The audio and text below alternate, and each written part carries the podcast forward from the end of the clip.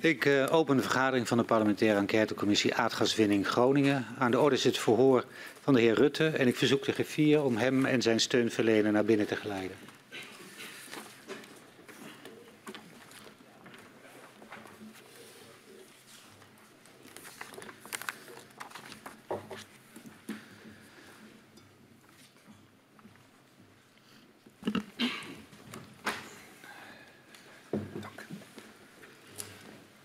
Welkom, meneer Rutte. Geldt ook voor u, meneer Paul, hier bij de parlementaire enquêtecommissie aardgaswinning Groningen. 60 jaar aardgaswinning heeft Nederland veel gebracht, maar kent zeker voor gedupeerde schaduwkanten. Deze schaduwkanten hebben geleid tot het besluit om de aardgaswinning in Groningen te stoppen. Wij eh, onderzoeken als commissie hoe de besluitvorming hierover eh, op cruciale momenten is verlopen. Ook kijken we naar hoe private en publieke partijen hebben samengewerkt bij de gaswinning. We onderzoeken de aardbevingen, de ontwikkeling van kennis daarover, de afhandeling van schade veroorzaakt door de bevingen en het proces van het versterken van uh, gebouwen in Groningen. U, meneer Rutte, bent uh, al ruim twaalf jaar premier. Uh, eigenlijk door de hele geschiedenis van het dossier sinds Huizingen betrokken bij het onderwerp. En daarom willen wij u horen als getuige. Ja. u heeft ervoor gekozen om de eed af te leggen en daarmee de gehele waarheid en niets dan de waarheid te zullen zeggen. En om die reden verzoek ik u om even te gaan staan. En mij na te zeggen, zo waarlijk helpen mij God Almachtig. Zo waarlijk helpen mij God Almachtig. Dan staat u onder Ede. Dan mag u weer plaatsnemen. Het voor met u wordt afgenomen door mevrouw Van der Graaf en eh, de heer Quint. En mogelijk dat mevrouw Katman op het eind ook nog enkele vragen aan u heeft. Helder? Helemaal. Dan gaan we beginnen. Kijk, meneer Rutte, u bent sinds 2010 minister-president van Nederland. Uh, collega Van der Lee zei het net al. En in dit verhoor willen we met u stilstaan bij de gaswinning zelf, de veiligheid in het gebied, de afhandeling van schade, de versterking van huizen en investeringen in de regio als compensatie voor de nadelige gevolgen van de gaswinning. Uh, en we willen beginnen helemaal, uh, helemaal aan het begin, in ieder geval aan uw begin. Kabinet Rutte 1. U treedt aan als minister-president in 2010. Op dat moment zijn er in het Groningse gaswinningsgebied al meerdere zware aardbevingen geweest zoals de aardbeving in Westeremden in 2006. Het is dan 17 jaar bekend dat deze aardbevingen daadwerkelijk door gaswinning worden veroorzaakt. U presenteert op 30 september 2010 samen met het CDA het regeerakkoord Vrijheid en Verantwoordelijkheid. Uh, daarin staat niets over de gaswinning. Um, welke rol speelde Groningen en de gasproductie in uw eerste kabinet? Um, nauwelijks tot niet. Nee, ik heb dat ook nog eens nagekeken, maar uh, antwoord is uh, niet speelde op dat moment geen belangrijke politieke discussies op dat nee. gebied? Nee. Los van de, de batenkant uiteraard, de inkomstenkant. Ja, maar ook daar is dat onderdeel dan van de normale jaarlijkse discussie over de begroting. Um, dus uh, nee, het heeft eigenlijk tot de Huizingen en uiteraard de effecten daarvan daarna heeft het, uh, ik heb het ook nog eens allemaal nagekeken, kom je eigenlijk niks tegen. Ja, want uh, in de zomer van 2012 vindt die aardbeving uh, bij Huizingen plaats. Um, wat kreeg u daarvan mee? Ik heb dat nog eens precies gereconstrueerd en eigenlijk pas in 2013 uh, zie je dat de discussie in het kabinet op gang komt hoe daarmee om te gaan. Begin 2013. Begin 2013. En uh, als ik dan terugkijk naar die aardbeving in augustus 2012, ik heb nog eens gekeken ook wat was er over in het nieuws die dag, wat kun je erover hebben meegekregen. Dus um, dan, dan, is dat absoluut in het nieuws geweest. Dat zal me ongetwijfeld ook toen zijn opgevallen. We zullen daar ongetwijfeld wel met elkaar bij hebben stilgestaan. Maar ook in de ministerraad zie je niet dat daar discussies over zijn geweest. De significantie was op dat moment misschien niet meteen duidelijk. Ik denk dat je dat moet zeggen. En tegelijkertijd, als je erop terugkijkt, dan zie je dat er ontzettend veel schademeldingen komen na Huizingen. En dat het dus met de hindsight echt een, een, ja, een verander, hele grote verandering tot stand heeft gebracht in de hele gaswinning. Um, dat hindsight had uh, uw toenmalige collega Verhagen het ook over tijdens uh, zijn verhoor. Die zei dat hij er spijt van had dat hij toen niet direct naar uh, het aardbevingsgebied is gegaan. Heeft u op dat moment overwogen om daar naartoe te gaan of was dat simpelweg toen niet op de radar? Nee, niet op de radar. Nee. Um, wanneer nam u uiteindelijk kennis van de adviezen zoals staatstoezicht op de mijnen die ging doen? Want je hebt de beving in augustus, dan, dan gaat het staatstoezicht, de toezichthouder, komt met redelijk vergaande adviezen. Ja. Wat is het eerste moment dat u daarover uh, geïnformeerd werd? Begin 2013. Uh, je ziet, ik, ik, heb terug kunnen vinden, ambtelijk is er wel uh, even contact geweest in december al. Ehm, dat zou met mij besproken kunnen zijn, maar ik zie het echt terugkomen inderdaad. En zo beleef ik dat ook, dat we die uh, rapporten krijgen, of de, althans de eerste adviezen krijgen van uh, het staatstoezicht en anderen, uh, begin 13. Dus dat betekent dat de aardbeving zelf ook op de coalitieonderhandelingen voor uw tweede kabinet die toen liepen, eigenlijk geen invloed hebben Nee, je ziet het ook niet terug in het regeerakkoord bij mijn weten. Nee. nee. Dat was inderdaad ook onze conclusie ja. na, het, ja. na het lezen van van het regeerakkoord. U herinnert zich ook niet dat er toen al gesprekken over gevoerd zijn, ook niet over nee. schadeafhandeling? Nee, in die, in die formatie heeft dat geen rol gespeeld. Nee. Duidelijk. Nadat uh, inspecteur-generaal der Mijnen, de heer De Jong, uh, in december 2012 uh, zijn bevindingen deelt met minister Kamp, verklaarde hij in zijn verhoor hier dat minister Kamp die in de top van de coalitie zou gaan bespreken. Wat heeft u daarover meegekregen van minister Kamp? Um, wat je ziet is dat uiteindelijk dat terugkomt in de ministerraad eind januari. Uh, en dat, dat, dat is een ministerraad waar ik zelf niet bij was, maar uiteraard wel wist wat daar besproken werd. Hè. Je krijgt natuurlijk al die agenda mee. Is de ministerraad het eerste moment dat minister Kamp dat dan zou wisselen? Of heeft hij daarvoor al met uh, de coalitietop gesproken. In mijn reconstructie is dat, is dat die ministerraad van eind januari. Dus het zou kunnen zijn dat er in de coalitie over gesproken is, maar ik kan dat niet reconstrueren. Wat ik kan terugvinden is eind januari. Ja. Um, in januari 2013 ontvangt uh, minister Kamp dan het definitieve advies van het ja. staatstoezicht. Uh, om de productie uit voorzorg zoveel als realistisch en mogelijk is te beperken. Wat vond u van dat advies van het staatstoezicht op de mijnen? Ja, uh, heftig natuurlijk, uh, omdat dit voor ons allemaal een compleet nieuw onderwerp was. Uh, uiteraard, vanaf het begin merk je in de discussies dat drie dingen een rol spelen. De veiligheid, de leveringszekerheid, maar ook zorg over de financiën. Het gaat natuurlijk op dat moment zitten we in de midden in een economische crisis en toch ook de bezorgdheid, wauw, wat komt er om ons af in, in financiële zin als je de gaswinning gaat terugbrengen. En ook op dat moment in die discussie een gevoel van we weten nog heel veel niet. Uh, discussie tussen deskundigen. Uh, ja, ja hebben we nou alle informatie, et cetera. Dat is echt de, de, toon, vind ik, van de discussie op dat moment.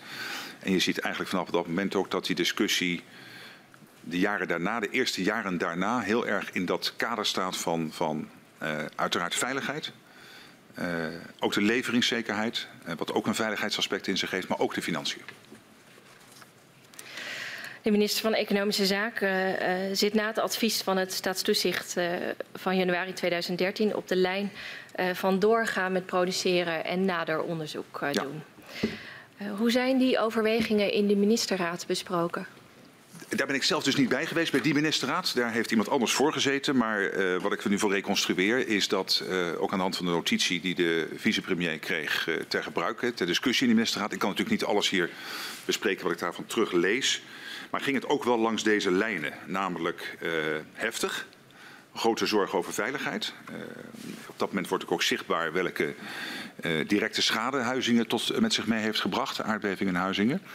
Uh, en ook grote bezorgdheid over alle verplichtingen die er zijn aan binnen- en buitenland, waar heel veel mensen en bedrijven afhankelijk, vooral mensen afhankelijk zijn van het laagkalorisch gas wat uit Groningen komt, dat specifieke Groningse gas, Duitsland, België, Nederland.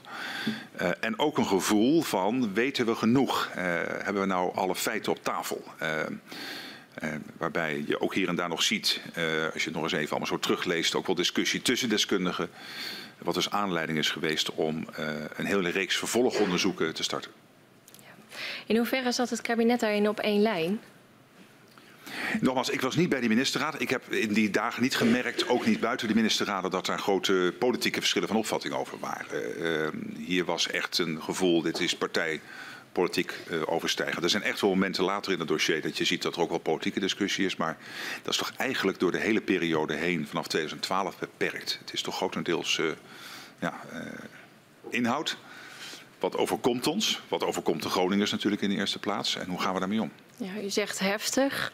er waren grote zorgen over veiligheid. Ja. Ook zaken over leveringszekerheid. financieel, wat zijn, is de impact van de uh, productieverlaging. Ja. En we weten heel veel niet. Het staatstoezicht adviseerde om uit voorzorg dan ja. in ieder geval de kraan wat verder dicht te draaien. Ja. Waarom is daar niet voor gekozen? Was dat een zorg die u ook was opgevallen van het staatstoezicht? Ja, ik denk dat dat allemaal zagen. Want die, die onderzoeken die, uh, die werden ook natuurlijk breed uh, gepubliceerd. Die zijn ook bekend. En ook uh, besproken in allerlei overleggen. Ik ga een paar dagen later zelf naar Groningen voor een gepland bezoek. Dat ging niet over de aardbeving Huizingen. Maar dat was natuurlijk wel uit, nu ook een onderwerp van dat bezoek. Dat was een dag of een paar dagen later. En wat je dus ziet is dat uh, de grote, deze zorgen over, over veiligheid en leveringszekerheid er ook doorheen lopen. Uh, maar tegelijkertijd ook het besef dat we met iets totaal nieuws worden geconfronteerd. En echt moeten weten wat nu te doen. Ja, maar... dus, de, dus het vraagstuk van de voorzorgsgedachte. Uh, er is toen voor gekozen om eerst meer onderzoek te doen, echt ja, te weten hoe zit het. Dat hebben we gezien, ja. maar ik vraag u naar um, ik vind dat uw ook... overwegingen uh, destijds. Heeft u gedacht, dan is het toch verstandig om uit voorzorg toch alvast een stap te zetten? Ik vond het verstandig heeft... om echt eerst te achterhalen wat hier precies aan de hand is en welke stappen nu verstandig zijn. En heel veel zaken die we op dat moment nog niet wisten, waar misschien nog in het verhoor over te praten komen, de vlakke winning of niet en allerlei andere kwesties. Heel veel was niet bekend, dus we wilden echt meer weten. U verwees al even naar die voorbereidende notitie voor de ministerraad. Uh, daarin uh, staat uh, nadrukkelijk wat het gevolg is voor de staatskas bij een productieverlaging van 10 miljard kub, 2 miljard euro. Speelde dat een rol bij, voor u bij het steunen van de lijn van minister Kamp? Nee, uh, niet uh, doorslaggevend. Maar in die eerste jaren spelen financiën wel een rol. Niet doorslaggevend. Doorslaggevend was steeds de balans tussen uh, leveringszekerheid en veiligheid. Waarbij naar mijn overtuiging leveringszekerheid ook een veiligheidsaspect in zich heeft. als een bepaalde regio zonder gas zou komen te zitten, heeft dat natuurlijk ook allerlei gevolgen voor de veiligheid van mensen. maar feit is wel dat in het dilemma waar het kabinet voor stond vanaf dat moment, ook financiën een rol zijn blijven spelen. Ja.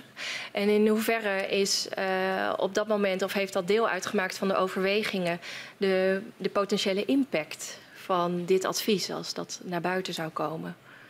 Dat was natuurlijk... De reactie in Groningen. In hoeverre ja, nou, dat Ik was niet bij de ministerraad, dus ik moet dat reconstrueren, want ik was daar niet bij. Maar als ik uh, mij weer in herinnering roep, het bezoek aan Groningen een paar dagen later daar was het een onderwerp, maar ik moet heel eerlijk zeggen, ook daar was het niet het dominante onderwerp. Het dominante onderwerp bij dat bezoek aan Groningen, ik heb toen een gesprek gehad onder andere met de commissaris, uh, maar ook de andere thema's die toen speelden rondom uh, economie en andere vraagstukken die al gepland waren voor dat werkbezoek, gingen toch door. Het is nu eigenlijk ondenkbaar dat ik naar Groningen zou gaan en niet gaswinning 80% van het bezoek is.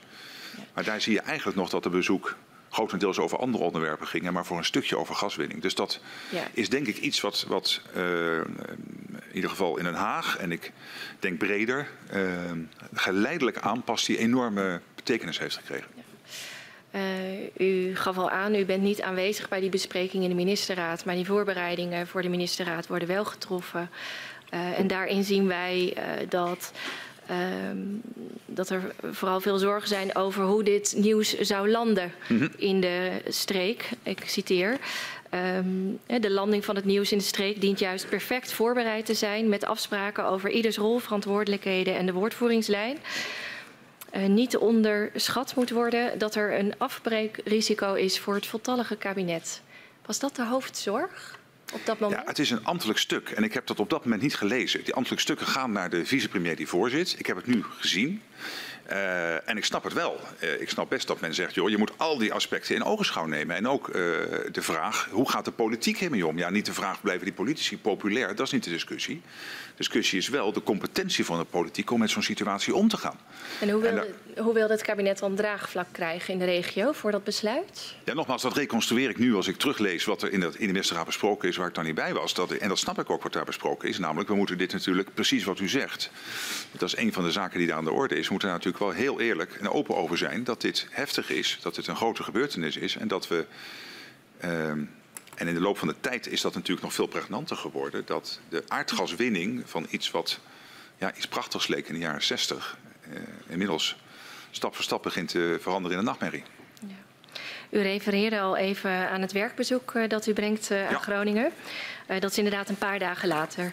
de ministerraad vergadert op 25 januari, 29 en 30 januari. Een week later bent u in Groningen. Ja.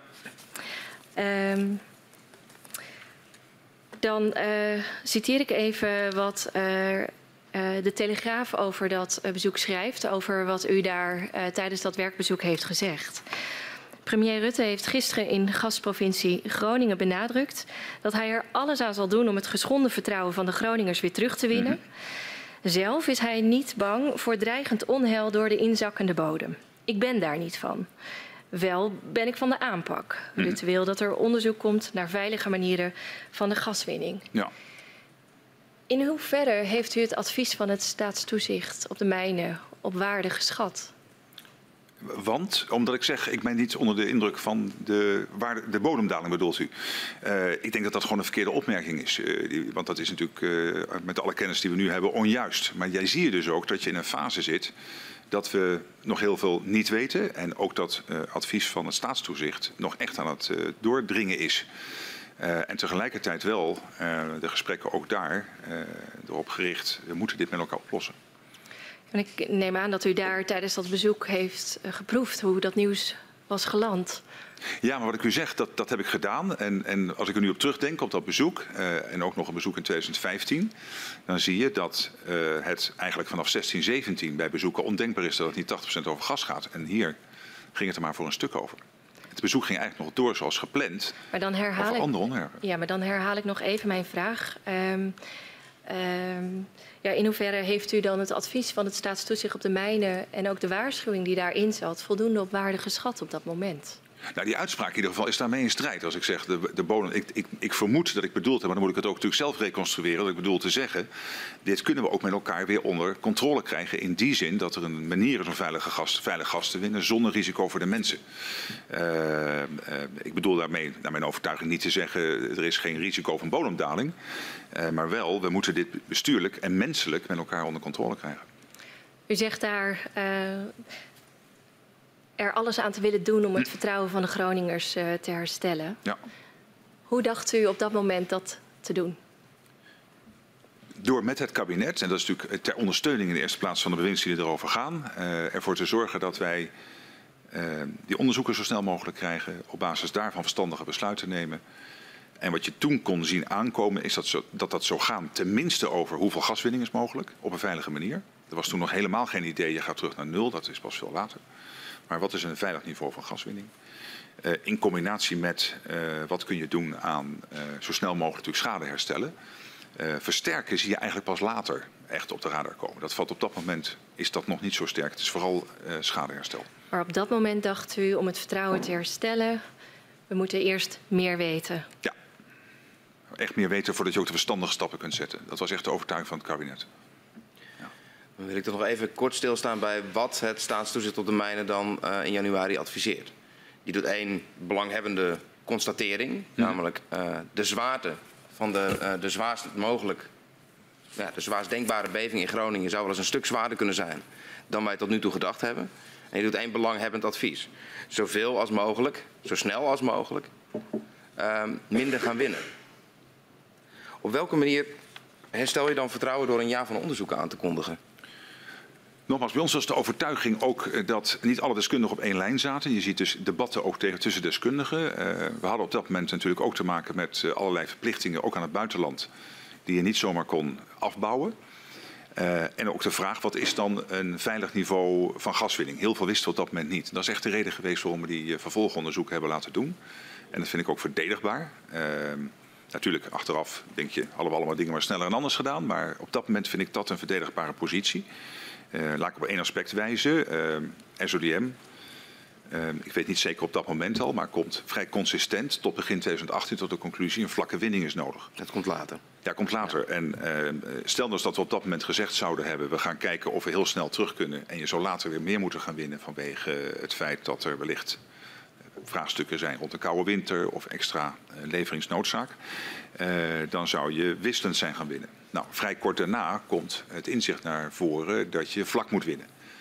Dat is ook de frustratie geweest later dat het in teruggang niet altijd zo snel ging als je misschien had gewild, bijvoorbeeld bij de formatie van 2017. Dus je ziet dat er echt op dat moment nog veel kennis afwezig was. Um, vanaf dat moment, vanaf begin 2013, um, ehm, vinden alle belangrijke besluiten over de gaswinning uh, direct in de ministerraad plaats. Uh, laat u in 2015 aan de Kamer weten in reactie op het uh, rapport van de Onderzoeksraad voor de Veiligheid. Uh, wat betekent dat voor de besluitvorming? Zodat mensen een beeld krijgen wat betekent het als iets een onderwerp is dat nou ja, ik alleen maar in de ministerraad plaatsvindt. Het is een zaak van het hele kabinet. We hebben overigens later ervoor gekozen om in de politieke of in de, in de ministeriële onderraad uh, die we hebben over uh, allerlei vraagstukken rond economie, financiën ook, en, en, infrastructuur, dit onderwerp daar vast te agenderen. Ja. Dat is later gebeurd. Maar zeker in deze fase was het besef, dit is zo groot, dit raakt het hele kabinet. We moeten dit allemaal met elkaar weten. Iedereen moet die discussie kunnen volgen. En dan moet je dat dus in de hele ministerraad uh, doen. Waarbij het ook onvermijdelijk is dat heel veel besluiten worden voorbereid door groepjes ministers. Maar dat je uiteindelijk toch die hele discussie in, het hele, in de hele ministerraad hebt. En dan uh, ja, zitten we in het jaar 2013, het jaar waarin alle onderzoeken gedaan worden naar uh, de risico's van de gaswinning. Het jaar na het SODM-advies. Ja. Het jaar na de beving bij Huizingen. In dat jaar wordt een recordhoeveelheid gas uit het Groningenveld geproduceerd.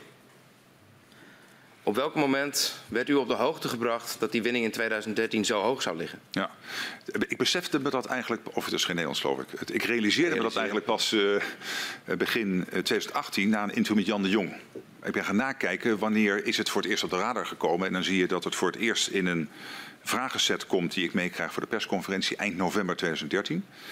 Uh, en ook nog een keer terugkomt in de ministerraad uh, van uh, twee keer van begin 2014. Maar als je me nu zou vragen wanneer heb je eigenlijk pas echt gerealiseerd wat een bizar hoog winningsniveau daar was, dan praat je over naar aanleiding van het interview met Jan de Jong in 2018. In 2018? In 2018 geeft hij een interview, dan ja. komt hij daarop terug. En toen heb ik me eigenlijk pas gerealiseerd hoe bizar hoog dat was. Omdat het in 2013 in ieder geval in die vragenzet zat. Ja. Want dat, ja, dat krijg ik op vrijdag mee bij de persconferentie. Waar er allerlei vragen komen. En in het dagblad van het Noorden was er bericht over die hoge gaswinning. Ik heb nog eens gekeken, ik kon het niet terugvinden in de ministerraad van die dag. Maar het zit wel in die vragenzet, want er zou een vraag over uh, kunnen komen. Ja.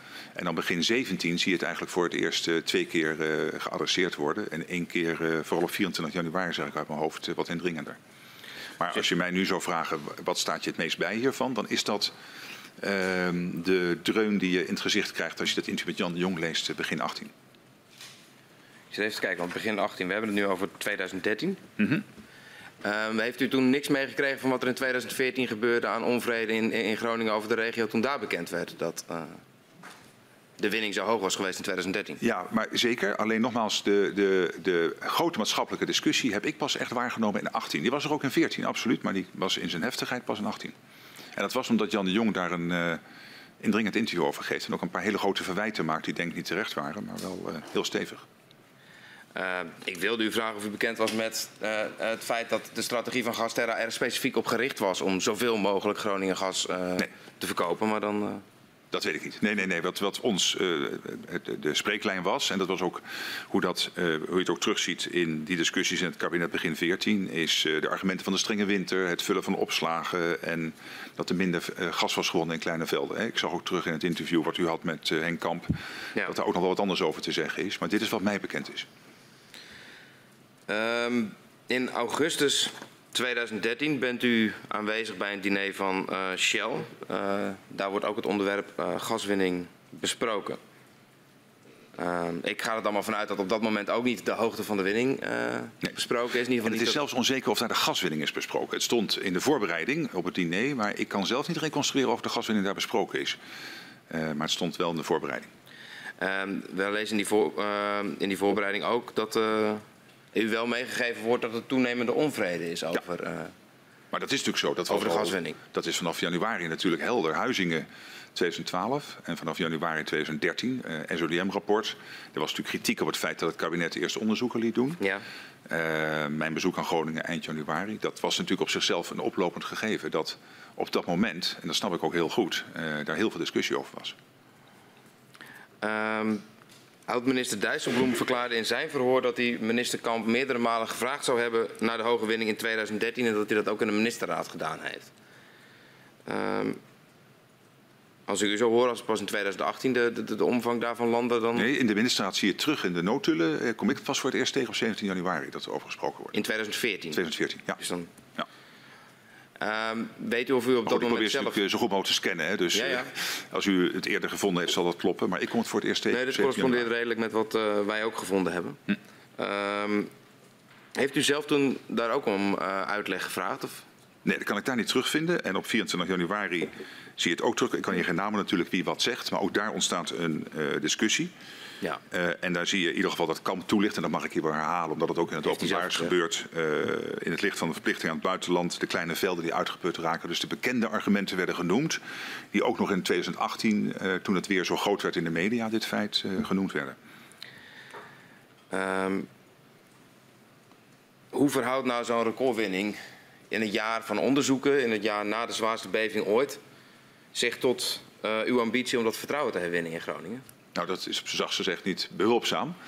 Uh, en tegelijkertijd uh, uh, is de overtuiging steeds geweest, maar nogmaals uit dit onderzoek in andere feiten komen, zoals ik ze tot op dit moment ken, dat er op zichzelf verklaringen voor waren niet zijnde nog even snel gas winnen. Als dat wel zo is, dan zou dat zeer ernstig zijn. Maar wat we in ieder geval toen aan verklaring kregen, waren deze argumenten. Ja. En die zijn op zichzelf nog voorstelbaar. Uh, als je zegt er was een strenge winter, uh, opslagen moeten worden gevuld en er was een probleem met kleine velden, met onderhoud en stilleggen daarvan, dan, dan is dat ook nog wel weer denkbaar dat dat zo kan. En dan kun je het ook nog uitleggen. Maar als je gaat kijken naar de winning van gas door de jaren heen, dan is 53 wel heel erg veel. Op 53,7 was dat geloof ik zelfs, of 9 ten opzichte van 30 jaar. het was altijd onder de 50. Het was 5, 6, 47 max hè, de jaren daarvoor. En het ligt ineens 6 uh, BCM daarboven. Dat is wel heel fors. En uh, we, zijn, we zijn bekend met die argumenten die uh, de minister toen gedeeld heeft. Um, maar de afgelopen weken hebben wij ook nou ja, meerdere mensen mogen horen die verklaard hebben... ja, maar wacht even, als ons iets gevraagd was dan hadden wij wel degelijk kunnen schakelen. We hebben GTS gesproken, we hebben Gasterra gesproken. Uh, op meerdere momenten uh, is aangegeven, er, er, waren nog mogelijkheden. Ook bij het ministerie mm. van mhm. Economische Zaken. Maar goed, die, die, zijn bij algemene zaken bij mij niet bekend. Uh, dus dat kan zo zijn. Hè. Dus ik, ik, kan alleen maar zeggen, ik kom het voor het eerst tegen in die vraag in november. En dan is de pap redelijk gestort natuurlijk. Was u, was u bekend met nou ja, bijvoorbeeld de argumenten van GTS en Gasterra dat het uh, achteraf dat het wel degelijk mogelijk was geweest om eerder terug te gaan met de winning? Of heeft nee, dat, dat heb ik hier in de. Ik heb niet alle verhoren kunnen kijken, maar waar uiteraard wel de persweerslag. Ja. Dan moet je jezelf, als je zo laat in het verhoor zit, wel steeds voorhouden. Dat is nu nieuwe kennis die ik ja. nu heb uit de verhoren. Dus ik ga dat nu. Dus op dat moment was ons dat niet bekend, mij niet bekend. Maar nu wel, dat ik dat natuurlijk terug, terug zag in de verhoren. In uh, juni 2013 wordt uh, de naderende hoogte van de winning gedeeld met minister Kamp. Zo hebben twee ambtenaren verklaard. Um, had dat ook met u besproken moeten worden? Ja, dat is. Ja, kijk, met een minister wordt ontzettend veel gedeeld. En die moet op dat moment natuurlijk iedere keer besluiten. wat deel ik ook met de premier. En dat is natuurlijk altijd een, een hele beperkte selectie daaruit. En achteraf zeg je natuurlijk altijd. Ja, had maar, of zus, hadden we maar met elkaar gezeten en hadden we nog iets kunnen doen. Maar dat is natuurlijk achteraf ook uh, nou, nou ja, uh, minder parlementaire uh, spreekwoorden voor. Maar uh, het was ook nog op 31 mei, daar vlak voor, was er ook nog een uh, begroting van Economische Zaken, kom ik tegen. Hè, waarin wordt gezegd de raming wordt verhoogd. Ja. Er wordt er nog niet gewezen op hogere winning, maar wel een hogere raming. Ja, dat zijn natuurlijk, dat zijn natuurlijk pakken met stukken. die, als je daar niet naar kijkt, specifiek door de bril op dat moment kennis hebben, er is mogelijk een veel hogere winning aan de gang. Die dan ongetwijfeld niet zijn opgevallen. En Nee, ik verwijt dat Kamp geen seconde als hij dat niet met mij gedeeld heeft. Uh, want dat, uh, ja, ja, is iedere keer keuzes maken. Wat bespreek je ook in het kabinet vervolgens. In die uh, brief waar ik het net over had, die in 2015 naar de Kamer ging, waarin u zegt, ja, vanaf 2013 um, is de gaswinning het soort besluit dat wij in de ministerraad bespreken. Mm -hmm. Wordt daar um, als argument gegeven. Ook biedt de ministerraad ruimte voor een open discussie die kan bijdragen aan het voorkomen van gesloten en technocratische besluitvorming. Ja. Maar hier moet ik op wijzen natuurlijk dat de gaswinning uh, in 2013 nog viel onder het systeem van voor tien jaar. Dat viel nog onder eh, een tienjaarsperiode waarin niet ieder jaar opnieuw die gaswinning werd vastgesteld. Dat was een uh, bevoegdheid op zich van de uitvoerders. Ja. Uh, daarna, vanaf 14, is het natuurlijk zo dat we ieder jaar als kabinet die gaswinning vaststellen. Dus het is wel belangrijk om die notie daar ook wel naast te leggen. Dat, ja, dat op dat moment nog laten we zeggen, in de administratie plaatsvond. En er was geen reden, denk ik, ook begin dat jaar om te zeggen... oh, dan moeten we wel voorkomen dat we dit jaar plotseling meer gaan winnen. Achteraf zeg je, hadden we het maar gedaan. Maar op het begin van het jaar, ook op basis van de ervaring uit de jaren daarvoor... met redelijk gemiddelde gaswinningen, was daar geen reden voor. Ja, de reden was het SODM-advies. Namelijk, ja, dat, dat zou de zo reden snel zijn. mogelijk. Zo Nee, om naar beneden te gaan. Maar daar hebben we het net over gehad waarom we hebben gekozen om eerst nog een aantal vervolgstudies te doen. Alleen, je zou ook nog de vraag kunnen stellen, had je dan moeten zeggen, ik wil ook weten als je meer gaat winnen. Hè? Dat zeg je achteraf, zou, zou je er zelfs over kunnen afvragen. Eh, nou, achteraf denk je, nou, dat was een goed idee geweest, maar op dat moment lag dat niet voor de hand. Omdat als je kijkt naar de gemiddelde gaswinning uit de jaren daarvoor, geen aanleiding was aan te nemen dat er ineens pieken zouden ontstaan. Heeft u in eh, die tijd zelf ooit overwogen om om opheldering te vragen aan minister Kamp hoe die hoge winning nou heeft plaatsgevonden? Nee, want ik vond, die, ik vond oh, die, die- wat ik daarover lees, hè, in, in mijn, die vraag die ik krijg, eh, die, die conceptvraag, ik weet niet of die gesteld is in de persconferentie hoor, maar naar aanleiding van het artikel het Dagblad van het Noorden vind ik een logische. Achteraf begrijp ik, zijn er ook nog andere argumenten, maar in ieder geval hè, eh, wat daarbij gezegd werd, eh, die drie argumenten, die begreep ik. Dus dat was op zich geen reden om te zeggen van, hé, hey, hoe zit dat? Op 17 januari 2014 presenteert minister Kamp het besluit over de reductie van de gaswinning Ja. in 2014 eh, tot 42,5 miljard kuub. Eh, en daarbij eh, ook een bestuursakkoord met de regio, getiteld Vertrouwen op herstel, herstel van vertrouwen, waarin bijna 1,2 miljard euro voor de regio beschikbaar wordt gesteld. Eh, wat was de reden waarom deze zaken, twee zaken op dezelfde dag werden gepresenteerd? Nou, in ieder geval was dat al een hele tijd in wording. Ik had al eh, begin in januari 2013 dat gesprek met Max van den Berg, de commissaris. En eh, in 2013 zijn die gesprekken in voorbereiding om parallel aan laten we zeggen, het, het, het oplossen van het probleem door gaswinning terug te brengen. Naar alle waarschijnlijkheid was dat nodig. Dat moesten we daar nog gaan besluiten in 2014. Plus schadeherstel en versterken om ook een, een, een pot te maken en een plan te maken met elkaar met de regio. Dus er is een jaar lang aan gewerkt. In dat plan zitten ook nog elementen ook van schadeherstel en, en versterken. Zeker, maar laat ik het dan even zo zeggen. Er komt, eh,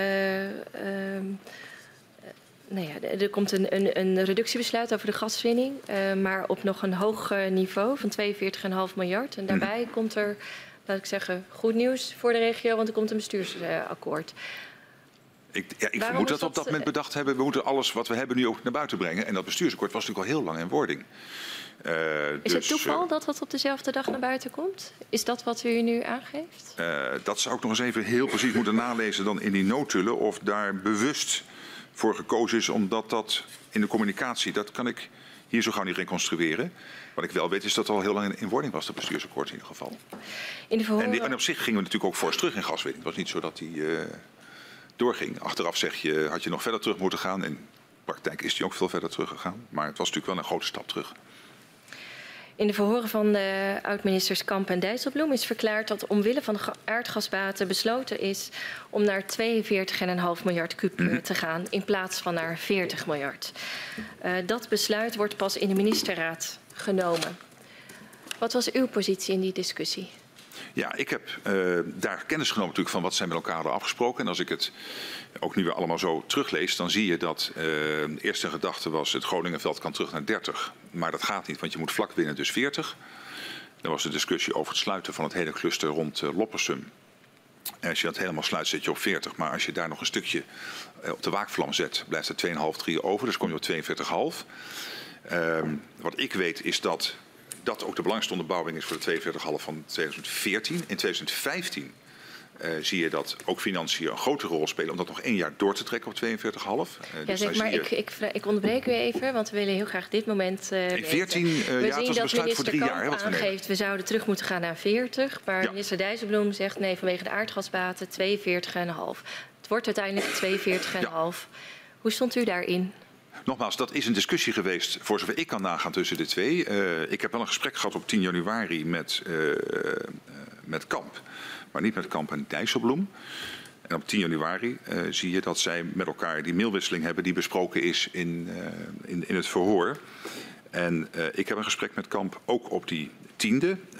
Zoals ik het reconstrueer en zoals het ook mij helemaal bijstaat, was het vanuit de inhoud voor 2014. Maar het was een besluit voor drie jaar. En het element van geld speelde wel degelijk een grotere rol voor 2015. Om niet dan al naar 40 terug te gaan.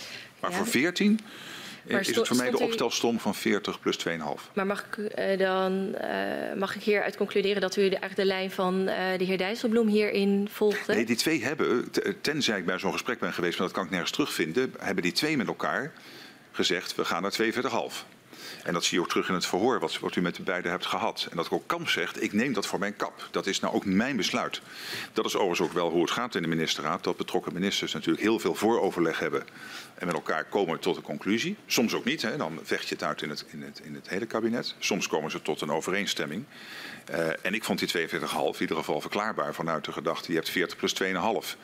Ik ben vervolgens gaan zoeken, omdat het natuurlijk terugkwam in het verhoor. Heb ik zelf nog een rol gehad in die gesprekken tussen Dijsselbloem en Kamp? Ik kan dat niet terugvinden. En u zei net, uh, ja, die 42,5, dat is toch uh, een grote stap terug. Was dat echt zo'n grote stap? Dat denk ik wel, omdat ook het SODM eigenlijk, je, je volgt ermee, uh, en dat doen we eigenlijk vanaf dat moment altijd wel, vaar je op het kompas van het staatstoezicht, maar ook op het kompas van de leveringszekerheid, het GTS. Uh, en in die combinatie kom je op de 40. Dus je had naar 40 teruggekund. Daaronder was op dat moment werd onverstandig geoordeeld. Uh, maar nogmaals, er was een aparte discussie over het cluster Loppersum. Waar, ik zeg uit mijn hoofd, we van 17 naar 0 konden. Of van 17 naar een waakvlam. En die waakvlam, voor mij verklaart die laatste 2,5.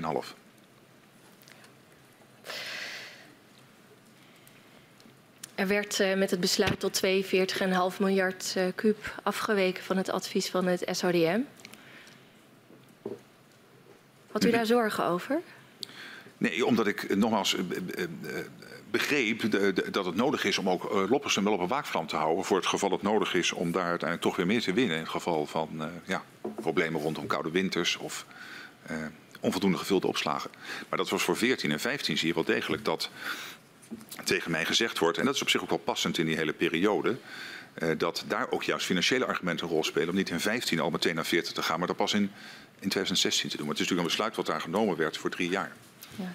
Het zijn uh, niet de forse stappen waar uh, nou ja, eigenlijk in 2013 al om werd uh, geadviseerd. I beg to differ. De, de zegt 40 en we gaan naar 42,5. Dus de discussie is denk ik over die 2,5. Maar niemand zegt op dit moment je moet onder de 40. Het is om even in perspectief te plaatsen. Wat, ja. wat u net zei, uh, dus een forse stap terug. Dat, dat is okay, relatief. Dat, dat is dan, uh... Provincie en gemeente starten al uh, begin 2013 met een pleidooi voor compensatie voor het noorden. Commissaris van de Koningin Max van den Berg houdt onder andere een pleidooi voor een bedrag van 1 miljard euro. Het miljard aan... van Max is dat gaan heten. Het miljard van Max. Ja. ja, we hebben het over hetzelfde. Hoe keek u daar tegenaan? Ja, dat leek mij volkomen logisch dat je natuurlijk voor moet zorgen dat je ook breder kijkt uh, dan alleen het vraagstuk van gaswinning, uh, het vraagstuk van schadeherstel en het vraagstuk van uh, woning, woningversterking. U vond dat logisch? Het, het, klinkt mij logisch, ja. En ik weet dat hij het ook met mij besproken heeft al in dat ontbijt in januari. Ja, goed, dan zit je ook wel even aantekenen tegen de bedragen. Maar op zichzelf is dat, natuurlijk, is, is dat natuurlijk geen gekke gedachte om met elkaar te kijken hoe gaan we ook breder het vraagstuk aanpakken. En wat was uw betrokkenheid dan bij dat bestuursakkoord? Ja, dat is echt de vakministers. Ja. En we, maar u ontbijt met de commissaris van de Koning? Ja, dat was helemaal het begin. Dus Koning, in, in 2013 hè, ontbijt ik met Max en Max van den Berg. 2014. En... Nee, dat sorry, is... zit ik... Uh, nee, maakt Nee, we begin 13. Ik haal het door elkaar. Dus Dit is begin 2013, uh, ja, het ontbijt en het akkoord van 2014. Ja, exact. Ja. ja dat klopt. Maar dat wordt echt gesloten, die akkoorden, door de vakministers. En het kan hoogstens een keer zo zijn dat als het ergens vastloopt, ze mij bellen van joh, bel die nog eens even op om het duw te geven. Dan doe ik dat braaf en dan vraag ik wat moet ik zeggen. Maar dat zit echt heel erg bij de vakministers en de bestuurders in de regio, die daar met elkaar natuurlijk goed overleg over hebben. En er was ook volgens mij, als ik het zo allemaal teruglees, ook geen, was het niet controversieel dat dit moest gebeuren. Nee, u heeft net aangegeven dat u dat logisch vond dat daar ook naar gekeken werd en dat je een beetje aanhikt tegen de bedragen, maar u heeft dat gesteund, dat proces. In een voorbereidende notitie op de ministerraad lezen we dat u wordt geadviseerd met het oog op de budgettaire gevolgen de productie niet verder te verlagen dan strikt noodzakelijk. Uh, maar minister Kamp wel het mandaat te geven om naar beneden te bewegen met de productie, ja. mocht het overleg met de regio mislukken. Ja, hij had hier ruimte. In hoeverre uh, zag u nou een lagere productie als onderdeel van de onderhandelingen over dat bestuursakkoord? Ja, dat, dat is onderdeel van die discussie geweest in de ministerraad, wat u daar terecht leest. Uh, en en uh, dat is ook wel weer verklaarbaar, want je moet ook proberen met elkaar ook op één lijn te blijven. En de zorg in het kabinet was in, die, in dat dilemma tussen leveringszekerheid, veiligheid en financiën. Waarbij naar mijn overtuiging de eerste twee steeds de doorslag geven. Maar die financiën ook wel als een soort stressfactor op de achtergrond staan steeds. Dat zie je ook terug in dat niveau van 15. En tegelijkertijd wil je ook breed natuurlijk proberen met de bestuurders samen uit te komen. Dus er is gezegd tegen Kamp, ja, nou, dit is hoe wij er tegenaan kijken, maar ga die gesprekken voeren. Zo lees ik het. En, uh, en, en, er is natuurlijk altijd ruimte om, uh, ja, je hebt natuurlijk altijd een mandaat om wat verder te gaan. Dan, dan zit er dus wel een verbinding tussen uh, nou ja, de, de onderhandelingen over een winningsniveau. Mm -hmm. en ook ehm, het bestuursakkoord dat voor de regio beschikbaar komt. Nou, je zit voor dat hangt dan met elkaar samen. Nou ja, in, het kabinet is in 15, eh, zie je in mijn voorbereidende notitie ook staan, is er wel degelijk ook een discussie dat naast veiligheid en leveringszekerheid ook die grote zorg is over de financiën. Uh, want anders had je misschien al kunnen zeggen meteen we gaan in 15 terug naar 40. Um, maar dat er ook iets voor de regio gedaan zou worden, dat hangt daar dan uh, mee samen. Ja, als soort... het, het, lastige is, de, de marges waren heel smal. Omdat uh, het SDM-advies zegt, het brede Groningenveld moet terug naar 40. Loppersum moet eigenlijk uit. En Loppersum moet je dan op uh, waakvlamstand zetten, was onze overtuiging. En dat komt tot die 42,5. Vervolgens gaat Kamp naar de regio. Ja, dan had de regio kunnen zeggen, kun je niet helemaal naar die 40. De vraag is dan even, had je onder de 40 kunnen zakken met die 2,5 Loppersum? Uh, en wat waren dan weer de risico's geweest? Dus ik neem aan dat als hij was teruggekomen, ja, uh, de, de regio echt heel precies het SODM-advies volgen dat we dan met elkaar opnieuw hadden moeten kijken wat, wat zijn dan potentieel risico's voor de leveringszekerheid als je toch een koude winter zou hebben. Ja. Um, maar het, het wekt de indruk dat, uh, nou, dat de minister Kamp uh, de ruimte krijgt om op het winningsniveau nog wat te bewegen naar beneden. Mm. om uh, nou ja, ook uh, nou ja, daar draagvlak voor te vinden zeg maar, bij de regio. Is dat de, de, opzet geweest? Nee, nee, maar dat is onderdeel, natuurlijk was dit in dit geval wel van het gesprek, omdat we afwijken voor dat stuk 2,5 van, uh, van het SDM-advies. Ja. En dat zit hem in mijn reconstructie dus op dat, het openhouden van Loppersum voor een stukje. Uh, tegelijkertijd zien we voor hier dat ook voor 2014 al financiën een rol speelden. Uh, maar tegelijkertijd zou denk ik wel, als hij had gezegd, eh, terugkomend naar ons, ja jongens luister, eh, we moeten toch naar 40, was dat waarschijnlijk wel gedaan, denk ik. Maar dan had je natuurlijk wel opnieuw een discussie moeten voeren over uh, wat is het risico als je Loppersum helemaal uitzet. Want dan kun je het ook niet meer zomaar opstarten. Maar er vindt bestuurlijk overleg in de regio plaats. Uh, onder andere wordt er gesproken over, die, over het bestuursakkoord. Mm -hmm. Hangt dat dan met elkaar samen? Dat... De verlaging van die, uh, de, de, dat de minister uh, bewegingsruimte krijgt, manoeuvreerruimte krijgt om uh, de winning misschien toch nog iets lager dan misschien toch naar die 40 te gaan. Ik vermoed dat u iets te In onderhandeling met de, met de regio over dat bestuursakkoord. Ja, volgens het mij is het meer een algemene zin dat je zegt, ja, jongens dit vinden wij, je gaat nu naar de regio. We wijken af van het SODM-advies een stukje. dus ik vind het heel verdedigbaar dat je zegt, luister, je kunt natuurlijk met elkaar nog een hele boom opzetten over de laatste 2,5.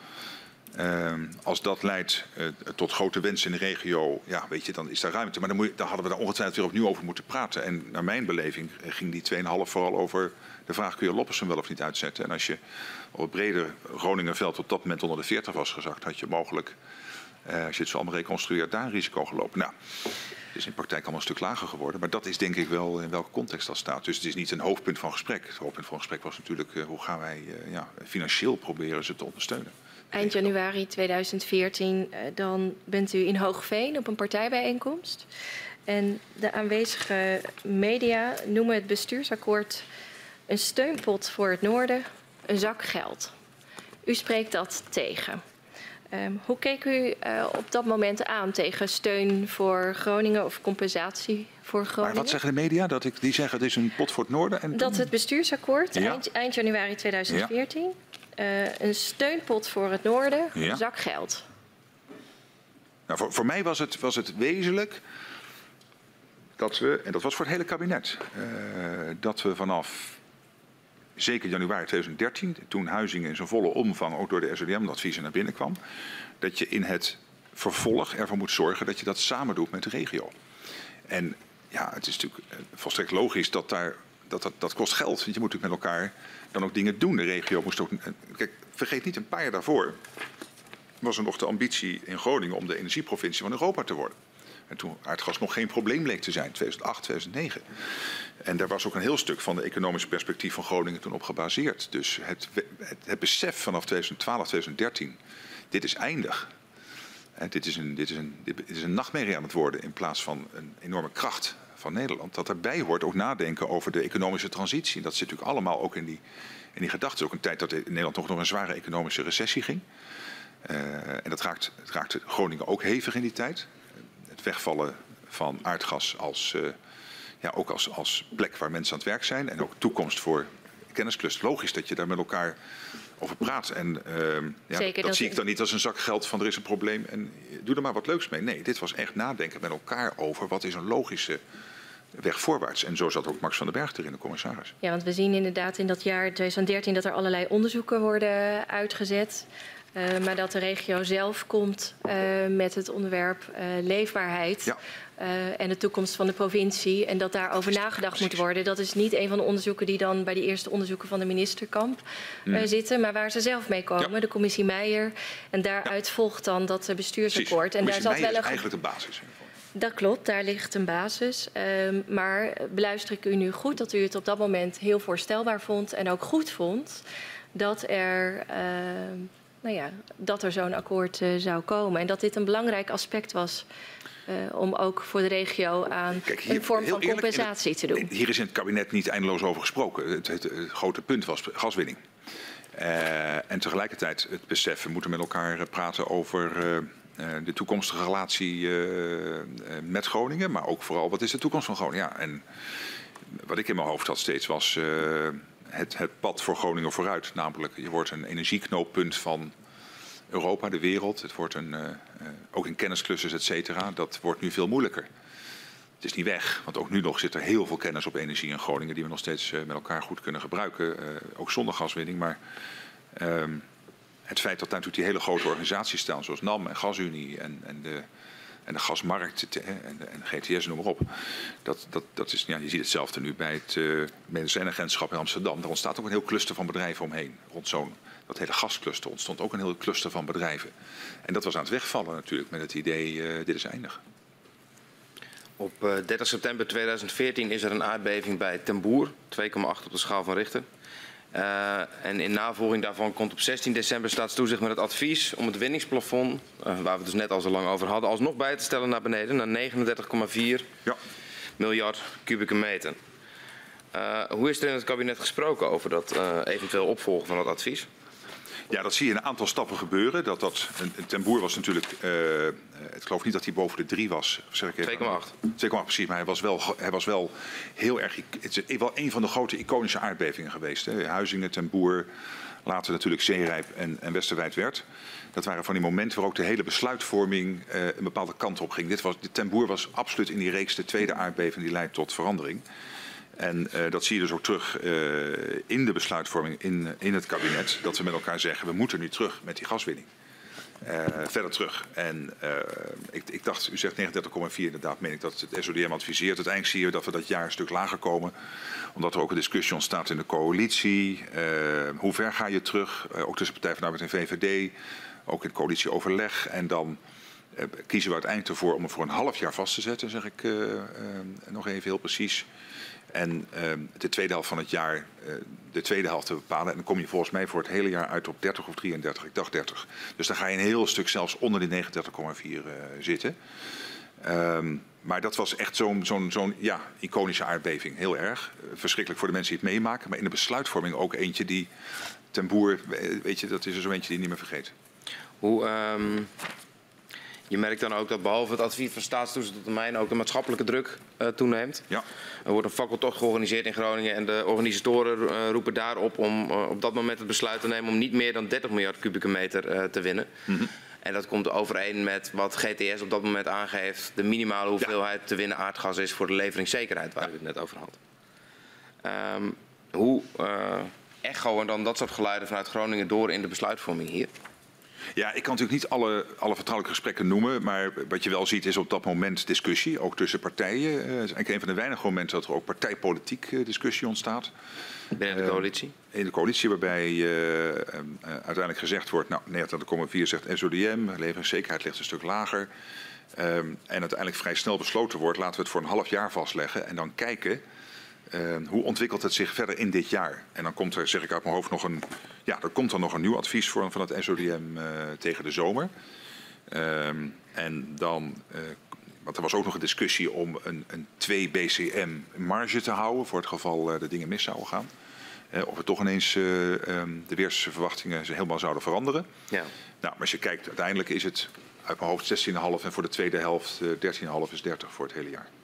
Het is inderdaad het uitstel tot juli. Het is de eerste halfjaar 16, 16,5 miljard. Ja. Um, en in de week voorafgaand aan dat besluit uh, vindt er overleg in het torentje plaats, onder meer met uh, de fractievoorzitters. Uh, u zei, ik kan daar niet alles over zeggen. Ik hoop wel dat u er iets over kunt maar zeggen. dan praat u over juni, hè? Volgens mij gaat het in de week voorafgaand aan het besluit van februari. Ja, maar daar zie je dus... Ik kan, ja, ik kan daar helaas, dat is echt partijpolitiek. Ik kan niet dat allemaal in openbaar vervoer vertellen. Maar wat wel zo is, is dat er gewoon, ja, dat zie je ook in de media volgens mij terug, uh, discussie is. Uh, er is ergens gezegd crisissfeer, dat heb ik nergens herkend. Dat was, de, dat, was de heer Moorlach, die zei ja, dat ik hoorde dat in de verhoren, zag ik dat ergens terug. Dat kan ik Ja. op geen enkele manier uh, zien. We hadden, daar is zeker geen sprake van geweest, maar er was wel discussie. Um, van hoe ver kun je terug? Wat zijn de implicaties daarvan? Hoe ver moet je ook terug? Omdat het SODM natuurlijk zegt 39,4, ja. dat is vanuit veiligheid. Degene die gaat over leveringszekerheid zegt je kunt een stuk lager. Uh, en uh, nou, uiteindelijk volgen we dus ook met discussie uh, dat tweede. Wat is uiteindelijk, uh, want u zei al, uh, er was geen crisis. Dat, nee, dat, dat, komt zo. overeen met wat, met, met wat de vakminister, met wat minister Kamp hier verklaard heeft.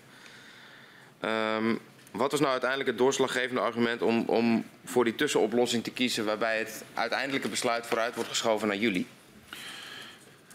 Het, het, ik, zoals ik het reconstrueer, zit het antwoord in uw vraag. Namelijk, je schuift het dan vooruit. Uh, en je neemt geen onomkeerbare stap. Want met die 16,5 kon je nog steeds ook hoger zitten ja. in de tweede helft van het jaar als dat nodig was. Je kon ook lager uitkomen. Uiteindelijk, uh, de tweede helft kun je natuurlijk minder pompen. Je kon ook nog wat meer als het nodig zou zijn geweest.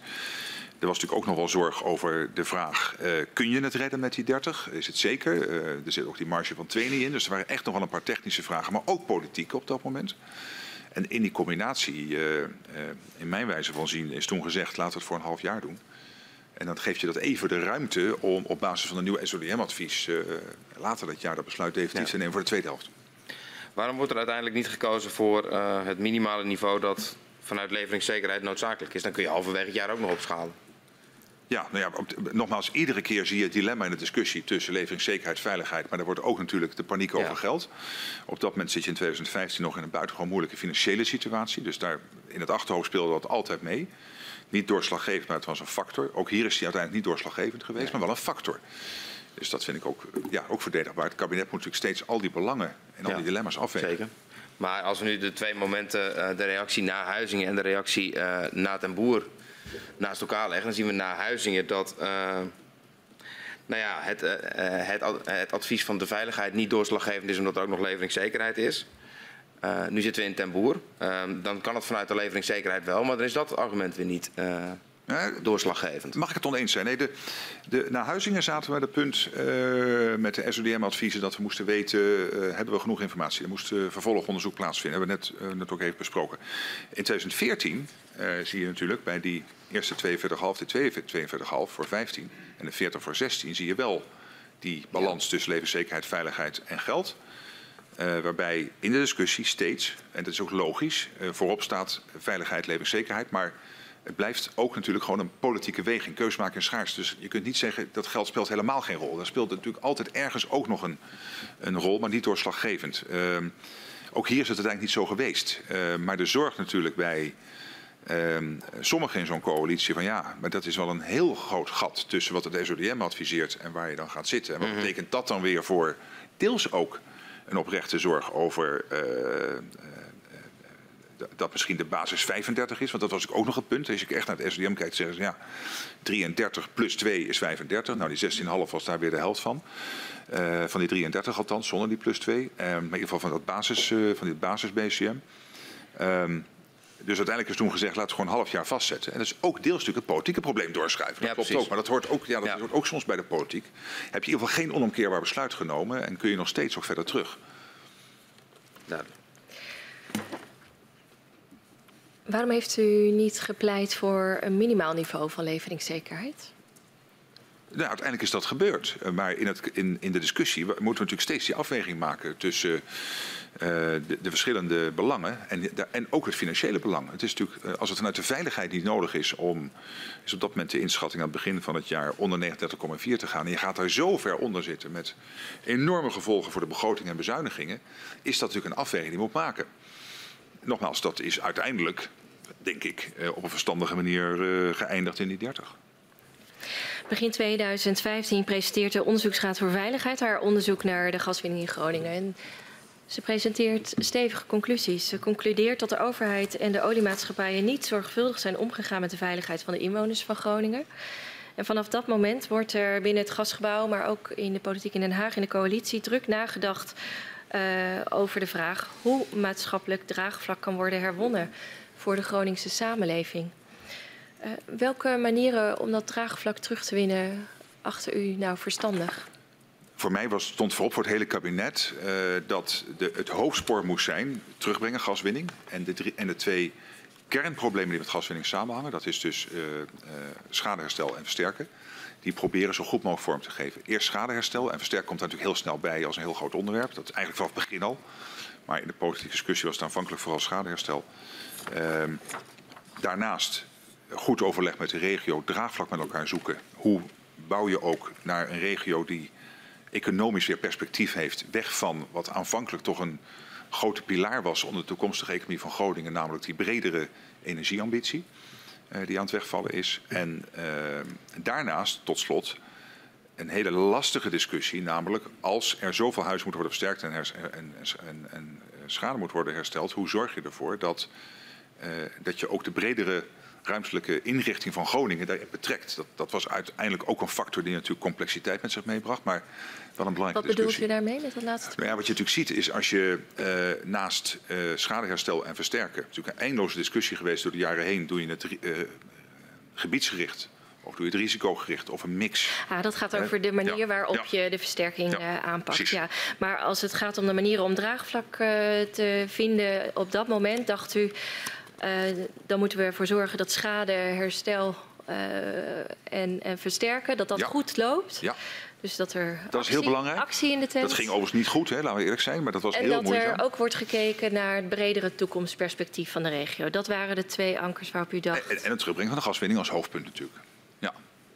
Goed dat u die nog even aanhaalt. Ja, nee, nee, nee, noemde ik ook net. Hoor. Ik noemde de drie. Het is het terugbrengen ja. van de gas. Steeds waren er drie uh, hoofdstukken die je moest tegelijkertijd in ja. oogschouw. Gaswinning terug, dat is helder. schadeherstel en versterken. In december 2015 heeft u een afspraak met Ben van Beurden van Shell om te spreken over de toekomst van het Groningenveld. Shell komt met het voorstel van een nieuw deal. We hebben er net in het verhoor met de heer Van Beurden veel aandacht voor gehad. Heeft u dat kunnen volgen? Nee, ik heb alleen de media-uitingen daarvan gezien. Ambtelijk is het gevolgd. En ik heb er nog even, voor ik hier naartoe ging, omdat jullie iets later begonnen, ben ik er nog even over, uh, over bijgepraat. Even over bijgepraat. Dus ik denk dat goed. ik ongeveer weet, maar goed, niet helemaal letterlijk kunnen volgen. De, maar wel de New Deal. Uh, maar de New Deal zegt me even, sorry, dat zegt me dan net even weer niet. Kom ik op. Moet me even helpen? Shell ja. wil draagvlak krijgen voor een stabiel winstgevend winningsniveau voor enkele jaren. Door onder andere een groter deel van de gasbaten te delen met de regio Groningen. Hoe reageerde u op dat voorstel?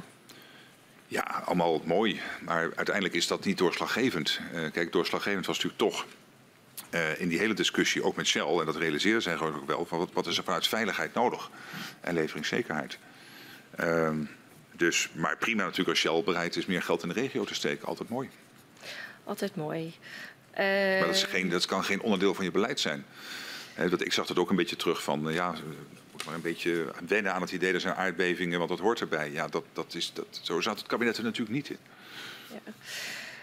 Um, in hoeverre zag u dat dan als een, als een lobby van Shell? Nou, ja, lobby weet ik niet. Kijk, Shell is een fatsoenlijk bedrijf, wat jarenlang uh, het grootste bedrijf van Europa, een fatsoenlijke firma, die ook werd geconfronteerd met alle problemen die zich hier uh, voordeden. En Uh, maar ze hebben een commercieel belang. Ze hebben natuurlijk een commercieel belang. Dan moet je wel steeds in je achterhoofd houden om uh, zo lang mogelijk zoveel mogelijk gas te winnen. Op een, denk ik, want zo ken ik het bedrijf wel, een fatsoenlijke manier.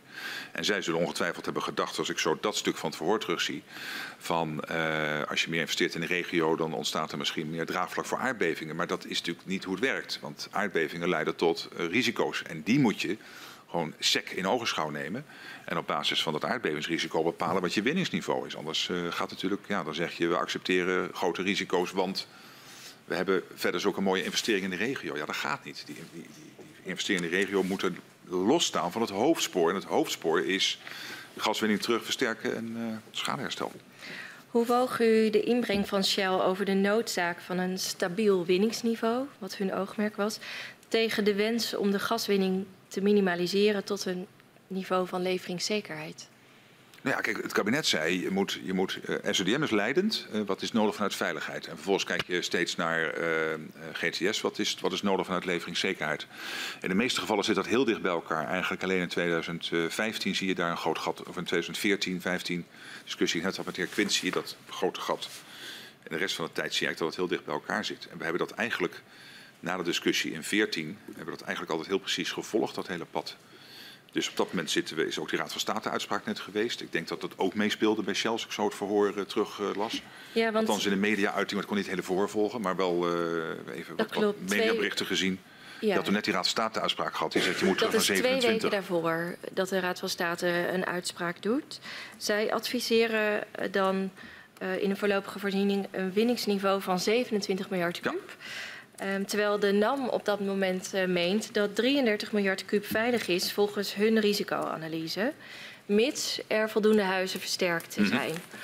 Hoe woog u die twee af? Ja, daar gold vooral het, het SODM-advies. En, uh, en, en, hier was de Raad van State held. En je ziet ook eigenlijk dat in een paar uh, rondjes in het kabinet we toch eigenlijk heel snel op die 27 ook uitkomen. Ik deel dat volgens mij ook mee. Althans in de voorbereiding kom ik dat, dacht ik, tegen.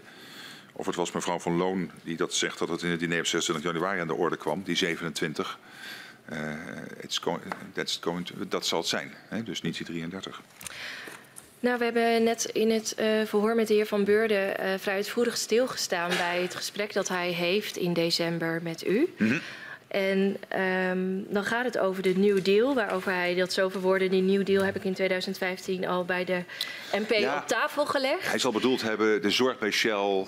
Uh, hoe gaan we nou in de toekomst met die verhoudingen om tussen denk ik. Maar u, u, was bij het voor, sorry, ik niet. Dus. Ja, maar het gaat ook al over die 27. Want dit gesprek vindt dus plaats twee weken na die uitspraak van de Raad van State. Ja. Dus dat die winning naar 27 uh, BCM zou ja. uh, moeten. 27 miljard kuub.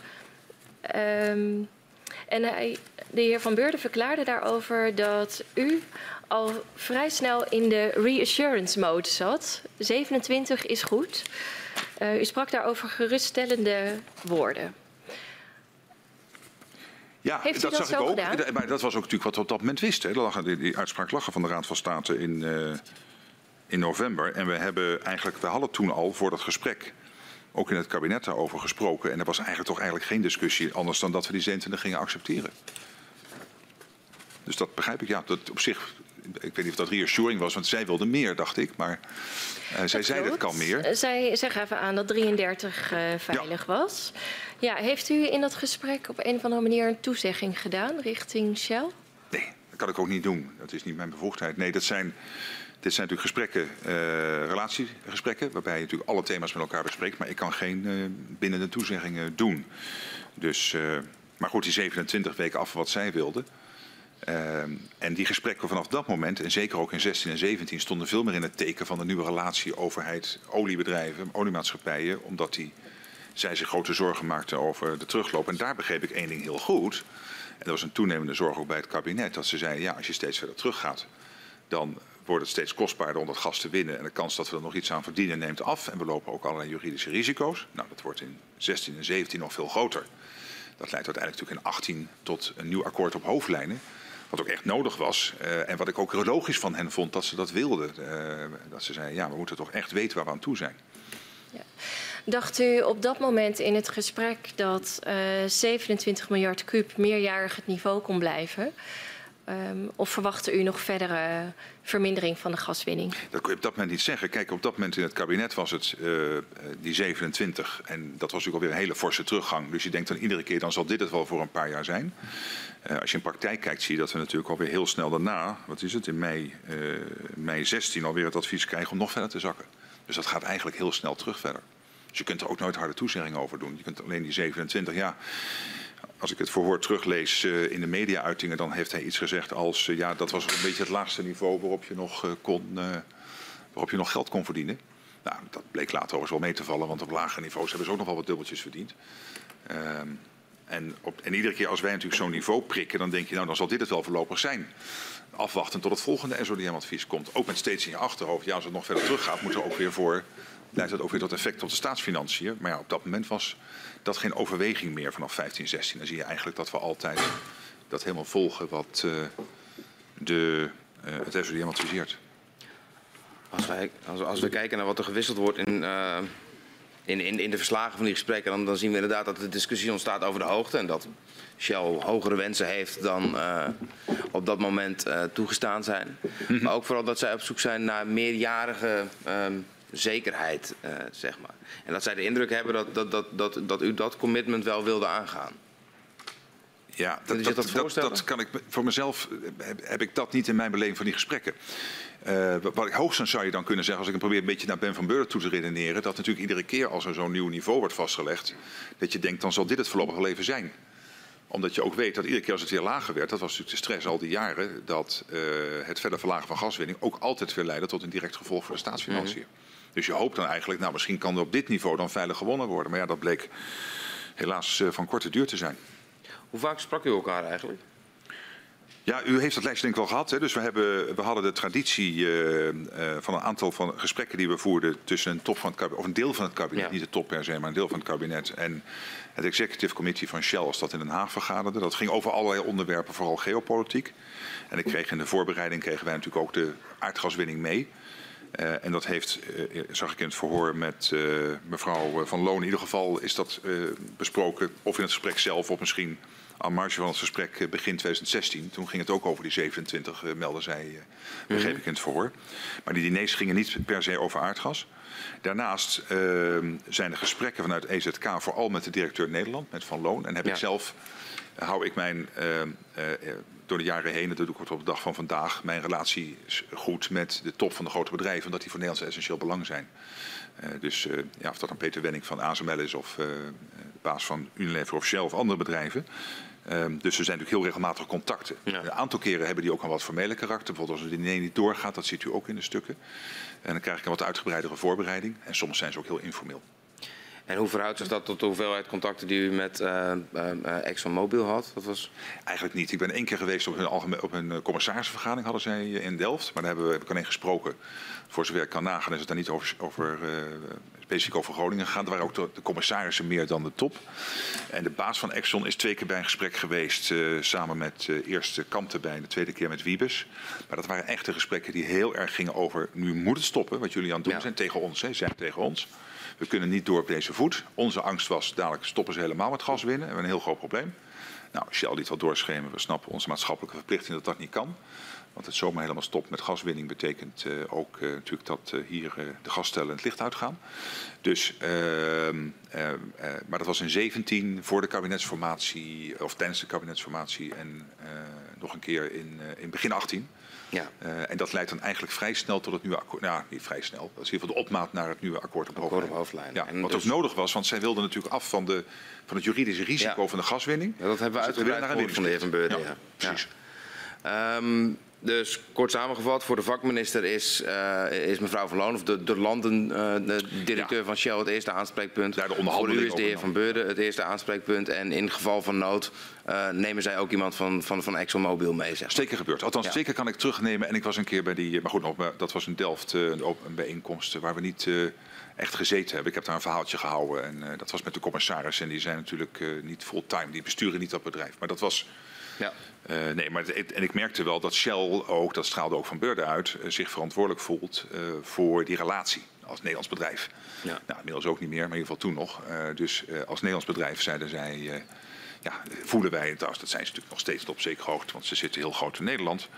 terwijl Exxon er toch meer naar keek als ja, een van hun investeringen.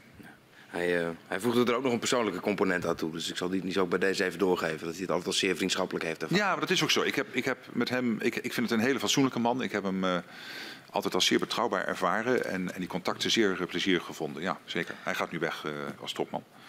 Dus in, het begin, in In april van 2016 uh, die nam dan een nieuw winningsplan in. En maar is dat nog één keer wanneer? April 2016. Ja. In juni spreekt u um, opnieuw met de heer Van Beuren. En in voorbereiding op dat gesprek wordt een uh, memo aan u, persoonlijk aan uw raadsadviseur overhandigd. Boven dat memo staat uh, dat het alleen voor u bedoeld is. Ja, dat is, een geheim, dat, is, dat is het grote geheim van deze enquête, want we kunnen dat memo niet terugvinden. Het is natuurlijk ook het besloten voor opgekomen en nog steeds hebben we weer alle archieven omgedraaid. We kunnen dat niet vinden. Dat uh, beantwoordt in ieder geval de vraag of u het memo ontvangen hebt. Ja, maar dat sluit niet uit dat ik het ontvangen heb. Maar in ieder geval, is, dan zou ik het aan de uh, raadadviseur hebben gegeven. En dan zou het in de archief moeten zitten. Dus uh, nee. Ik... Was dit een gebruikelijke manier van... Uh... Nee. Nee, dat zou ook de eerste keer zijn geweest en de enige keer als dat zo waren geweest waarop ik een vertrouwelijk memo krijg. Alleen voor mij. Dat werkt ook niet. Ja, dat zou ook niet werken, want ik ben geen president van Nederland. Het is niet zo dat ik, zoals Macron in Frankrijk, exclusief daar besluiten kan nemen. Alles is natuurlijk collegiaal in Nederland, dus dat zou ook weinig zin hebben. Maar, maar waarom, um, als het nou zo'n slecht idee is om op deze manier te communiceren. en de banden zijn zo goed, waarom, waarom gebeurt het dan? Ik weet niet of het gebeurd is. Het, ik, ik, ik, kon dat, ik kan het gewoon niet vinden. Ik, ik weet nog niet wie, wie, beweerde dat het er zou zijn. Nou ja, de, de, de heer Van Beurden herkende het. Ja, ja ik, wat ik wel weet, misschien bedoelde hij dat. Dat hebben we het ook vorige keer even over gehad. Hè, dat is dat manifest wat ze hadden opgesteld voor politieke partijen. Maar dat was openbaar, lijkt mij. Ja, wat wij, wat wij uh, via Shell kunnen halen is dat het, uh, dat het een aantal bespreekpunten zijn... Uh, vooruitlopend op een gesprek dat u 6 juni zou hebben. Wacht even, ja, maar 6 juni was het gesprek. Ja. En wanneer was die notitie? Voorafgaand aan dat gesprek. En wordt, die notitie, heeft, heeft notitie? wordt die notitie bezorgd bij het ministerie van Algemene Zaken. En u heeft die notitie op? April 2016. Ja, wij, ja die hebben wij. Nou, dan wil ik hem ook wel eens zien. Ja, dat, dat, dat, dat, kunnen we, dat, dat kunnen we straks uh, regelen, denk ik. Ja. Dan zou ik even moeten kijken wat daar de precieze regels uh, voor moeten zijn. Maar dat lijkt me, uh, dat lijkt me haalbaar. Uh, maar een van de punten die zij daar graag onder de aandacht willen brengen, is dus die uh, eerder genoemde commitment aan die 27 miljard uh, kubieke meter. inclusief de toevoeging dat, dat ze hopen dat, dat die commitment nog steeds van kracht is en dat ook EZ hierachter staat. Want, zij, want ze ontvangen zowel vanuit EZ als vanuit de VVD signalen dat het ondertussen naar beneden moet. Dat klopt ook, denk ik. Als, het, als dat commitment, nogmaals, dan heeft hij Kijk, als je kijkt naar de, het advies van het SODM uit mei van dit jaar, dat zegt al je moet naar 24 terug. Dus we waren alweer verder ja. aan het zakken. Ja. Um, een van de andere uh, zaken waar het uh, gesprek uh, over gaat, is over het optreden van PvdA-Kamerlid Henk Nijboer. Um, die kritiek had geuit op een verkiezingsmanifest van Shell, waarin de connectie wordt gelegd tussen het geld voor de versterkingsoperatie en het winningsniveau. Mm -hmm. Um, wat was uw reactie op, op, zijn kritiek daarop? Ik weet niet of hij dat zo besproken heeft. Ik kom het wel tegen in de voorbereidende notitie. Uh, we zien het ook in het gespreksverslag. Nee, wat, wat, u gehad hebt is de notitie ter voorbereiding op dat diner. Wacht, ik moet even kijken. Wacht, dit is uh, juni het diner van... Even kijken, gesprek op 6 juni. Het diner van juni, u, ja. Er is geen gespreksverslag, maar de notitie, de ingangsnotitie wordt genoemd dat zij het manifest met politieke partijen hebben gedeeld. En dat het vooral bij Partij van de Arbeid Henk Nijboer helemaal verkeerd valt. En dat de Partij van de Arbeid stelt dat Shell ten onrechte het meewerken aan herstelpreventie koppelt aan toekomstige gaswinning. Ja, maar wij, u voert met z'n tweeën een gesprek en dan kan er natuurlijk wel aan de andere kant een gespreksverslag gemaakt worden. Ja, ja, oké. Okay. Dan, ik, uh, en, wat, ja. Uh, en, wat, en wat wij lezen is dat u zegt van nou, als er nou weer politieke problemen zijn, laat het dan weten. Want dan kan ik misschien uh, een bijdrage leveren ja. om iets aan de gespannen sfeer. ja, dat is altijd goed. Ik, ik vind het belangrijk dat die grote bedrijven natuurlijk, dat die ook gewoon een goede relatie hebben met alle politieke partijen in Nederland. Ja, dat klopt. Wat, wat, wat, wat vond u dat, dat er zo expliciet kritiek werd geleverd op specifieke Kamerleden? De heer Bosman werd ook genoemd. Ja, maar ja, goed, vrij land, dat mogen ze doen. Maar dat, die, die zijn toch in staat om dat te negeren, neem ik aan. Ja. Ja, ik zou daar niet zo heel moeilijk over doen. Het is, uh, staat Shell vrij om voor alles te vinden. En het staat in die Kamerleden dan weer vrij om dat uh, soeverein uh, naast zich neer te leggen, lijkt me. Um, kort voordat Quint dit... ook zo dat hij dat zou hebben gedaan. Wat zegt u? Ik ken de heer Quint ook zo dat hij dat zou hebben gedaan. Ik uh, kan dat niet uitsluiten. um, kort voor dit gesprek heeft minister Dijsselbloem aangekondigd dat er 244 miljoen extra naar het aardbevingsgebied gaat. En we lezen in verschillende stukken van de oliemaatschappijen dat dit onderdeel was van een deal in de coalitie om een hoger winningsniveau te kunnen handhaven. hoe is deze deal tot stand gekomen? Dat, dat zegt mij zo gauw. Dat moet ik even nakijken. Dat is, wanneer was dat dan? Dat, die... dat is kort voor het gesprek. Dan hebben we het over mei 2016. Dan, dan kondigt de heer Dijsselbloem aan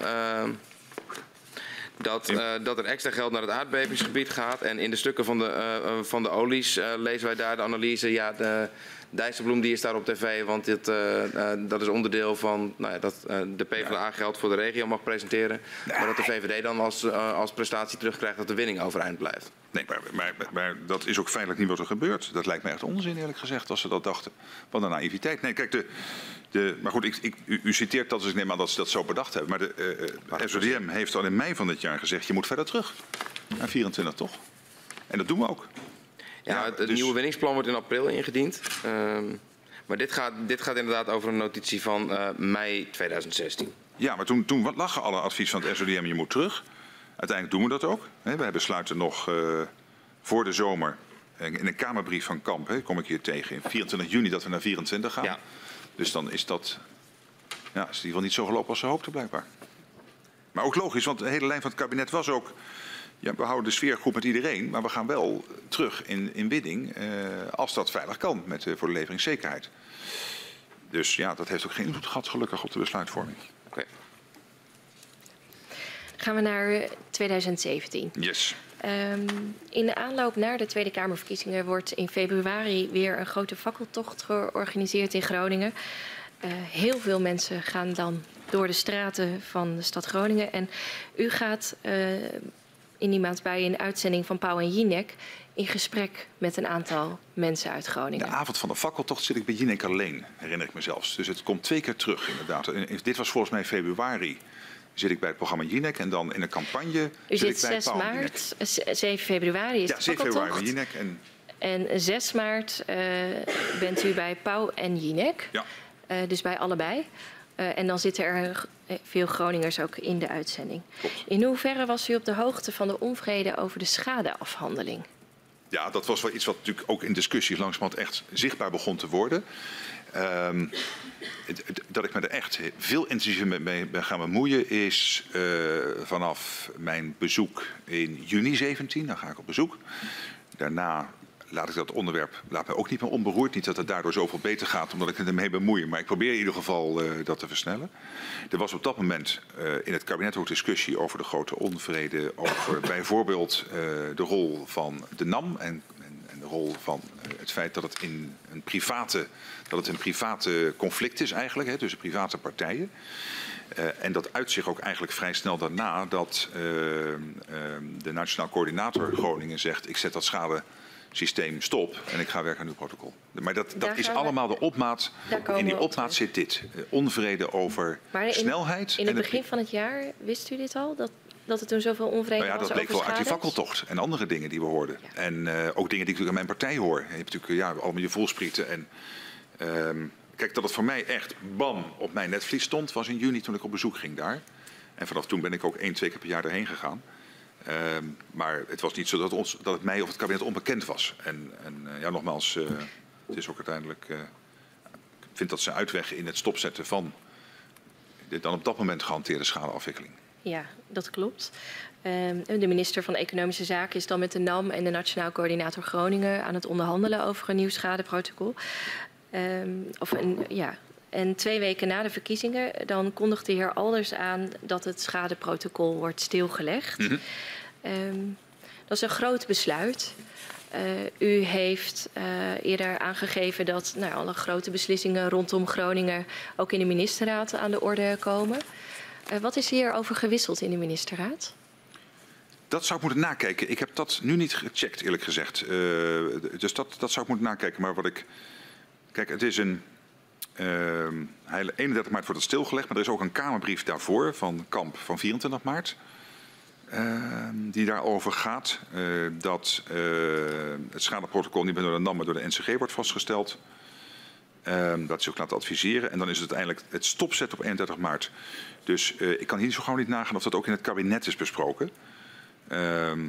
Maar op dat moment is dat natuurlijk een, een grote kwestie. Ja, wat vond u daarvan, dat het werd stopgezet? Nou ja, het, het past natuurlijk in een, in een tijd waarin we probeerden die situatie waarin mensen in een soort pri een privaatrechtelijke relatie zitten met de NAM, met, met eh, de oliemaatschappijen en, en niet een publiek, het publieke belang zelf, de publieke afwikkeling, het, het, het uh, publiekrechtelijk zo goed mogelijk borgen van deze hele zaak.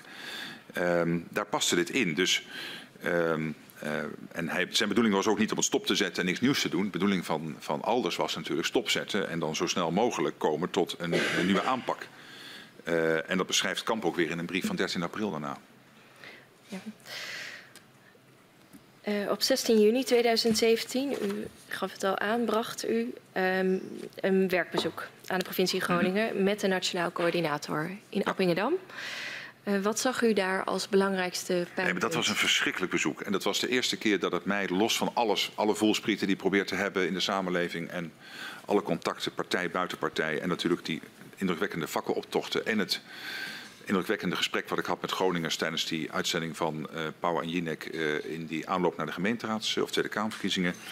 Uh, dit bezoek was voor mij de top twee van momenten. Er is nog een moment dit jaar, maar in ieder geval op dat moment waarin ik me realiseerde wat een ongelooflijke, door er zelf te zijn en zelf mensen in de ogen te kijken, wat een ongelooflijke hoop pijn er is. Uh, en hoe, maar ook hoe complex het is. Uh, dus ik heb mensen buiten het kantoor van de NCG toen gesproken in Appingedam die nou ja, echt een einderaad, echt letterlijk ten einde raad waren. Wat, wat, wat, het was een bizarre dag, want ik was morgens op kennismakingsbezoek geweest met Macron. Smiddags in Groningen. En de tegenstelling kon niet groter zijn. Dat prachtige Elysée. En dan die, die verschrikkelijke uh, paniek in de ogen van mensen die zeggen we raken totaal controle op ons leven, op ons leven kwijt. En daarna ook het gesprek met, uh, met Alders en de mensen die voor, met hem bezig waren. Ontzettend goede mensen die probeerden hem uh, zo goed mogelijk daar die, die te doen. En dat ging vooral over een stuk versterkingsoperatie daar in Appingedam. En dat je realiseert dat als je een rij van vijf huizen hebt, dat er niet één huis hetzelfde is. In de zin van, huis misschien wel, maar de mensen die er wonen, situaties, wisselwoningen, nou de hele complexiteit ook daarvan. En, en, toen dacht ik, ja, dit, dit ja goed, dit, dat was echt een, uh, voor mij een heel belangrijk bezoek. Toen drong het echt tot u door? Ja, maar ja, dat, dat, nee, dat drong al eerder tot me door. Maar het is een moment dat je, het, dat je het niet alleen hier helemaal tot je doordringt, maar dat je het nog meer dan ooit hier voelt. Buik en hart. En dat was uh, dat bezoek. Uh, op dat moment uh, ligt er een concept schadeprotocol van de Nationaal Coördinator met als belangrijkste pijler de verantwoordelijke staat. Kon u zich toen vinden in de ambities die daar mee nou, gepaard gaan? Ik ben na dat bezoek uh, aan Appingedam, sorry, aan, aan, aan ja, Appingedam, maar dus ook breder, ik was ook andere delen van Groningen geweest. Maar na dat bezoek van 16 juni ben ik me er wat meer mee gaan bemoeien nog eens een keer extra. Ook, dat kunt u misschien vinden met contacten met Kamp en anderen over bijvoorbeeld de gedachte, moeten we ook niet een schadefonds instellen? Um, en, uh, Daar was u voorstander van? Ja, dat, dat, leek mij, dat is er uiteindelijk niet gekomen. Overigens nee. natuurlijk anders opgelost. Maar op dat moment was nog de gedachte... kun je een schadefonds instellen? Omdat ook meespeelde hoe zorgen ervoor dat uh, uh, de NAM verder op afstand komt te staan. Uiteindelijk is dit een zoektocht die negen maanden duurt. Die leidt tot het instituut Mijnbouwschade. Maar het heeft, het heeft gewoon negen maanden geduurd. Maar op dat moment hoop je en denk je... dit gaat weken of tot een paar maanden duren. Dat blijkt in praktijk niet zo te zijn. Het heeft natuurlijk veel te lang geduurd, wat ook heeft geleid. Dat vind ik ook een van de grote schandvlekken in dit hele dossier. Dat het negen maanden heeft geduurd en dat het ook heeft geleid tot een enorm stuwmeer aan uh, schadeafwikkeling. Ja. Um, maar, maar, het principe van uh, de verantwoordelijke staat, dat de staat haar verantwoordelijkheid moet ja. nemen in die schadeafhandeling. Ja, dat, dat, dat wat op uw steun kon rekenen. Ja, tuurlijk. En dat, uitte zich natuurlijk ook in, het, uh, in zo'n schadefonds. Dat je zegt, laten we nou kijken of we ook het, het nog veel meer dan we al doen uh, op afstand kunnen plaatsen van, van de NAM. En we hadden natuurlijk wel het Centrum Veilig Wonen erin tussen, tussen. Maar het gevoel wat ik ook merkte bij mijn bezoek aan, aan Appingedam en, en andere gesprekken die dag... is dat mensen nog steeds het gevoel hadden dat het een NAM was die overal achter zat. En dat zij dus met een private partij aan het strijden waren. Nou, dat speelt natuurlijk allemaal een rol op dat moment. Hoe organiseren we het zo dat je een meer publiekrechtelijke uitvoering gaat krijgen en mensen dus meer kunt beschermen?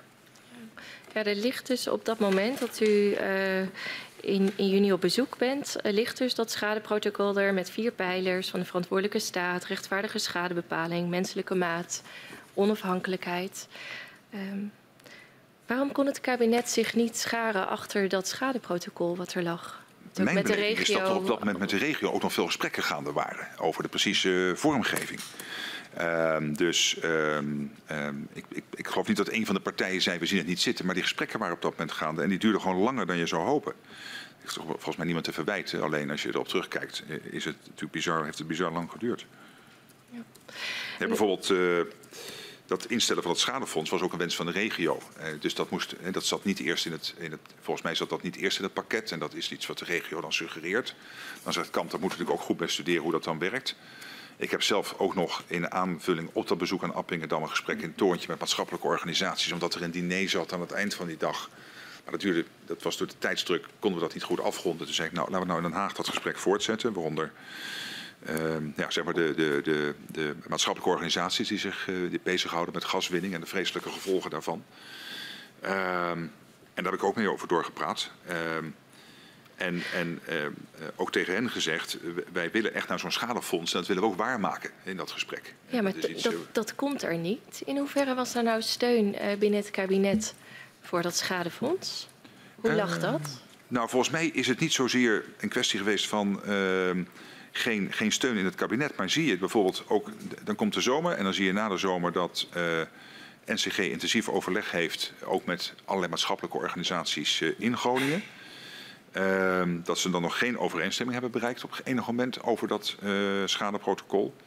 Uh, en, uh, maar dat iedereen het wel over eens is. Er moet iets komen wat op veel grotere afstand van de NAM staat. Maar dan zit je alweer in september. En dan ben je alweer twee maanden, twee maanden verder. Maar, maar nog even over dat schadefonds. Ik merk niet, in het, in het kabinet staat mij niet bij dat wij ruzie hadden over een schadefonds, wel of niet. Okay, nou, wij zien uh, dat er uh, met name op het ministerie van Financiën... Wordt gedacht dat die passages uh, of die delen die over het schadefonds gaan, dat daarvan wordt gedacht binnen dat ministerie um, dat het wel heel erg ver gaat. Mm.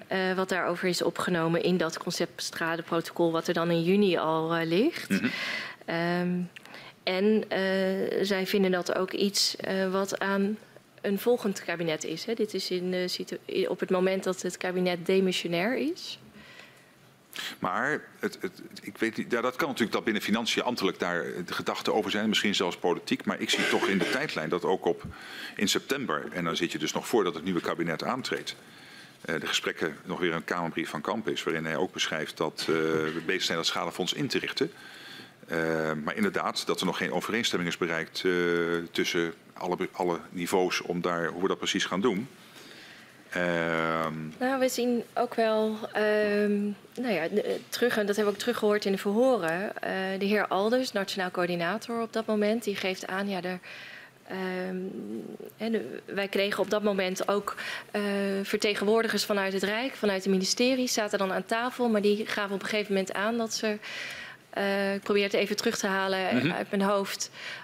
Um, ja, dat ze eigenlijk niet meer stappen konden zetten daar aan tafel. En dat ze niet een akkoord konden bereiken. En dat dat te maken had met de demissionaire status ook.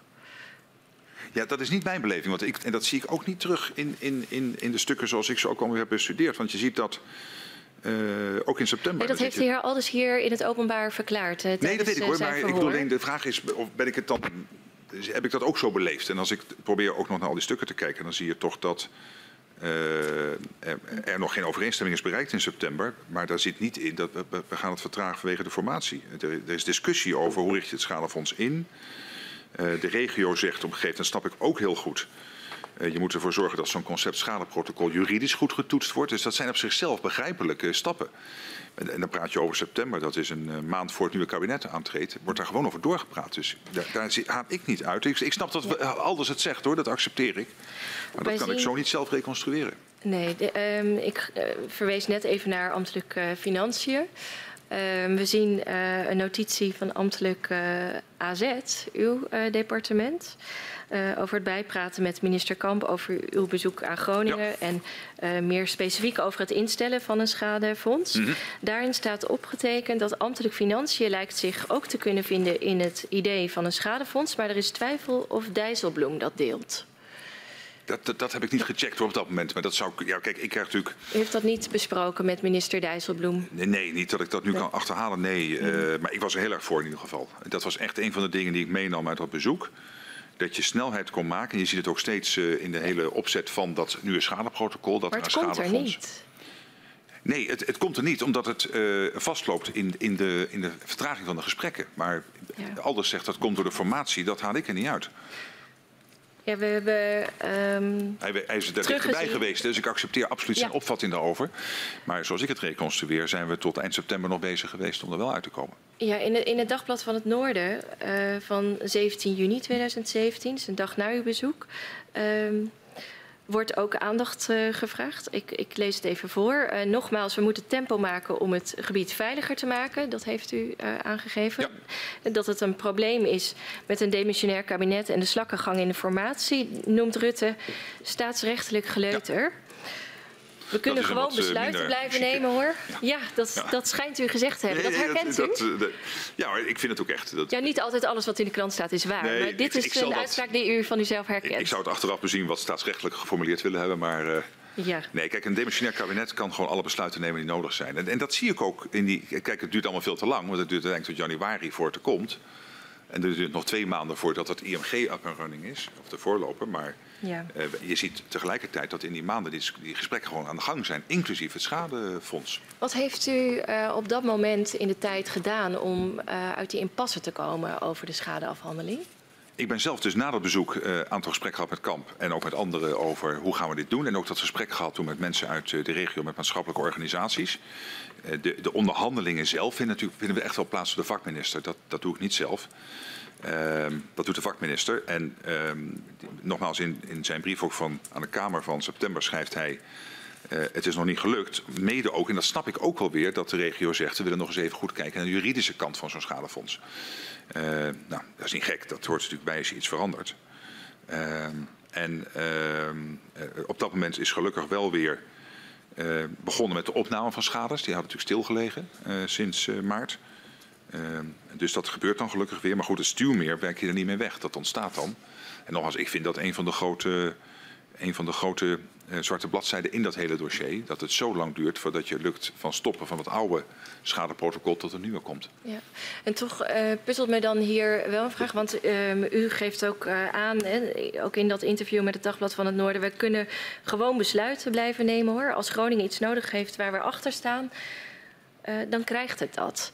En ja, ook hier zeker. geeft u aan, uh, nou, demissionair of niet, dit, eh, dit, dit ja. kan uh, gewoon doorgaan. Ja. Toch zien we wel dat, dat dat ambtelijk dus wel aan de orde is. En we zien ook in een Kamerbrief uiteindelijk dat ja, wordt aangegeven dat dit aan een volgend kabinet wordt gelaten, die nou ja, rond diezelfde periode, rond de zomer, naar de Kamer komt. hoe moet ik dat rijmen? Die nee, demissionaire status met wat u aangeeft wat er nodig is, dat, dat gaat gewoon over... gebeuren. Ook in, ja. of we nou demissionair zijn of ja. niet. En wat er dan achter de schermen en ambtelijk uh, gedaan wordt. Nou, kijk, juni, juli, augustus, september lopen die gesprekken door. Sterker nog, de, de brief ook van Kamp in september beschrijft. Uh, die gesprekken zijn gaande, maar we zijn er nog niet uit met de regio. En, en die heeft ook nog een paar vragen, logische vragen, die, die ook voorkomen te begrijpen zijn. En, en ook over uh, hoe richt je dat schadefonds in. Dat is op 19 september. Ja, dan zit je wel vlak voor de start van het nieuwe kabinet. Dus dan ga je wel langzamerhand naar een uh, wisseling. Was het voor u op dat moment de verwachting dat er voordat er een nieuw kabinet aantreedt, dat er dan al duidelijkheid is over een nieuw ja, protocol? Dat was, dat, althans, ja, volgens mij voor ons allemaal. Want uh, ik, ik, kan niet precies terughalen waar de zin staat. We wachten op het nieuwe kabinet. Is dat die brief van 19 september? Dat haal ik er niet uit. Uh, de datum heb ik uh, hier nu niet van die Kamerbrief. Kijk, maar het... het is wel de brief die uh, vlak na de zomer naar de Kamer gaat. Hm. Dus dat zou goed kunnen zijn dat dat. Kijk, want daar is de conclusie in ieder geval. Ik, ik heb dat hier zo gauw, kan ik dan niet terugvinden. Is wel de conclusie. We zijn er nog niet uit. Tot mijn spijt schrijft hij. juridisch wordt getoetst, allerlei dingen. Dus um, um, ja, op dat soort momenten denk ik, oké, het, het, gaat traag, maar er is gewoon gesprekken zijn gaan, er is geen conflict, er worden een paar logische vervolgstappen gezet om zo snel mogelijk tot zo'n schadeprotocol uh, te komen. Uiteindelijk blijkt natuurlijk dat dat uh, dan uh, toch nog veel te lang duurt. En nogmaals, dat is, dat is vreselijk. Ja, maar heeft u erop aangedrongen dat uh, dat er zo spoedig mogelijk uh, nou ja, een akkoord moest worden uh, gevonden nou ja, over dat schadeprotocol. En dat dat nog voordat het nieuwe kabinet aantreedt, bij wijze van spreken, geregeld zou worden. Heeft u nee, ik, ik, geprobeerd heb daar in geen voor, iets daar... positiefs in te brengen om het te versnellen? ja, in juni, juli. Dus na mijn bezoek heb ik daar verschillende gesprekken over om te zeggen, ook het volle gewicht van algemene zaken te zetten en van het premierschap achter dit moet er komen. Het ander ligt stil. Uh, logische reden. We willen van uh, tussen twee private partijen naar een publieke uitvoering. Uh, schadefonds kan hier een grote rol in spelen. Dat blijkt ook uit alle gesprekken uit de regio. en vervolgens zie je dat dat ook gewoon besproken wordt. En, en, en dat die bal doorrolt, alleen te lang.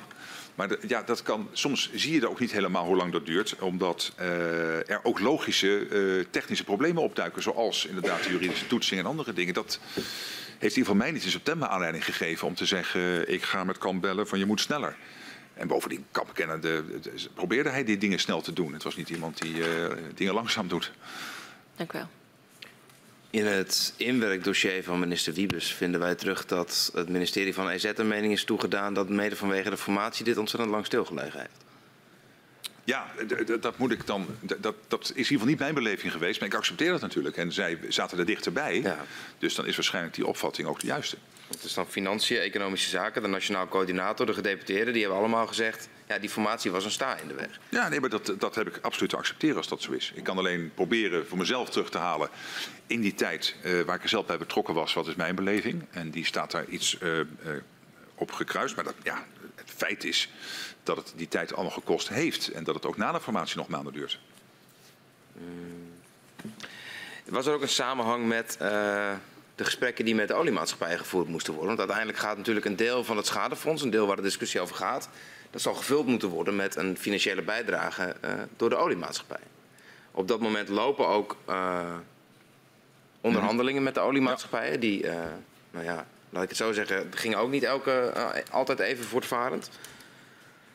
Eh, hingen die twee zaken met elkaar samen? Vertraagden die elkaar? Daar heb ik nergens aan kunnen treffen, nee. Uh, niet in mijn beleving. Um, dan gaan we gewoon even door naar de uh, onderhandelingen met de olies. Want in mei 2017 wordt het wijzigingsbesluit genomen dat er 21,6 miljard kubieke meter... In mei 17 is dat, hè? Ja, in mei 17. Mm -hmm. Uit het Groningenveld mag worden gewonnen. En in diezelfde periode bepaalt het gerechtshof Arnhem-Leeuwarden dat het OM strafrechtelijk onderzoek moet instellen naar de NAM. NAM mhm. wordt in een andere zaak ook veroordeeld om immateriële schadevergoedingen uh, te betalen. Uh, we hebben het hier vandaag ook al met uh, de heer Van Beurden over gehad. Hij stuurt u kort daarna een mail met hoge urgentie om op topniveau te spreken over zijn zorgen over de gaswinning in Groningen. Ja. Um, wat vond u van de zorgen die Shell en Exxon hadden over die veranderende juridische context?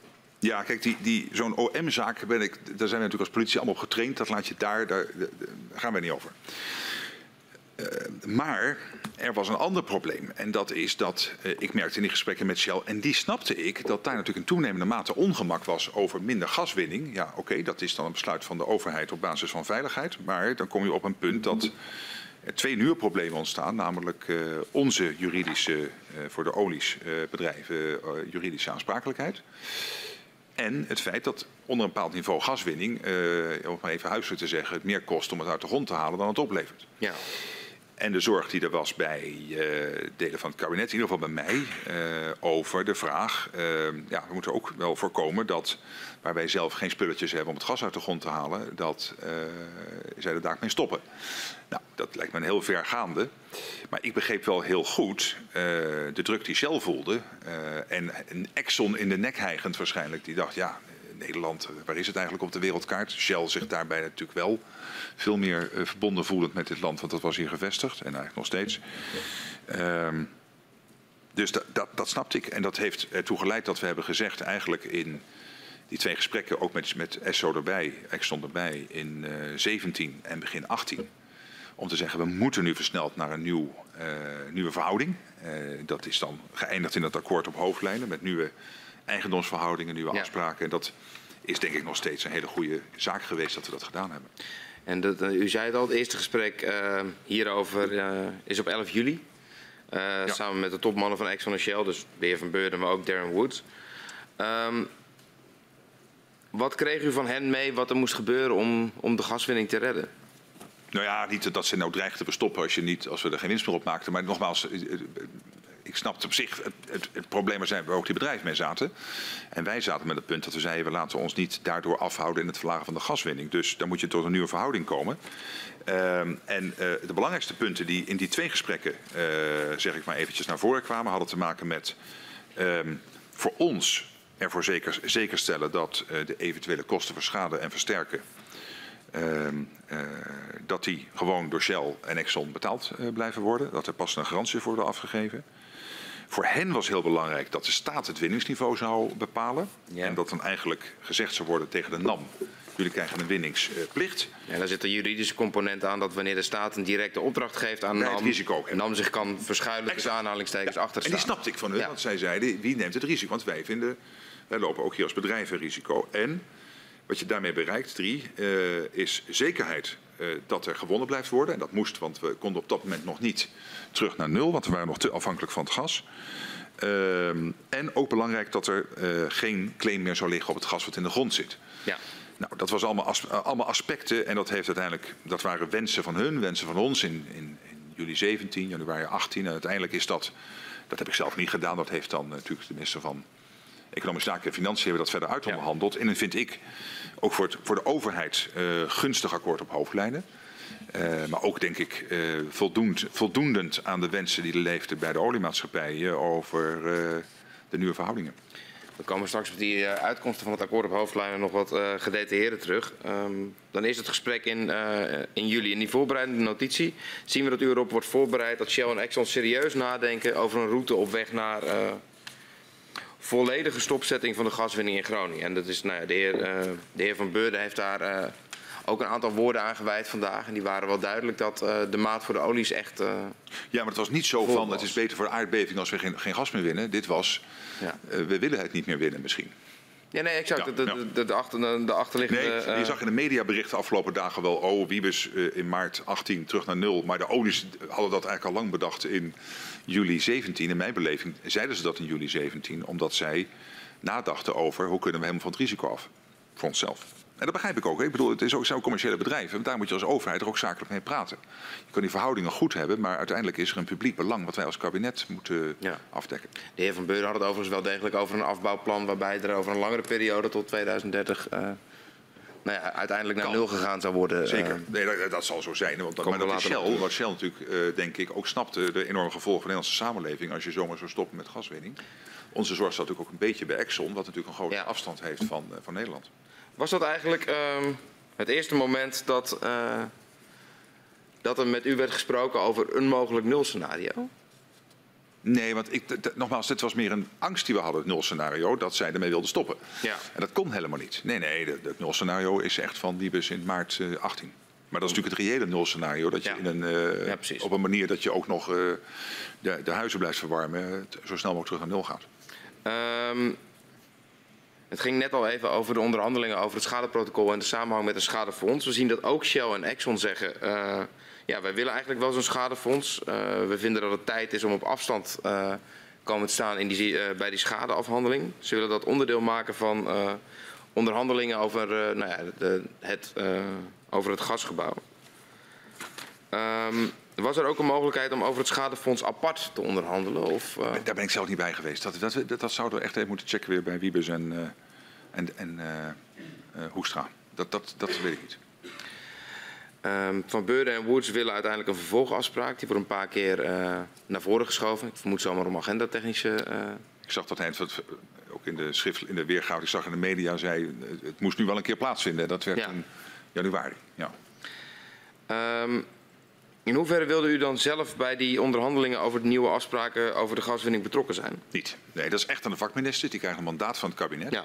Maar in mijn rol als premier en relatiebehoudend met uh, uiteraard uh, grote maatschappelijke organisaties, bedrijven, ja, breed, uh, IPO, VNG, maar ja. ook Shell en de Vereniging van Ziekenhuizen, noem maar op, is het noodzakelijk dat ik ook regelmatig wel beschikbaar ben voor gesprekken zonder dat ik dan zelf ga onderhandelen. Dat gaat niet. Daar heeft AZ ook niet de middelen voor.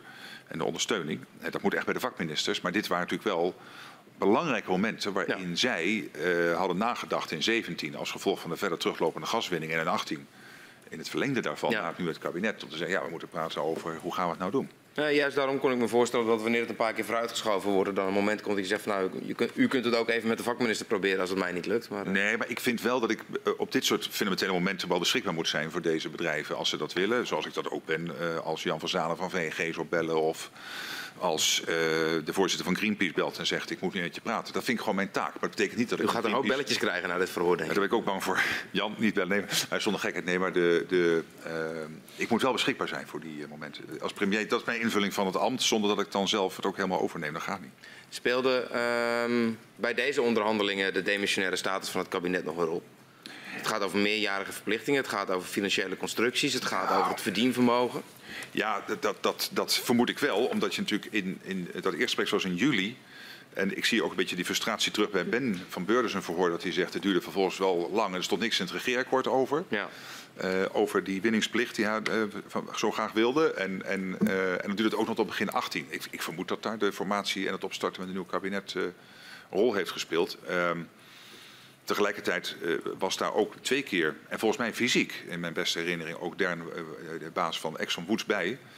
Dus dat kan ook nog agenda technisch een punt zijn geweest. We hebben dat niet proberen te vertragen of zo. Ik, ik vond het gewoon, en ook Kamp in de periode daarvoor en Wiebes daarna, een reëel punt dat we moesten praten. Het was ook een, uit het OVV-rapport in 15 was al gezegd, je moet eigenlijk gaan nadenken over andere verhoudingen tussen de olies en, en, en, en de staat. De oliebedrijven en de staat. Dank u wel. We zijn inmiddels al uh, zeven kwartier bezig. Het lijkt me een goed moment om echt even te pauzeren. En dat doen we een kwartier lang. Ik verzoek de griffier om u en uw steunverlener even naar buiten te geleiden. Heel goed.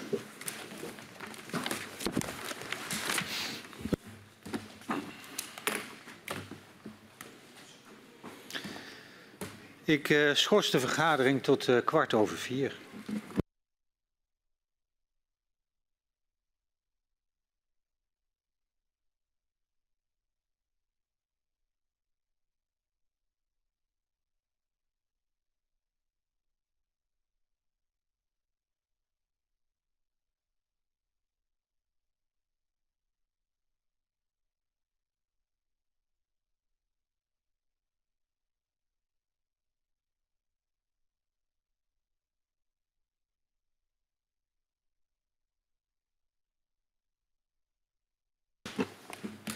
Ik heropen de vergadering van de parlementaire enquêtecommissie aardgaswinning Groningen. Aan de orde is het vervolg van het verhoor met de heer Rutte en ik verzoek de griffier om hem en zijn steunverlener naar binnen te geleiden.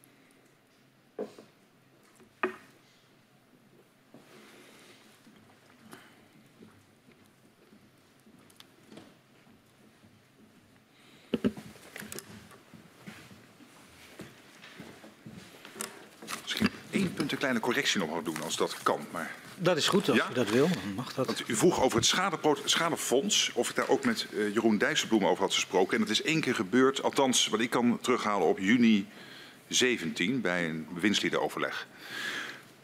en uh, uh, naar mijn beste inzicht is dat ook gewoon een goede sfeer verlopen en waren we het uiteindelijk ook eens. Maar ik zei dat het niet was besproken met Dijsselbloem, maar in ieder geval één keer wel. Oké. Ik geef het woord aan mevrouw Van der Graaf. Ja, we gaan weer verder. En in oktober 2017 dan presenteert u het nieuwe kabinet uh, Rutte 3 en een regeerakkoord met een beperkte verlaging van de gaswinning met anderhalf miljard kuub tot 2021. En in het coalitieakkoord staat de vlakke winning centraal. Waarom is dat? Dat was het inzicht eigenlijk vanaf toch vrij vroeg. In geval 2014, uh, na de opvolgende rapporten over het eerste SODM-advies, uh, dat wij uh, het advies kregen vlak te winnen, omdat fluctuaties in de winning leiden tot een hoger risico op aardbevingen. En, en dat was ook wel een beetje een frustratie in die formatie van formerende partijen, herinner ik mij, omdat wij dachten we kunnen, we kunnen meer doen dan we nu doen. Ehm, maar uiteindelijk is dat dus heel beperkt. in de combinatie ook met leveringszekerheid en en aardbevingsrisico, dat daar maar een hele beperkte teruggang in zit. We kunnen meer doen dan we op dat moment zouden doen? Je zou meer willen doen, maar dat, dat was op dat moment heel duidelijk voor ons alle vier. We hebben ook gesprekken gehad met, uh, uh, ik meen ook SODM zelf en anderen zijn bij de formatie geweest in het Johan de Withuis. En uiteindelijk is toen de conclusie getrokken, uh, we kunnen beperkt iets doen. En ja, zoals het ook in het regeerakkoord staat, anderhalf lager. Ja, en hoe is die anderhalf bepaald? Hoe die bepaald is. Ja. In. Hoe kwam, of, ja, hoe, hoe kwamen jullie erbij om anderhalf eh, te doen? Dat is relatief beperkt ten opzichte nou ja, van dat staat erin. Hè, dat lees ik maar even voor. Uh, het verschil in de daling van de vraag en de daling van de winning geeft de buffer die nodig is om de veiligheid in de ondergrond te combineren met een stabiele en veilige gasvoorziening. Dus dit kwam echt voort uit die gesprekken. We hebben echt zitten, zitten puzzelen hoe ver kun je gaan. Uh, en dat was dus inderdaad beperkt. Ja. ja, de inspecteur-generaal der mijnen is uh, geweest. Uh, zijn er andere geweest? Zijn de oliemaatschappijen uh, ook geweest in die de tijd rond informatie? Niet, mij. Nee, maar inderdaad wel het SODM. Het SODM, ja. ja. in het coalitieakkoord... Misschien ook wel GTS, dat weet ik niet. want GTS. GTS natuurlijk gaat, het zou kunnen. Maar in ieder geval sowieso, wat ik me herinner, is de baas van het SODM. Over de leveringszekerheid gaat weet GTS veel. Dat ja, precies, want dat is natuurlijk altijd de verdeling. Ja. In het coalitieakkoord uh, staat zowel een fonds voor de regio als ook een schadefonds genoemd. En hm. beide afspraken worden uiteindelijk niet gerealiseerd.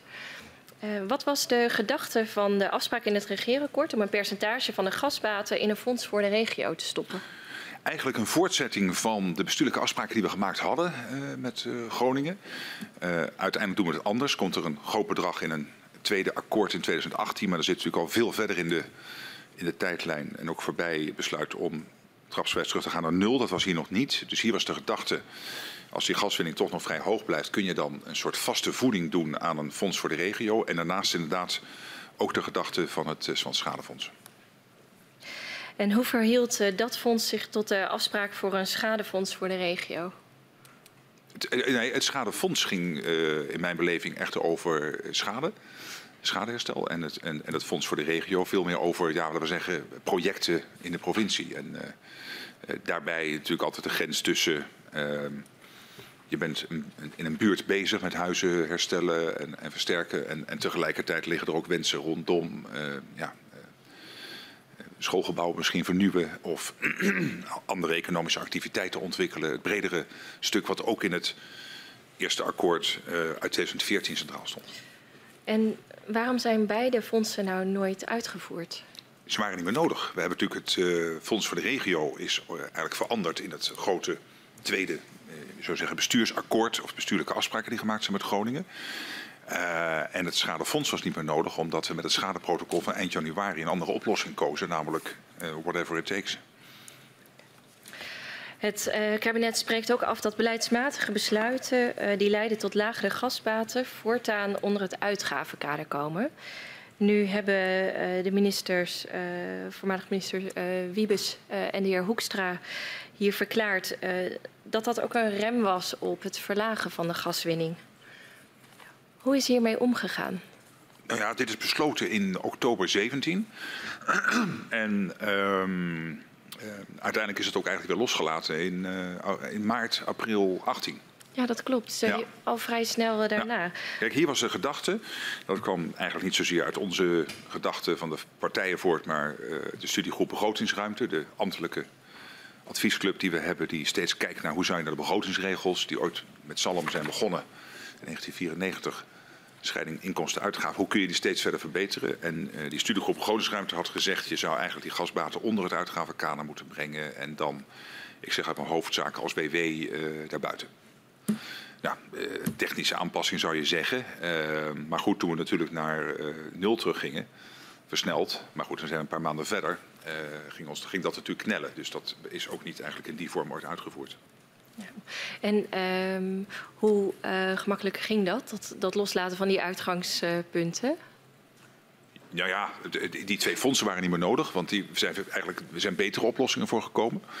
Die veel superieur waren aan wat we ons hadden voorgenomen. En de, uh, ja, en de gaswinning terug naar nul, ja, dat was natuurlijk ook veel beter dan, uh, dan, dan dat stapsgewijze. Waar we, maar dat kan eigenlijk pas vanaf februari uh, 18, als blijkt dat die vlakke winning niet meer heiligmakend is. Dan wil ik nog even één maand terug, namelijk januari 2018. Uh, er gebeurde een hoop dingen achter elkaar. 8 januari uh, is de aardbeving in Zeerijp, magnitude 3,4 en naar schatting wordt die door 270.000 mensen uh, gevoeld. Ja. Uh, zoveel bevingen zijn er niet met een magnitude van 3 of meer nee, in. Deze was verschrikkelijk.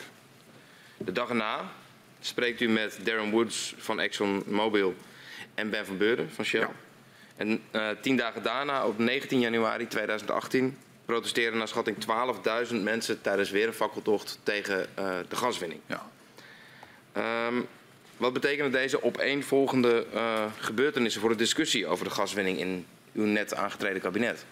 Nee, niet uh, voor de gaswinning, maar wel voor het schadeprotocol. Uh, want de gaswinning zaten wij nog met het regeerakkoord en de overtuiging dat we daar het maximale hadden gedaan, gegeven het feit dat je vlak moest winnen.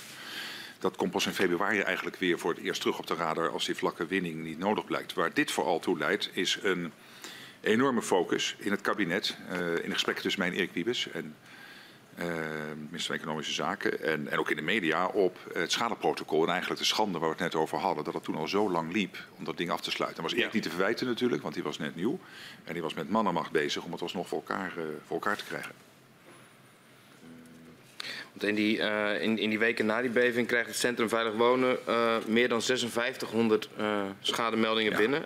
10 acuut onveilige situaties, waarbij er dus meteen ingegrepen moet worden in een woning. Um, op, op, welke manier wordt u dan daarover geïnformeerd? Is dat in het overleg met uh, minister Wiebes dat u daarover bijgepraat wordt, over hoe die schade, dat schadebeeld zich ontwikkelt? Nou, dat zie je gewoon in de media, want dat is bijna allemaal ook in de media geweest. En ik, ik volg dat natuurlijk de media ook op de voet en, en zeker ook over deze, om dit onderwerp. Uh, ik was met Wiebes vooral bezig, hoe kunnen we samen, hoe kan ik helpen om ervoor te zorgen dat we uiterlijk eind deze maand, dat is uiteindelijk ook gelukt, zijn werk en ja. niet mijn werk. Ik heb alleen af en toe heigerig in de telefoon, hoe ver ben je? Ja, ik ben bezig. Uh, nou, en het, het gaat goed, maar helpt als je nu even niet belt. Uh, ja, zo gaat het dan ook soms en terecht. Want hij was precies de goede dingen aan het doen. En dat heeft toen gelukkig geleid dat dat schadeprotocol er was. Zodat we ook van dat stuurmeer geleidelijk aan af konden komen. En hier zag je natuurlijk dat het stuurmeer alleen maar verder opbouwde. Ja, want hoe ziet, uh, hoe ziet een, een, een ondersteunende rol er dan uit? Je gaat niet zelf die gesprekken doen? Nou, op een moment was ik helemaal niet zo ondersteunend. Want toen zei ik ergens in een persconferentie iets van... het ligt ook aan de regio. Daar heb ik later sorry voor gezegd. Want het hadden we niks met de regio te maken. Dat was een, een klunzige uitspraak van me.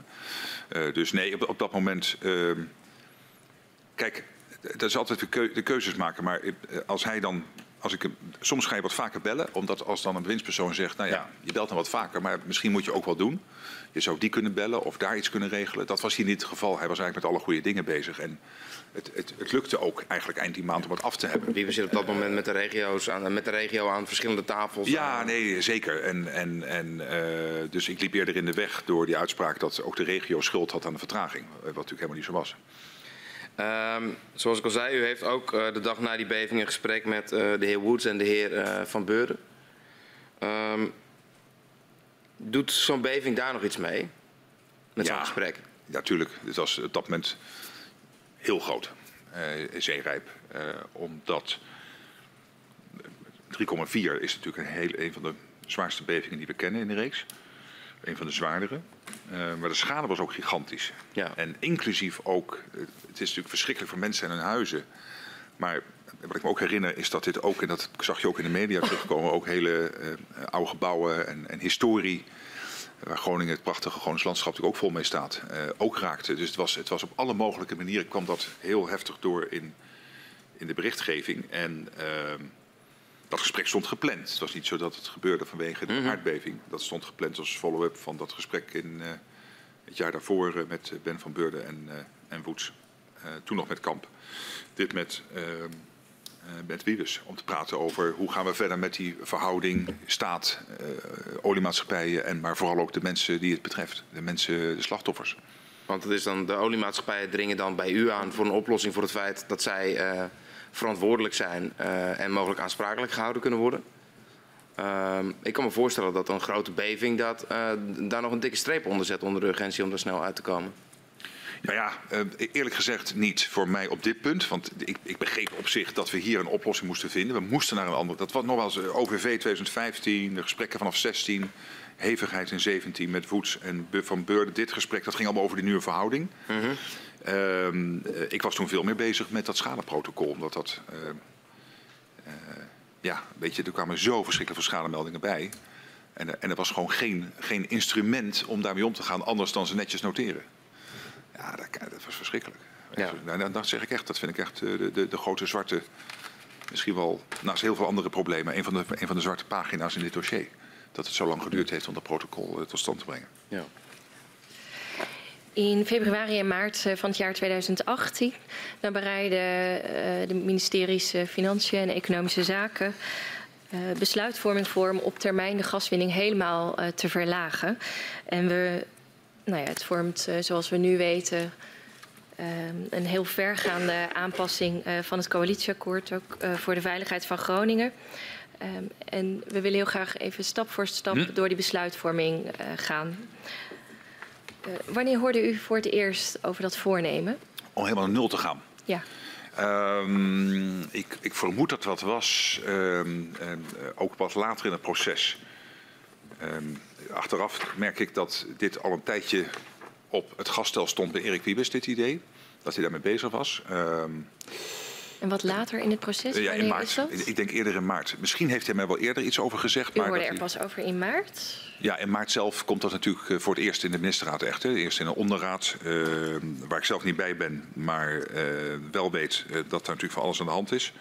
En dan komt het echt natuurlijk terug in de 27 maart in de ministerraad. En de vraag is dan of hij mij daarvoor al had geïnformeerd. Want ik dacht dat hij op een gegeven moment zei dat ik de oliebedrijven had gebeld om te vertellen we gaan naar nul terug. Maar dat was de directeur-generaal, begreep ik uh, uit het verhoor. Uh, dus dat, het, zou kunnen zijn dat hij me daar één of twee weken daarvoor ook over geïnformeerd heeft. Hoor. Dat kan. Maar uh, in ieder geval op 27 maart eh, is het zeker.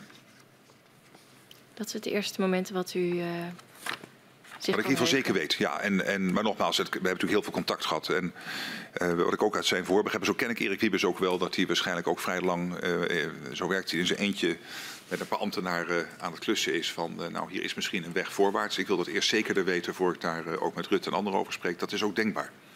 Maar ehm, ik was heel blij mee in die reden eigenlijk. In een nota van de Inspectie der Rijksfinanciën van 30, juni, uh, eh, 30 januari 2018 uh, lezen we dat de minister-president heeft aangegeven uh, dat er een muur staat tussen veiligheid en financiën. En ook de heer Wouter Raap van het ministerie van Financiën heeft dit verklaard in zijn openbaar verhoor. vanaf welk moment was dat uw opvatting? Nou, ik hoop dat ik die opvatting toen zo stellig had. Dat zou voor mij pleiten. Uh, maar dat, dat, dat, ik, ik voel, kijk, in, dat is niet ik alleen. We hadden natuurlijk heel lang geworsteld in die combinatie met leveringszekerheid en veiligheid en financiën als een stressfactor daarbij.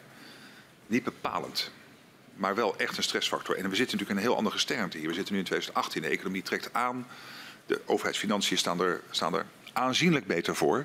Dus dat, het hele financiële aspect was gewoon minder, uh, minder belangrijk. Uh, en uh, dus in, die, in dat dilemma tussen leveringszekerheid, uh, veiligheid en geld, is die factor geld als, als factor natuurlijk steeds minder belangrijk geworden. Dus in die zin kan het best zijn dat ik zoiets gezegd heb een keer tegen een ambtenaar, of dat dat is genoteerd op financiën, of dat ambtelijk AZ zei, joh, Rutte zit er zo in. Maar ik, ik wil me daar zelf niet mee op een voetstukje plaatsen, want dit, vonden we, dit leefde heel breed. Uh, dat we gewoon, en, en ook zeker na uh, de, de, vreselijke beelden weer van begin januari uit Zeerijp heeft er zo breed het idee dat schadeprotocol moet snel komen. Toen kwam begin februari gelukkig ook terug. Je kunt ook vlakke winning loslaten, ja. Toen, toen werden dit scenario's die denkbaar werden. Ja. Um, nou ja, wij zien het dus terug in een uh, notitie op 30 januari uh, van dat, dat jaar. Maar u kunt zich niet uh, het moment herinneren waarop u zo'n uitspraak zou ik kunnen hebben gedaan. Niet of ik het zo gezegd heb. Ik, dat, dat, is helemaal niet te reconstrueren. Want dan zit ik mezelf nu... kijk mij eens even. Dat, dat, en, en het leefde zo breed... dat wij gewoon wilden dit, dit drama zo snel mogelijk... Ja, het drama van versterken en Schadeherstel, daar zitten we nog steeds middenin. Maar in ieder geval het drama van de gaswinning en de veroorzaker terugdringen. Ja, en hoe uh, valt uh, dit, uh, deze uitspraak dat er een muur zit tussen veiligheid en financiën dan te rijmen met de relatief beperkte verlaging van de gaswinning zoals die in het regeerakkoord was overeengekomen? Ja, maar het, het was niet omdat de coalitiepartijen niet minder wilden. We wilden absoluut minder, maar het kon niet we hadden daar het punt van de, van de vlakke winning. En, en uh, we deden dat niet in het... Nee, wacht even, daar gaat een misverstand. Het coalitieakkoord was niet omdat we zeiden, oh, het kostte veel geld. Helemaal niet. Maar ik denk dat, ja, ik kan alleen van mijn eigen partij spreken... maar volgens mij gold het ook voor ChristenUnie, CDA, D66. Had iedereen uh, graag meer verder weg terug willen gaan. Maar we zaten daar echt met de adviezen die er lagen in uh, oktober... September, oktober 17 over hoe ver kun je teruggaan vanwege die vlakke winning. Ja. Kom ik dat was natuurlijk het dominante denken toen. Ja, en dan kom ik toch even terug op, uh, uh, op het moment waarop u dan voor het eerst op de hoogte zou zijn van nou ja, het, plan waaraan gewerkt werd om de winning helemaal te beëindigen, naar nul uh, te gaan. Uh, u gaf aan, uh, ja, dat is rondom de ministerraad, misschien één of twee weken daarvoor, dat uh, Wiebes mm -hmm. me daarover heeft geïnformeerd. Um, uit het verhoor met de heer Wiebes krijgen wij een andere indruk. Ik zag het, ja. U zou een van de eerste zijn met wie hij hierover heeft uh, gesproken. En um, ja, u heeft mogelijk ook een, rol gespeeld in het helpen overtuigen van anderen om hier toe over te gaan. Opnieuw een voetstuk waar ik dan weer naast ga staan. Uh, ik hoop dat het zo was. Ja, maar wij zijn op zoek naar nee, hoe wel, is maar... het gegaan. Want het was een belangrijk en groot ver... besluit. Absoluut. Dus wat, wat kunt, u, uh, kunt u schetsen vanuit uw perspectief hoe dat uh, is gegaan? Nogmaals, ik kan alleen maar zeggen, zeker weet ik het in die ministerraad en in de voorbereiding daarop. ik heb ook gezien wat Wiebes zei. Ik zag wat Raap zei. Ik denk, nou, ik hoop dat het zo is. Ik zag wat Wiebes zei over mij op tijd te informeren en dat ik meteen enthousiast was. Dat laatste, ik weet in ieder geval zeker dat ik uh, uh, op het moment dat ik het dan uh, me ten volle realiseerde heel blij mee was. maar de vraag is dan, wanneer was dat? De heer Wiebes heeft hier verklaard dat u de eerste was die dit idee ja, omarmde. Dan is dat zo. Dan is dat zo. Als hij dat zegt, ik vertrouw hem daar volledig in. Maar ik moet ook eerlijk aan u vertellen wat ik me zeker weet. En zeker weet ik die ministerraad. Maar als hij zegt het was eerder. Het was in ieder geval iets wat vanaf begin februari natuurlijk ergens in je achterhoofd gaat knagen. Van hé, hey, als, je die, als je die vlakke winning zou kunnen loslaten, dan gaan er hele andere opties opkomen. Maar bij mij is het ook nooit verder gegaan dan dat. Ja. Uh, maar, maar dan, dan kijk ik toch eventjes, uh, want u, ja, u, u leidt een, uh, een, een kabinet. er is net een vers coalitieakkoord. en Minister Wiebes uh, is bezig met uh, nadenken over het helemaal beëindigen van de gaswinning. Ja, maar dat, dat is best een groot, uh, groot ding, lijkt me, als dat op uw bordje komt of als hij daar met u overlegt. Maar niet in strijd met het coalitieakkoord. Helemaal niet. Het coalitieakkoord zat nog eh, vast in het oude denken wat er op dat moment gewoon was. Ja, het, het, het coalitieakkoord, daar lag iets anders. Dus hij was bezig met, uh, met, met een groot besluit. Maar, um, nee, maar luister, het, u geeft uh, aan ik, ik moet hier eerlijk halen hoe dit, dus u vraagt mij wanneer heb je het gehoord? En dan geef ik u eerlijk antwoord. Sowieso weet ik het vanaf die ministerraad. Ik heb ook gezien wat Wiebes zei. Dat hij mij eerder had geïnformeerd dat ik er blij mee was. En hem ook steunde en mensen gaan, gaan bellen of wat hij ook zei. Absoluut. Fijn als dat zo is, want uh, dan, dan heb ik daar de goede dingen gedaan. Maar ik, ga u ook eerlijk vertellen uh, dat ik zeker weet dat ik het wist in die ministerraad. En niet kan reconstrueren op welk moment ik het dan van hem precies gehoord heb. Maar heel goed denkbaar. Dat past ook wel natuurlijk in de manier van werken. We hadden heel veel contact. Uh, en tegelijkertijd past het ook weer bij Wiebes om zoiets vrij lang onder zich te houden als hij nog niet zeker weet. Omdat hij dan met allemaal plaatjes aan het knutselen is met ambtenaren tot hij het zeker weet. In zijn openbaar verhoor uh, verklaarde de heer Gaastra, DG op het ministerie van de Economische Zaken, dat minister Wiebes op zoek ging naar andere argumenten dan alleen veiligheid om de ministerraad uh, te overtuigen van het plan om helemaal naar nul uh, te gaan met de winning. Um, Hoeveel uh, dat te rijmen met de muur waar we net over spraken tussen veiligheid en financiën? Voor hem was volstrekt helder. Het gaat om veiligheid. En ook voor het kabinet. Ik heb ik, ook veel van de horen gezien. Dat is echt absoluut goed gegaan. Is. Maar er waren twee andere dingen die ernaast speelden. Eén was in toenemende mate de vraag: kun je zoveel woningen in Groningen opknappen? Gaat dat lukken, versterken? Ehm, en een bijvangst van teruggaan naar nul zou zijn minder hoeven te versterken. En dat heeft dan twee effecten. Namelijk dat de mensen die op een gegeven moment daar ook verschrikkelijk mee zaten. Dat ze een huis uit moeten naar wisselwoningen, et cetera. Dat misschien dat, dat die complexiteit wat zou afnemen. Nou, in praktijk blijkt dat helaas niet zo te zijn. We praten nog steeds over alles bij elkaar. Ik dacht 26.000 huizen die versterkt moeten worden. Waarvan gelukkig een stukje al gedaan is, nog lang niet genoeg. Uh, en twee, uh, heeft dat natuurlijk ook een financieel aspect. Maar ook dat heeft hij uh, zag ik terug in de mediaberichten overtuigend aangetoond naar mijn opvatting. Uh, zoals ik het althans beleef. Uh, als wij gedacht zouden hebben, wat hier en daar wel gesuggereerd is, we gaan dus terug naar nul, want dan hoeven we minder uit te geven aan de versterking. Ja, dat is natuurlijk geen som die rekent. Want versterken is natuurlijk nooit, heeft nooit de kosten van het helemaal teruggaan naar nul gaswinning. Zelfs niet met de gasprijs van toen. En, en het was ook niet zo. Wij, wilden er vanaf. Alleen niemand wist dat je naar nul kon. En het idee was, je gaat steeds uh, terug. We gaan erop door. Ja, de, we, we, naderen het, het besluit zelf steeds, uh, steeds dichter. Um, specifiek op dit punt ook. Want twee dagen voor de ministerraad op 27 maart uh, krijgt u te horen dat een aantal ministers in de onderraad twijfelt aan de aanname dat het stoppen met gaswinning de versterkingsoperatie overbodig zou maken. Mm -hmm. En dat ze zich zorgen maken uh, over het, voorges uh, het voorgeschotelde scenario. en dat de, de, veiligheidsrisico's wel degelijk langer zouden kunnen blijven bestaan in Groningen. Um, wat deed u met deze informatie? Kennis van nemen en ik snap hem ook. Dus dat moet je ook allemaal met elkaar bespreken.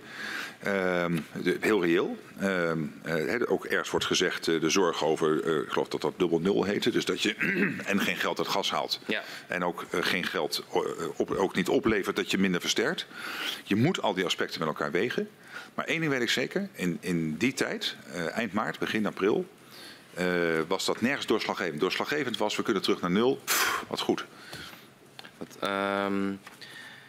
De minister van Sociale Zaken stelt dan voor om uh, het besluit in tweeën te knippen. Eerst terug naar 12, dan onderzoeken wat de gevolgen zijn van een eventueel nulbesluit voor uh, de seismische risico's, voor de versterking. En dan daar een definitief besluit uh, over nemen. Um, is dat nog een serieuze optie geweest? Nee, volgens mij had hij besluiten volgens mij dan meteen naar nul te gaan eind maart.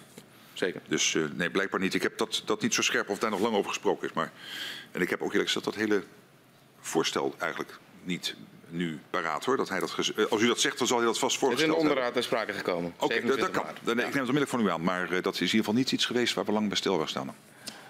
Uh, moet u in uh, de periode tussen 27 maart en de uh, ministerraad van 29 maart, nou, laat ik het anders zeggen, wordt u dan nog ingezet um, om contact te leggen met andere bewindspersonen? Volgens mij niet, nee. nee.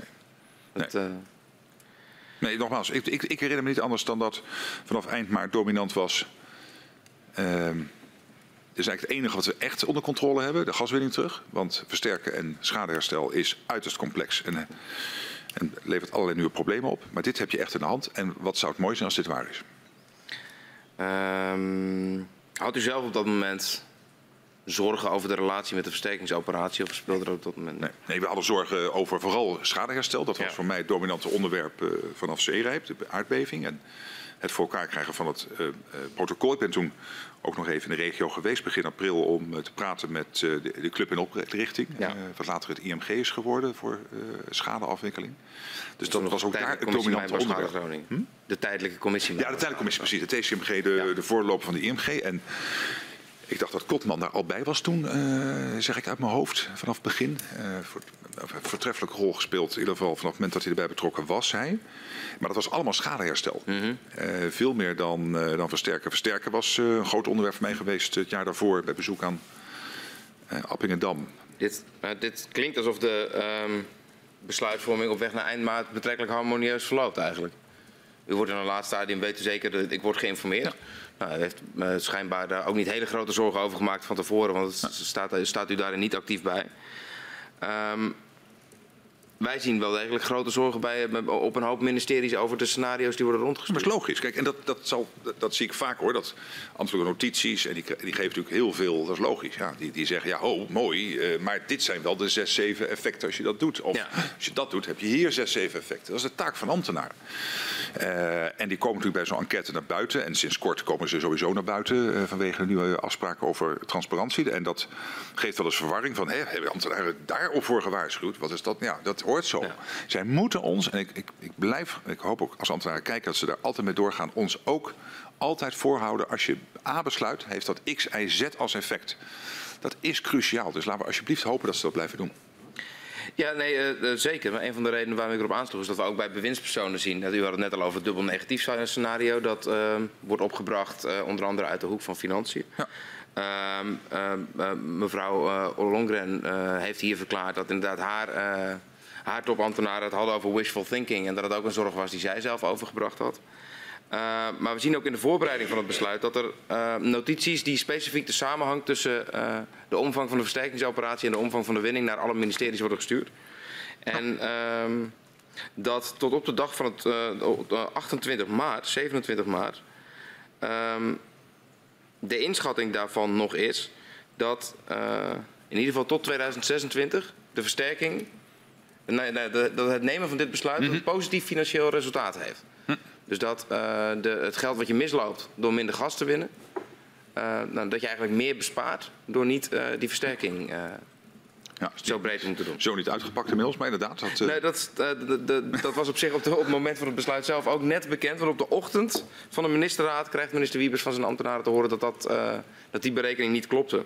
Ook toen al zelfs, dat ja. is niet scherp. Nee, ik bedoel nu in ieder geval uh, zie je dat het niet uh, klopt. En uh, we kunnen nu constateren dat geen van de berekeningen klopte. Maar, Eens. Um, heeft, u, heeft u daar nog iets van meegekregen dat er discussie in de ministerraad was over cijfers die niet klopten of dat die op het laatste moment nog aangepast moesten worden? Nee.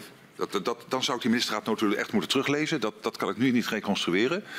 Um, um, wel dat dus, die, die, als je zegt oké, okay, dit kan dus. We, we kunnen ieder geval dat deel wat we zelf in de hand hebben van de nachtmerrie kunnen we stoppen. Dat is de gaswinning.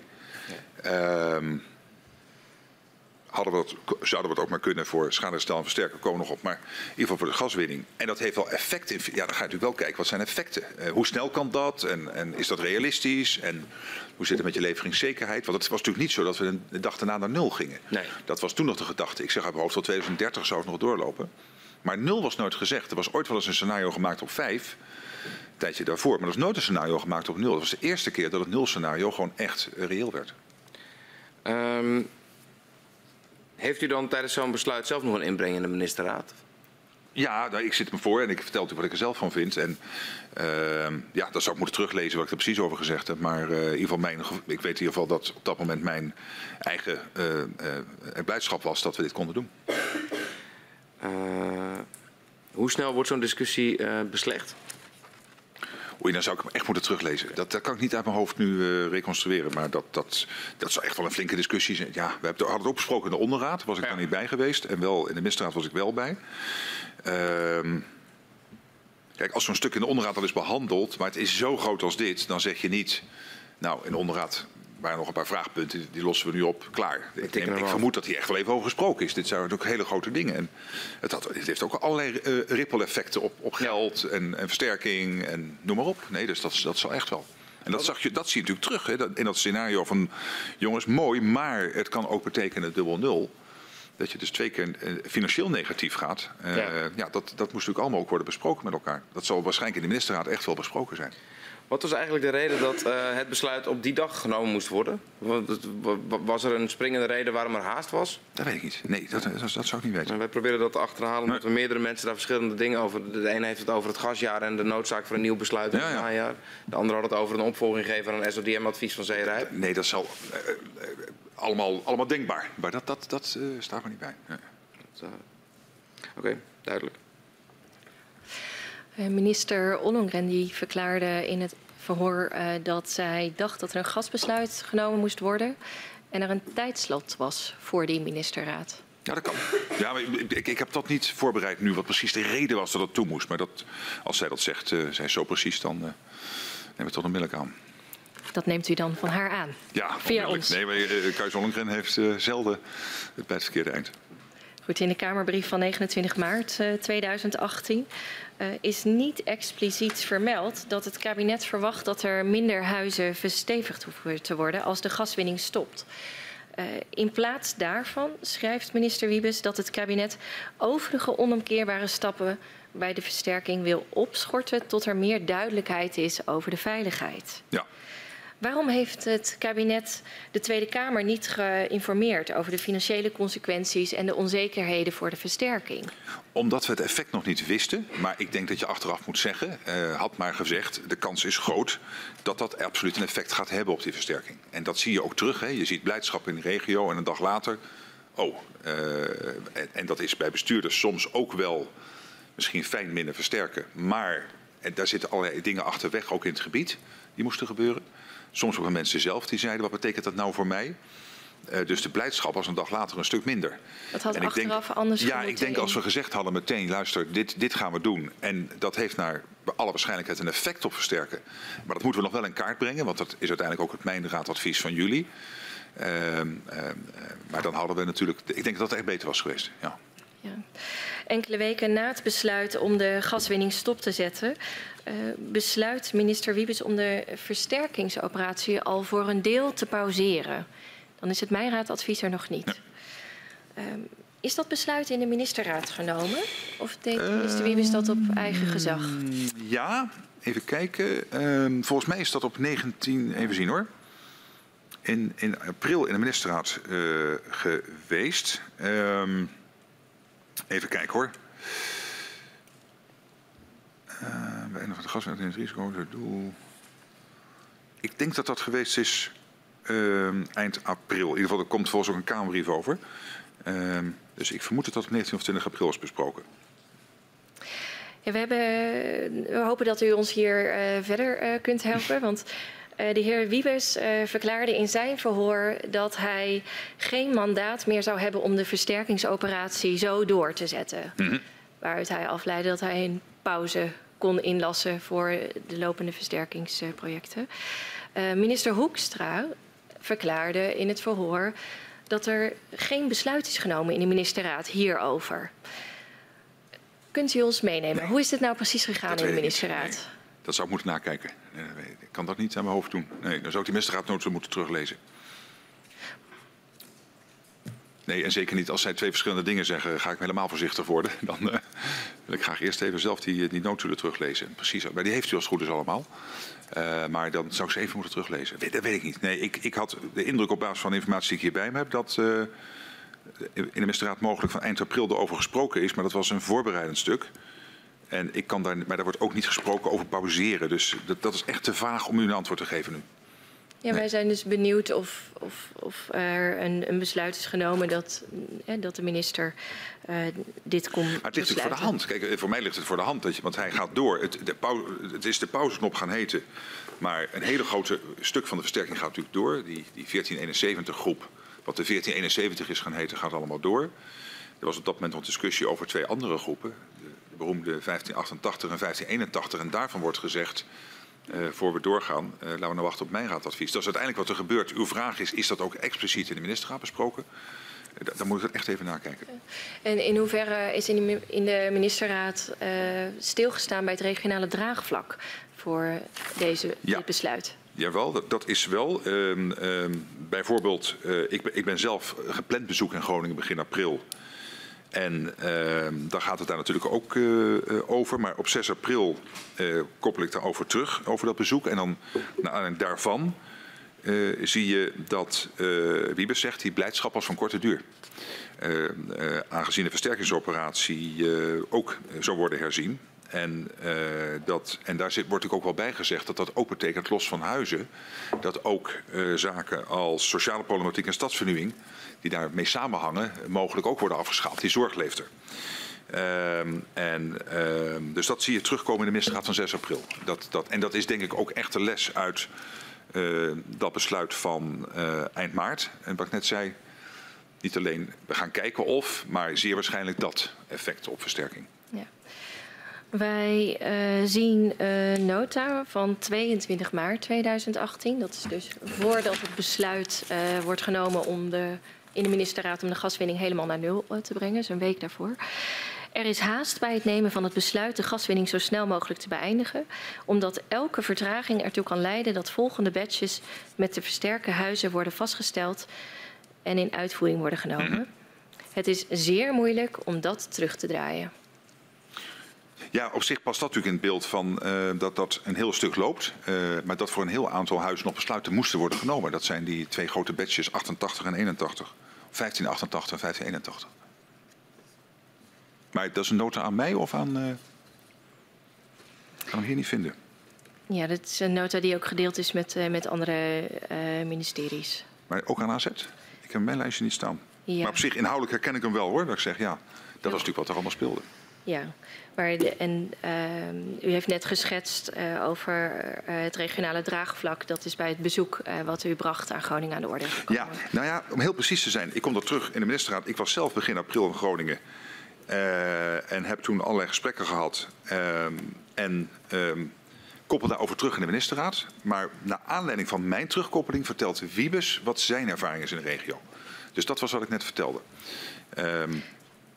En dat is dan, want hij heeft natuurlijk echt heel specifiek gesprek ook hierover gehad. En hij zegt dan, die blijdschap was van korte duur toen ze erachter kwamen, dat dat ook effecten heeft op uh, de versterkingsoperatie. Ja, en heel specifiek omdat hier al badges uh, eh, of ja. groepenhuizen, mensen uh, die dachten dat hun huis versterkt zou moeten worden, dat daar ineens onhold werd gezet. Um, we hebben in de verhoren de afgelopen weken gehoord dat de onderliggende cijfers over de kosten en baten van het besluit uh, op het allerlaatste moment zijn veranderd. Het ging er net al eventjes over. Uh, en dat er veel onzekerheden waren over de gevolgen van het stopzetten van de gaswinning op de seismiciteit. Mm -hmm. Daarnaast had niemand de consequenties voor de versterkingsoperatie scherp en was er geen zicht op het draagvlak in de regio. Minister Wiebes verklaarde dat hij de besluitvormingsprocedures niet heeft gevolgd. Uh, hoe kijkt u terug op uh, de manier waarop het besluit uh, op 29 maart 2018 tot stand is gekomen? Op dat ene aspect na van in de communicatie in de afloop niet alleen mogelijk, maar ook zeggen zeer waarschijnlijk. goed, want toen hij eenmaal wist, we kunnen terug naar nul. Ja, dat was nogmaals wat iedereen ooit natuurlijk diep in zijn hart hoopte. En dan geloof ik de besluitvormingsprocedures ook wel even. Dan is dat gewoon het goede nieuws. En dan ga je je daarnaar richten. En daarna ga je wel weer kijken hoe je dat allemaal uh, budgetair en weet ik veel inpast. Dit was zo belangrijk. Uh, we zaten in zo'n nachtmerrie als Nederland. En vooral de Groningers. Uh, en dit was in wat ik zei, het enige waar we echt zelf over gingen. wat we direct kunnen beïnvloeden, mits ehm, niet daarmee huizen zonder gas komen te zitten. Um, maar hoe, hoe, kijkt u zelf nu terug op die uh, keuze die gemaakt is om uh, de versterking voor deze huizen waar mensen wonen, gezinnen wonen, uh, dat het daar nou ja, gepauzeerd werd? Ik vind het logisch, omdat heel veel van deze huizen met gezinnen die er wonen, dat zag ik in mijn eigen gesprek in de regio, zagen als een berg op tegen, de, tegen de, het huis, huis uit moeten naar een wisselwoning weer terug en alle ellende daarvan. Uh, niet iedereen. Later, maar dan zitten we verderop denk ik in de tijdlijn, kom je natuurlijk erachter. Daar is Hans Velbrief nu mee bezig om dat op te lossen zo goed mogelijk. Dat er dan ook verschillen dreigen te ontstaan in straten en buurten. Dat is echt een, uh, iets wat op dat moment gewoon onvoldoende beseft werd, denk ik, door, uh, door de politiek en door ons als kabinet. Maar op zichzelf, dat we zeggen, luister, dit betekent dat we ook op basis van een advies wat we nog krijgen, iets meer tijd kunnen nemen. Niet voor die zaak die al loopt, maar voor die twee uh, groepen huizen die uh, klaar stonden. Uh, we wachten daar een paar maanden mee. En het is ook niet dat dat een jaar stilgelegd. Het was uiteindelijk alles bij elkaar 2,5 maand. Dat, dat vind ik echt heel verdedigbaar. Ja. U heeft net al gezegd, die, die Kamerbrief had eigenlijk anders verwoord moeten worden. Um, en nou, het blijkt ook dat er eigenlijk al veel concreter zicht was op welke uh, dat het impact zou hebben voor de mhm. versterkingsoperatie. Uh.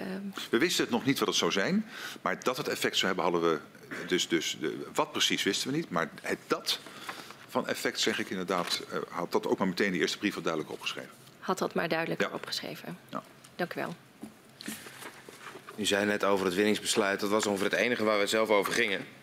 Um, geldt dat ja, voor, geldt dat voor de versterkingsoperatie niet ook? Jawel, alleen... Uh, de versterkingsoperatie en, en, de, uh, en het schadeherstel natuurlijk ook. Uh, maar je ziet in praktijk uh, door de jaren heen welke enorme problemen zich daar voordoen met capaciteit. Met... Ja, daar komen we nog uitgebreid op terug. En, en ik bedoel te zeggen, en, en daar, daar, kun je met hele goede bedoelingen constant versnellen en versnellen. En vervolgens zie je in praktijk nog steeds tot de dag van vandaag dat er van de 26.000 huizen die moesten gebeuren nu pas ruim 6.000 klaar zijn. U zei net van ja, als je daarop terugkijkt, dan hadden we die communicatie over de versterking veel beter moeten doen. Hadden we Nee, ik, ja, maar dan maken we iets te groot. Ik, ik vind. je wilde hem net nog groter gaan maken eigenlijk. Maar... Gaat je gang. Sorry. Um, aangezien juist voorafgaand aan het besluit. Er binnen de ministeries, uh, ook binnen, uh, binnen uw ministeries, ook in nota, uh, nota's die aan u gericht worden. Er wordt gewaarschuwd van ehm, ja, we moeten er wel voor zorgen dat Groningen niet te snel die koppeling met de versterkingsoperatie gaat leggen. Juist uh, uh, uit, uit mm. angst voor boze reacties. Um, een week later constateert minister Wiebes zelf, zoals u zegt, ja, die, uh, die vreugde was maar van korte duur dus er werd al over nagedacht over hoe, de, hoe, dit besluit ontvangen zou worden. En dat je beter iets minder concreet kon zijn over de uh, versterkingsoperatie. Ja, maar ook hiervoor geldt, uh, ambtenaren moeten je alle mogelijke adviezen geven. En ook waarschuwen voor alle mogelijke communicatieve risico's. Uiteindelijk neemt het kabinet een besluit. Wij besloten naar nul te gaan. Dat is geweest omdat we ja. af wilden van die gaswinning. Dat heeft een effect op versterking en dat had je in die brief. Behalve dat we nog moeten kijken wat het effect is, had je kunnen opschrijven. Niet alleen we gaan kijken wat het effect is, maar dat het een effect heeft, is vrij, die, die kans is vrij groot. Dat had je erbij moeten zetten.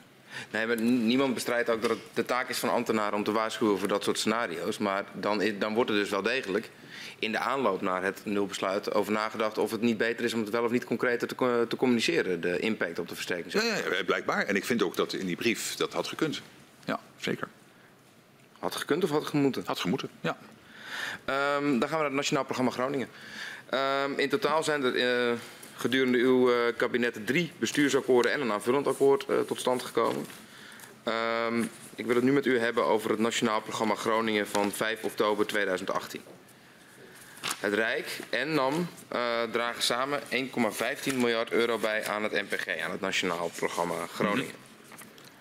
Um, in hoeverre waren de oliemaatschappijen Shell en Exxon voorstander van het NPG? Oeh, dat, dat zou u echt bij EZK moeten vragen. Dat weet ik niet. Dat, dat, dat is niet iets waar ik mee bezig was. Dat durf ik echt niet te zeggen. Dat was niet, uh, u was daar zelf niet, uh, niet bij betrokken? Nee, die onderhandelingen over die akkoorden gebeuren echt door de vakministers. En als, er, als er gedoe zou ontstaan, natuurlijk wel. Hè. Dus dat, uh, dat, dat akkoord van, uh, van 5 oktober 18 is natuurlijk een ontzettend belangrijk akkoord. Omdat ja. het ook komt na de nulbesluit en, en, en nou ook al besluiten over hoe gaan we om met de versterking verder. Uh, en het toekomstperspectief. Maar ehm, ik, volgens mij is die 1,15 miljard rijk en NAM. Uh, maar hoe dat precies besproken met de olies, dat zit echt bij de vakministers. En uit het feit dat u zelf niet bent ingeschakeld, kunnen we misschien afleiden dat er weinig uh, gedoe was? Denk ik, ja. Of zoveel dat ze dachten. Nee, sorry, zonder gekheid, dat denk ik, ja, klopt. Um, Volgens de heer Wiebes was het Nationaal Programma Groningen bedoeld om perspectief aan de regio te bieden met een focus op de regionale overheden. Mm -hmm. um, we merken wel in, de, uh, in het publieke debat daarna, maar ook mensen die we uh, hier gesproken hebben, dat bepaald niet iedereen even positief is over de uitwerking van het uh, Nationaal Programma Groningen. Um, wat is uw onderdeel over uh, de inhoudelijke ja, projecten en resultaten die voortgekomen zijn uit het Nationaal Programma Groningen? Ja, dat, dat, dat bevindt zich echt buiten mijn dagelijkse waarneming. Ik kom natuurlijk wel tegen werkbezoeken. Hè, daar ja. gaat het erover als je praat met de, met de bestuurders. Ik denk dat de kracht van dit programma was dat het anders dan dat eerste akkoord uh, vertrouwen op herstel en herstel van vertrouwen. Hè, dat akkoord uit 14, daar zat ook nog heel veel uh, schadeherstel en versterken in. -hmm. uh, dit akkoord gaat echt over het toekomstperspectief. daarmee is het echt een, een, een follow up van dat eerste akkoord.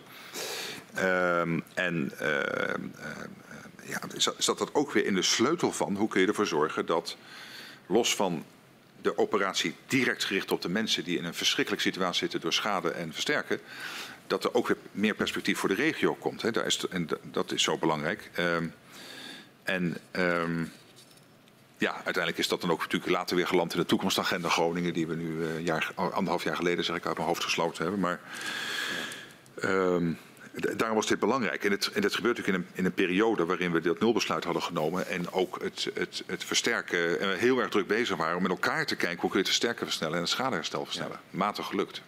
Dat is een van de, uh, een van de zaken die uh, mensen ook tijdens hun verhoren hier hebben aangegeven. Is dat het, het, vaak in de provincie als, als wrang gezien werd dat, uh, dat er een groot programma lag voor de toekomst. Terwijl het heden zo nog zo slecht voor elkaar was. Precies, maar dat snap ik ook. Alleen, het, ik, ik vrees dat het toch altijd en-en moet zijn. Dat je en de, want dit programma ging niet over schadeherstel en versterken, dat stond daar buiten.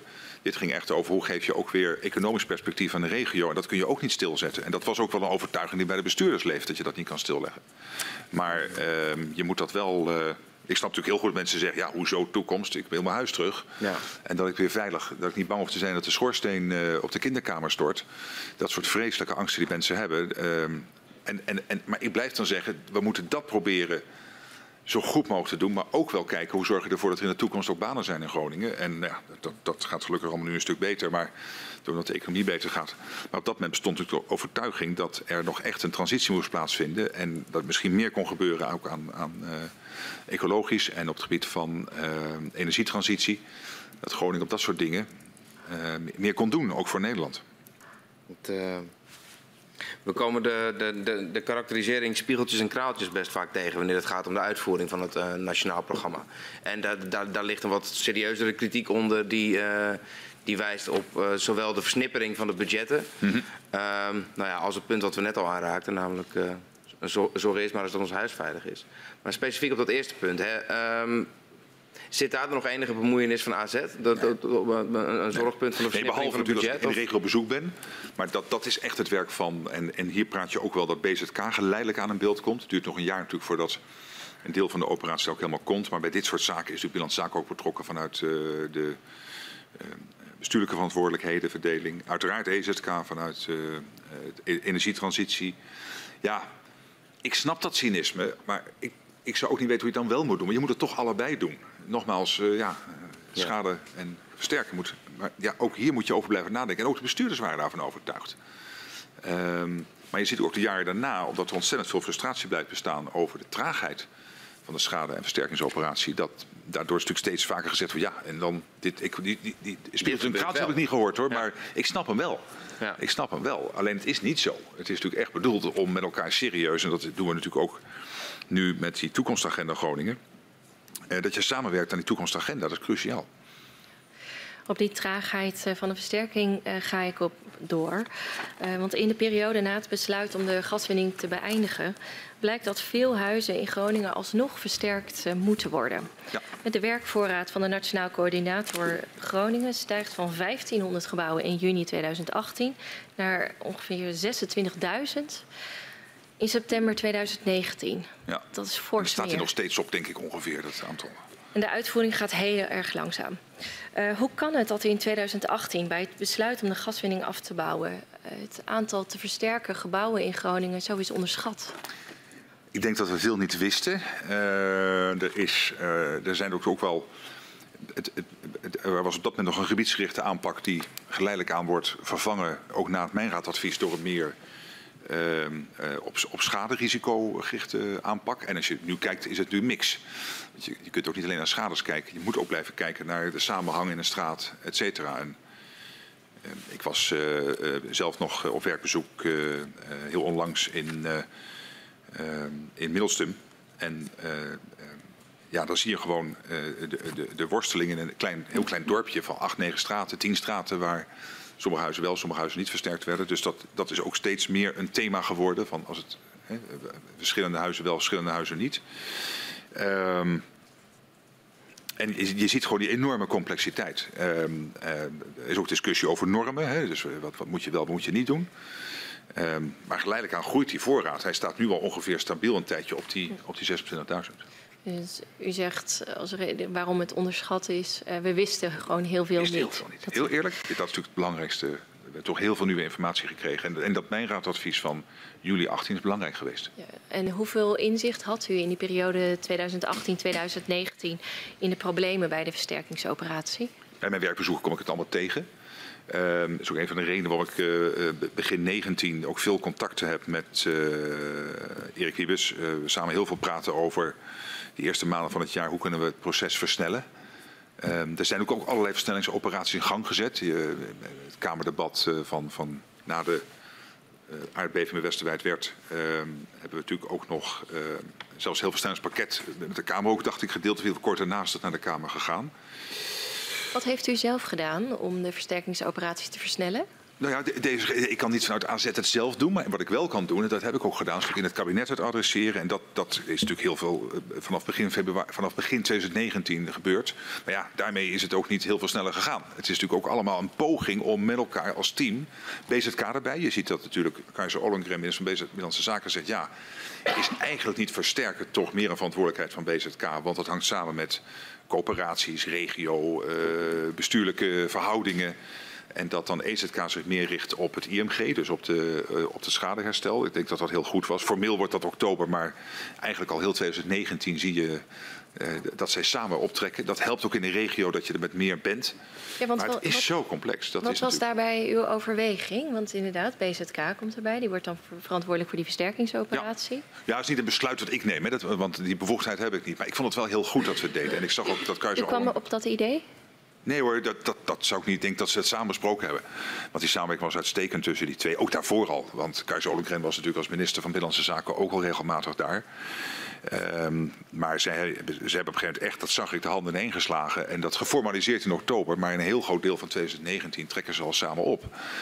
Ook omdat het op een gegeven moment voor één minister bijna niet meer te doen was, uh, was mijn gevoel. Uh, en, en Erik Wiebes was ook nog verantwoordelijk voor het hele, voor de hele, voor het hele klimaatakkoord wat gesloten is in uh, mei 2019. Een enorme operatie.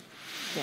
Het dus, wordt geformaliseerd in, een, op 31 oktober ja, 2019. Ja, Dan, is maar daarvoor eigenlijk al doen ze het al samen. Uh, ja, in hoeverre was u zich ervan bewust dat het verantwoordelijk maken van het ministerie van Binnenlandse Zaken uh, zou kunnen leiden tot een ander karakter van de versterkingsoperatie? Een ministerie wat veel ervaring heeft met bouwen en wonen? Ja, nou ja het idee was natuurlijk uh, die combinatie. Keizer Ollengren was ook minister van Volkshuisvesting.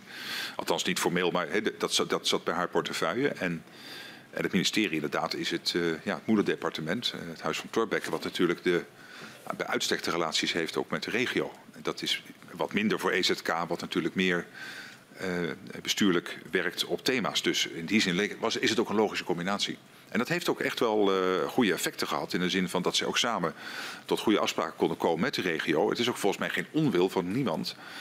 Ehm, maar je ziet gewoon de zoektocht.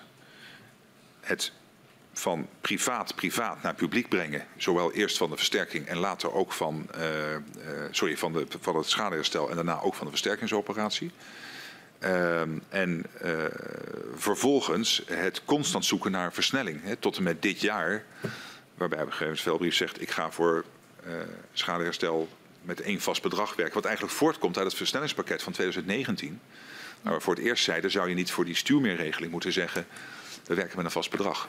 Ja, en dat gaat over de, de schades. Maar dat is de schades, ja. De en maar voor het versterken is natuurlijk, dat, daar zit het echte frustratie. Dat dat zo complex is. Ik was uh, eh, 1 juni in het gebied uh, bij één boerderij.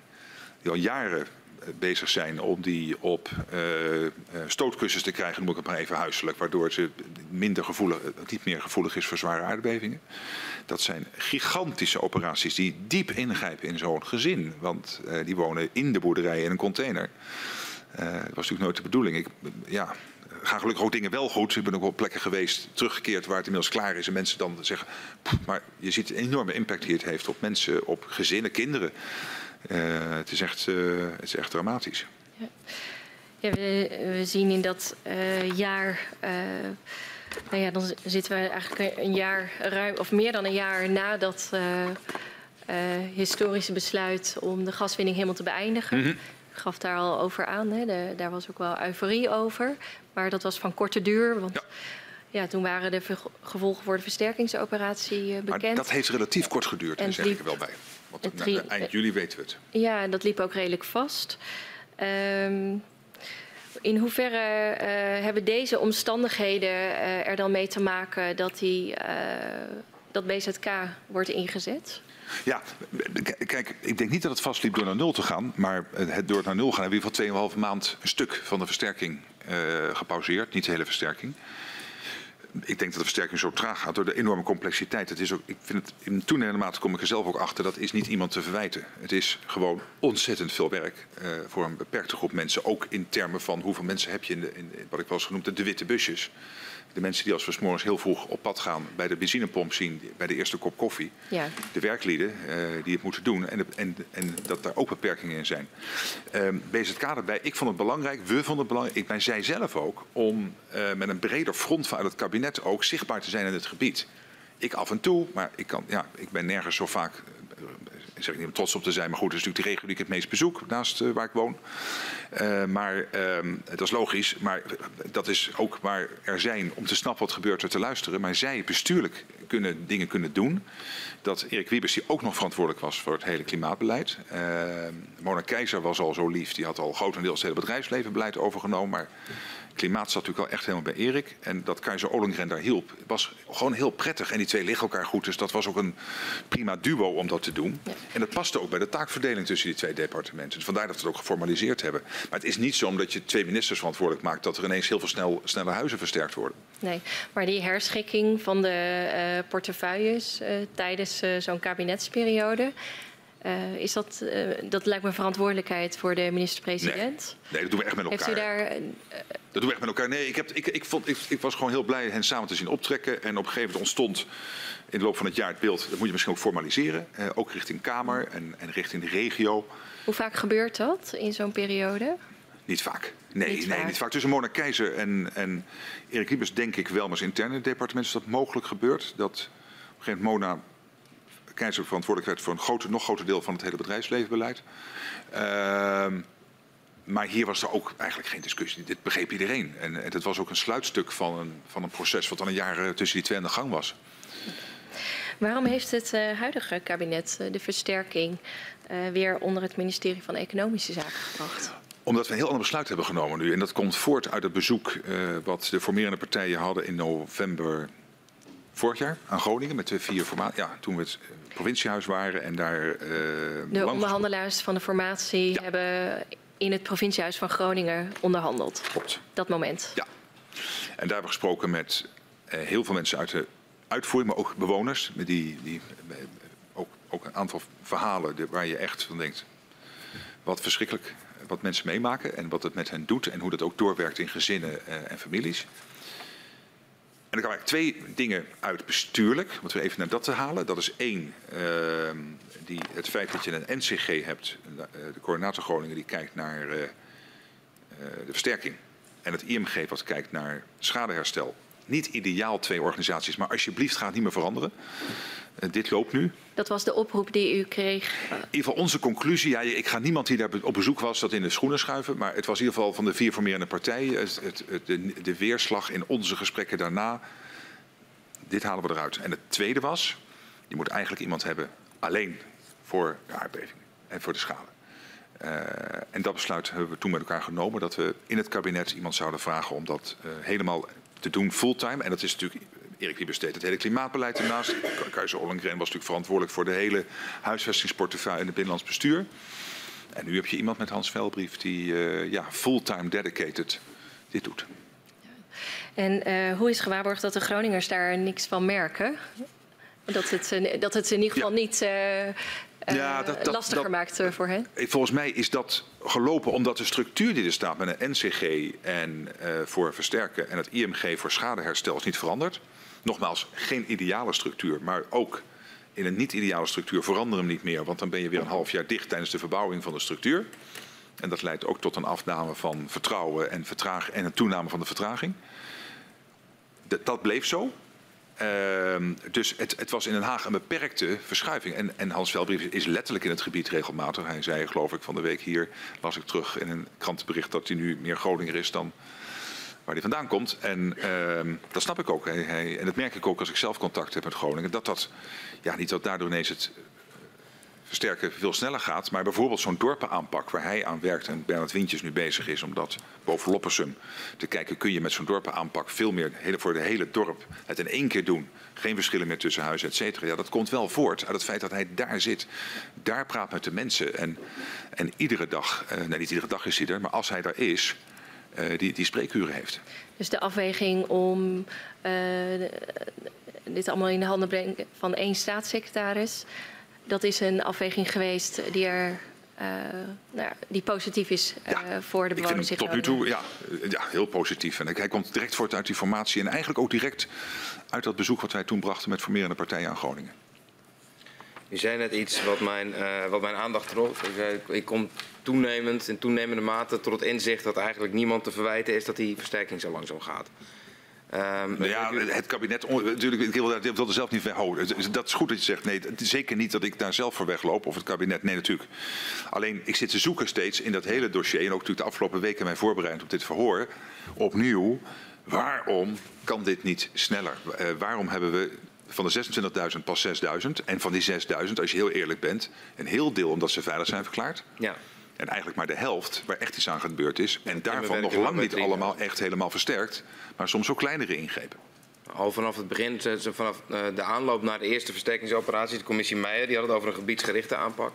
Daarna kwam het Centrum Veilig Wonen, die het meer richtte op veiligheid. De Nationaal Coördinator Groningen, die het vervolgens meer gebiedsgericht wilde aanpakken. De Mijnraad, die pleitte voor een meer op veiligheid gerichte aanpak. BZK, die het gebiedsgericht wilde aanpakken. We hebben uh, zowel NAM als uh, minister Wiebes hier nog een pleidooi horen houden voor wat meer een veiligheidsgeoriënteerde aanpak. En de heer Vuilbrief heeft zijn dorpenaanpak uh, uiteengezet. Zou die, die continue discussie over wat nou het karakter überhaupt van de versterkingsoperatie in de provincie moet zijn, ook een bijdrage kunnen hebben geleverd aan hoe het er nu voor staat? Als u hem zo formuleert, ja. Maar nou wordt de interessante vraag, hoe groot is die bijdrage? En ik ga de misschien wat merkwaardige stelling hier betrekken dat die naar mijn overtuiging beperkt is. En dat de, de werkelijke oorzaak in uh, hoe traag gaat het meer zit in een paar andere dingen. Dat is de complexiteit. Even los van of je nou gebiedsgericht of risicogericht, maar de complexiteit zelf. Wat ik schets bij mijn bezoek aan uh, de eerste keer dat ik het zelf heel erg niet alleen hier snapte, maar ook voelde door de gesprekken te hebben met de mensen op, in juni 2017 uh -huh. bij het bezoek aan Appingedam. Vijf huizen, allemaal hetzelfde gebouwd in de jaren 70, uh, moeten alle vijf worden versterkt. Maar geen van de vijf gezinnen die daar wonen is standaard omdat nooit in Nederland ergens het standaard gezin woont. Dat bestaat namelijk niet. Dat gelukkig zit in de statistiek ja. en dat bestaat gelukkig niet. Maar de complexiteit achter iedere voordeur is enorm. En daar moet zoveel mogelijk met maatwerk natuurlijk rekening mee worden gehouden. En, uh, dus dat is één ding. Dat is gewoon een feitelijke constatering dat het complex is als je dit doet. Veel complexer dan ik zelf ooit had gedacht. En daarvoor, want dan denk je, nou, dat kan het zijn, 26.000 huizen versterken, doen. Nee dus, dat is dus heel complex. En een tweede is dat we, en dat is uh, logisch dat we dat probeerden, om steeds met de regio te kijken, als je dit nu toch allemaal moet doen, wat, wat wil je nog verder doen? Ook in, het, in, het, in de planologische inrichting van Groningen, uh, zeker in het aardbevingsgebied, om dingen te verbeteren. Wat ook weer, dat was met de beste bedoelingen vanuit het kabinet en regio, ook weer extra complexiteit heeft toegevoegd. En wat volgens mij nu moet gebeuren, en ik zag Velbrief gisteren zeggen, we gaan er alles aan doen om 2028 te halen. En dat is ook onze inzet. En geen garantie, maar we moeten het echt het uiterste doen. Dat je die volgende 20.000 huizen dan ook versterkt hebt. Maar, maar dan wel met zo min mogelijk nieuwe bestuurlijke discussies. En, en, en ik ga niks vragen aan deze commissie. Maar ik, ik, hoop heel erg dat, de, als ik dat mag meegeven, de commissie niet met een structuurverandering komt. Want mijn overtuiging na tien jaar aardbevingsschade is dat iedere structuurverandering hier leidt tot verdere vertraging. Ja, dan, dan, dan snap ik uw antwoord op mijn vraag niet zo goed. Ik begon met een, eh, op een, met een opsomming van de structuurveranderingen en de vraag of die niet, niet tot vertraging hebben geleid. Mm -hmm. Vervolgens zegt u, het is, volgens mij ligt het aan andere dingen. Ja. Maar u eindigt toch met de oproep van kom niet met een structuurverandering. Nee. Hoe, hoe, hoe, Snapt u mijn zoektocht? Ja, ja, zeker. Nee, hoor, nee, begrijp ik. Omdat die structuur absoluut, dat zei ik ook in de eerste antwoord op uw vraag, absoluut een factor is geweest. Maar ik denk dat de, de grootste factor toch is het onderschatten van gewoon sec de complexiteit zelf. En die is er gewoon. Dus wat je, hoe, je het, hoe briljant je het ook organiseert. Uh, met zoveel huizen opgeknapt moeten worden in zo'n korte tijd. Uh, met zoveel unieke situaties, maar eenmaal achter elke voordeur. Plus uh, dat met de beste bedoelingen gedacht is. Behalve die huizen moet je ook nog eigenlijk de straat en de wijk, -hmm. et cetera. Nou, en, en dat heeft extra complexiteit toegevoegd. Niet dat dat slecht was, dat was logisch. Je wil het ook. Als je ja. toch bezig bent, pak dat meteen mee. Maar het betekent nog meer witte busjes, nog meer vakmensen die nodig zijn om dat te doen. En uiteindelijk heeft dat allemaal zijn begrenzingen. Hoe, hoe komt het dan dat het zo onderschat is? Um, het, het, het, inzicht dat elk gezin uniek is, dat bestond ook al voor, voor, voor de aardbevingen in Groningen. Zeker. Uh, dat is zeker niet uniek. Alleen je, je, moet op een gegeven moment wel beginnen met de operatie om je te realiseren wat dat betekent. Ook, dit is niet eerder in Nederland op zo'n schaal gebeurd. Het is vrij uniek om, om, om zoveel huizen tegelijk, terwijl mensen daar wonen, ja. uh, te versterken. En je ziet het ook terug al in de zoektocht in 14 en 15, als er door het kabinet gezegd wordt: we gaan dit jaar 3000 en volgend jaar 5000. Ja. Zeven jaar terug. Ja. Waar staan we nou op? Nou, 2500 hebben we er misschien nu echt gedaan. 6000 dan uit de 26, uh, ja, ja, voor een deel veilig verklaard. Ja. Uh, en mijn waarde in al die gesprekken die ik erover heb, is iedere keer weer: uh, dit kost gewoon tijd. Je moet het heel solide doen. En um, ik denk zelf dat we heel veel nieuwe informatie nu hebben met elkaar. En ook met de bewoners samen. Je moet het ook met hen samen doen en met de dorpen en de steden. Um, en dat zo'n dorpaanpak, die, die, lijkt verstand. Nou, Bernd Wintjes is bezig om dat nu verder uit te werken met de dorpen zelf. Het is ook heel belangrijk dat je met de bewoners doet. Ik wil met u door naar uh, een moment waar u het zelf al over had. Uh, 22 mei 2019, de beving bij Westerwijter. Um, 3,4 op de schaal van Richter, de zwaarste beving sinds, uh, sinds zeerijp. Mm -hmm. um, wat betekende deze beving voor de discussie over de afbouw van de gaswinning in Groningen? Um, wij hebben toen, moet ik heel eventjes uh, dat uh, heel precies terugkijken. Dat heeft toen geleid tot een versneld naar 12 gaan, zeg ik uit mijn hoofd. Maar pak even een aantekening erbij. Uh, ja, dan komt het SODM. En dat zegt je moet versneld eigenlijk al vanaf volgend gasjaar naar 12 BCM of minder. En dan krijgen we ook de discussie over NORG. Uh, dus dat is die berging die nodig is om dat ook mogelijk te maken. Ja. Uh, dus we gaan eigenlijk versneld, dat zie je door het hele dossier heen, dat je vanaf 2016 weer iedere keer versneld door teruggaan naar, naar wat aanvankelijk dachten 5 en dat is dan sinds 2018 0. Maar we gaan daar dus naar 12. Um, in september uh, besluit, nou, besluit hij dan ook eerder naar 0 te gaan. Dus dat is natuurlijk nou, een gevolg als je sneller naar 12 gaat. Dan, ja. Je kunt dat doortrekken dan kun je ook sneller naar 0. Um, dus dat je in 2022 al op 0 zou uitkomen in plaats van in 2000, uh, 2030. Uh, was u zelf nog direct betrokken bij het besluit? Nou ja, eh, ik, ik, moet eerlijk zeggen, op dat moment, dit soort besluiten werden wat, wat huiselijker langsmand. Omdat we het natuurlijk zo vaak kregen. En, en versneld terug is prima. Maar ik zit eens kijken, het is wel in de ministerraad behandeld hè, op, op, op, 9 mei, op 29 mei. Um, dus daar hebben we het in ieder geval met elkaar besproken. En uh, ja, want dit zijn natuurlijk vrij, ja, SODM zegt naar 12 of minder. Uh, schakel Norg bij. En toen werd vooral de discussie, hoe ga je dat uh, regelen ook met, uh, met Shell en zo. Dat ja. je die, boor, die, die berging kunt gaan gebruiken. want dat kostte komen weer geld. Dus daar moest ook een, daar moest ook een mandaat voor worden geregeld. En inmiddels was die winning zo snel teruggegaan dat ook bij de oliemaatschappijen een discussie ontstond van moeten we niet überhaupt opnieuw kijken weer naar die financiële verhoudingen, want nu zitten ja, we zo laag. Een van de redenen dat, uh, dat de oliemaatschappijen opnieuw in gesprek willen is nog los van het gebruik van de gasopslag in Noord is ook uh, de rekensom dat zij uh, met een versnelde afbouw hun, nou ja, hun verdienmodel in rook zien opgaan. Um, ja. Een aanvulling op het akkoord van op hoofdlijnen vragen zij dan om. Ja. Um, hebben Shell en Exxon daarover um, bij u aan de bel getrokken? Moet ik eens even terugkijken, uh, want dan zitten we echt in een andere fase van de gesprekken. En ja. uh, ik praat hier over, ik zie nog wel een gesprek, ja, uh, een gesprek wat ik heb met Van Beurden van Shell op 8 januari 2020 is het dan inmiddels. daar is het daarover gegaan dat hij zegt wij zoeken naar een aanpassing van het akkoord op hoofdlijnen. Uh. En um, ja, dus dat is daar nog geweest. En uiteindelijk zijn die gesprekken ook wel uh, gestart uh, daarover, maar die zijn nergens, die hebben nergens toegeleid nog.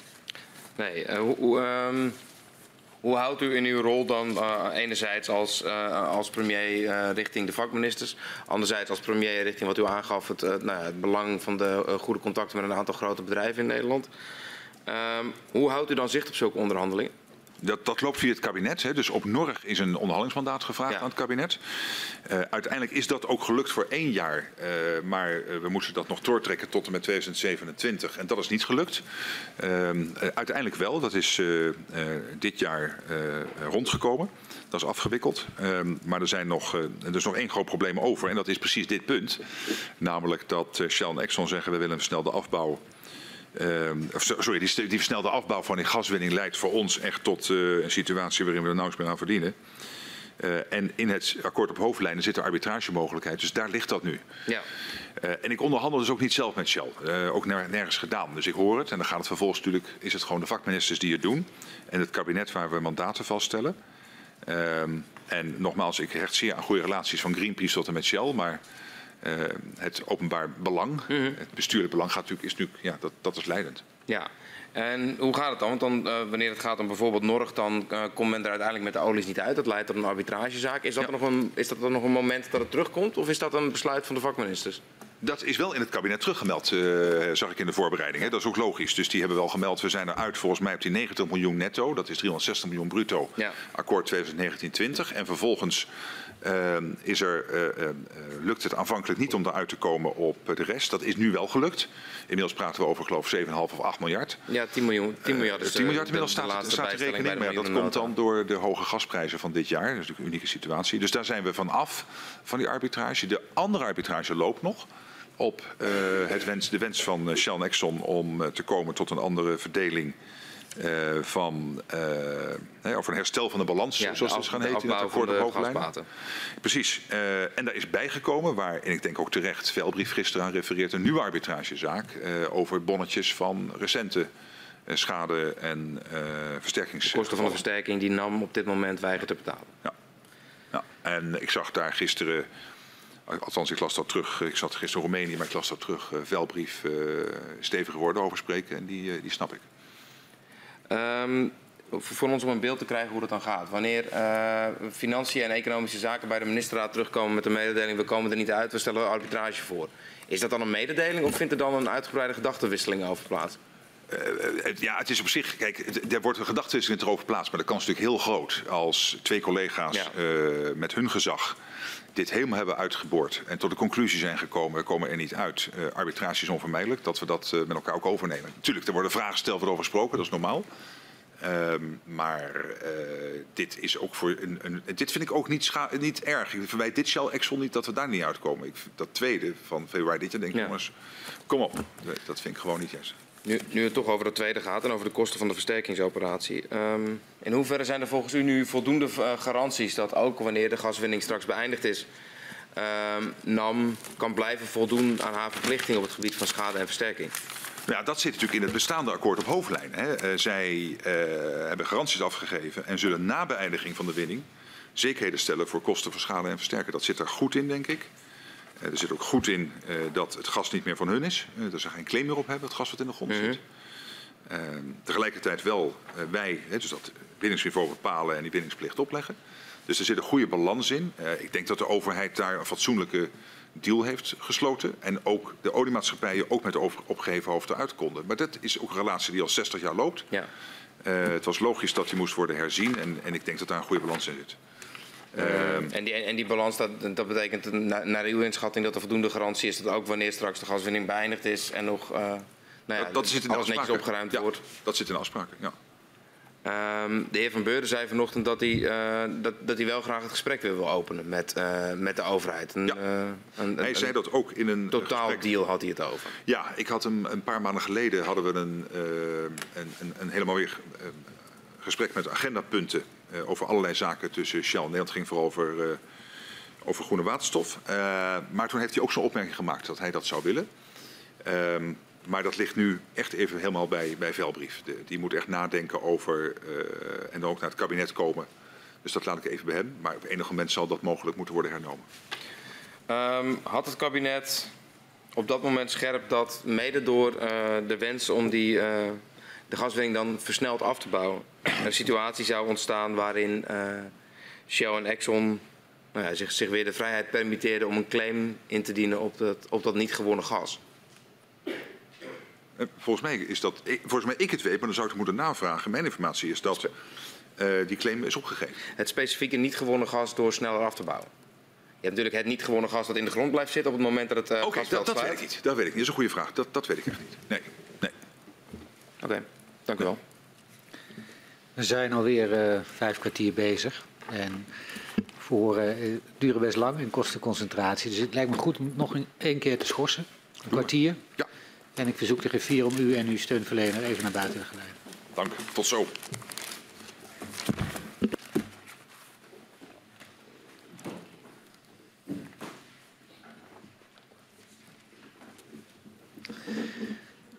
Ik schors de vergadering tot kwart voor zes.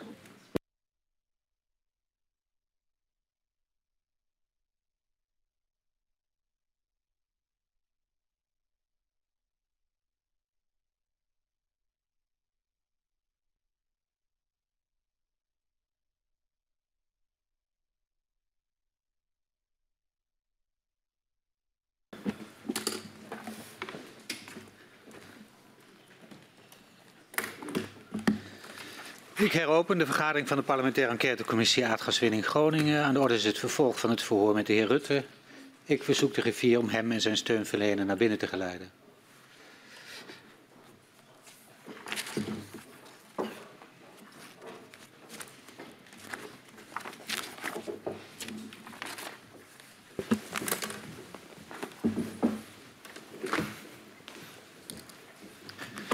We gaan weer verder en ik geef het woord aan mevrouw Van der. Misschien één klein puntje nog weer uit de... Ja? Heel klein. Uh, u vroeg naar die overgang naar, uh, van het uh, versterken naar Binnenlandse Zaken. Er is natuurlijk wel een formeel besluit moeten genomen worden. Ik heb nog even nagekeken. In oktober is dat gebeurd. Dan moet ik dan tekenen, et cetera. Dus dat, daar had u gelijk in. Ik dacht, nou, dat is zo geleidelijk aan gebeurd. En toen liep dat wel. Maar er is natuurlijk ook nog een formeel moment geweest van een KB waarin dat gebeurd is. Zeker, dat was eind oktober. Ja, precies. Uh, ja dat hebben we ook even aan orde gehad. Maar uh, dat is Nee, maar ik had dat, is, uh, even niet scherp. Ja.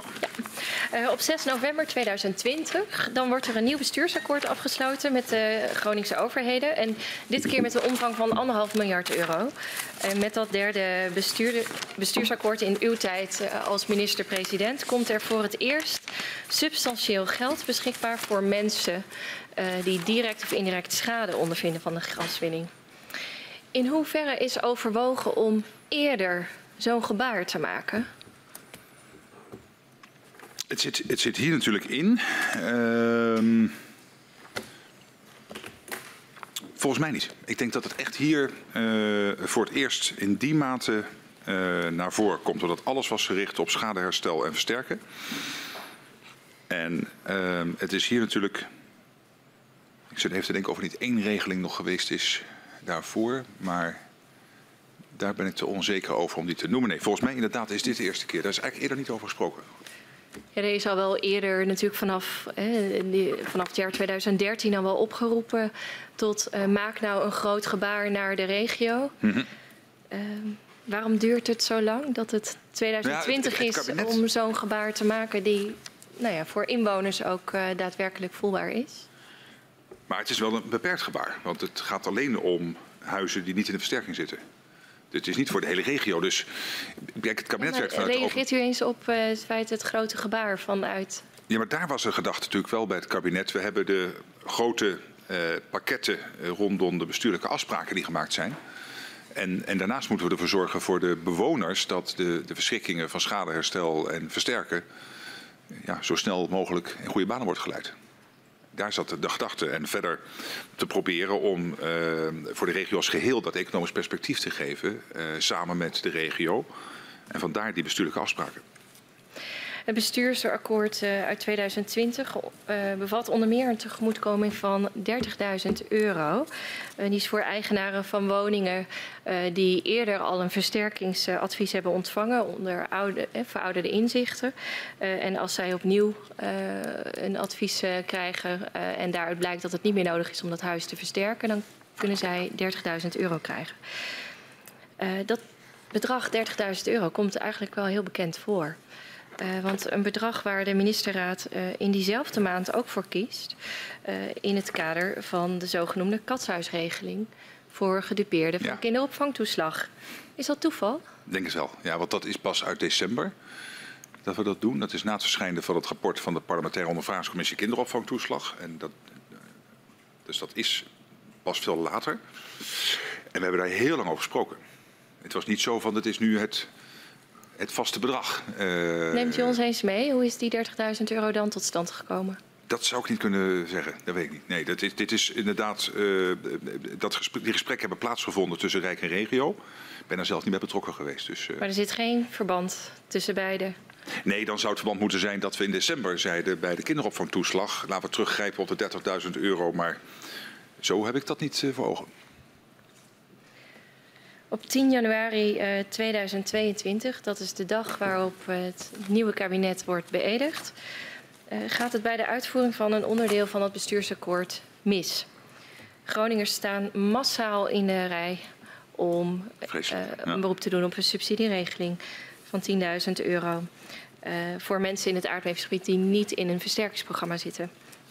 Staatssecretaris Veilbrief uh, schrijft op 14 januari aan de Kamer... bij de opzet van de regeling was bekend dat dit budget ontoereikend zou zijn... wanneer de regeling een grote toeloop uh, zou kennen. Mm -hmm. Waarom heeft het kabinet daar niet eerder extra geld voor uitgetrokken ja, om dit, te voorkomen? Het is echt een blunder. En ik, ik heb het ook in de Kamer gezegd in een debat later... of bij, de, bij het debat over de regeringsverklaring... en later is nog een apart debat geweest, uh, ook over Groningen waar ik bij was. Ik, ik schaam me echt de oog uit de kop wat daar gebeurd is. Kijk, laat ik het verklaren en dat is geen excuus. Maar de verklaring was, uh, je zet een, een bedrag maak je, zet je neer... En de verwachting was uh, dat niet iedereen en ook niet iedereen tegelijk die aanvraag zou doen en ook niet uh, voor het volle bedrag. Dat was een assumptie, een aanname, die totaal verkeerd uh, blijkt uit te pakken.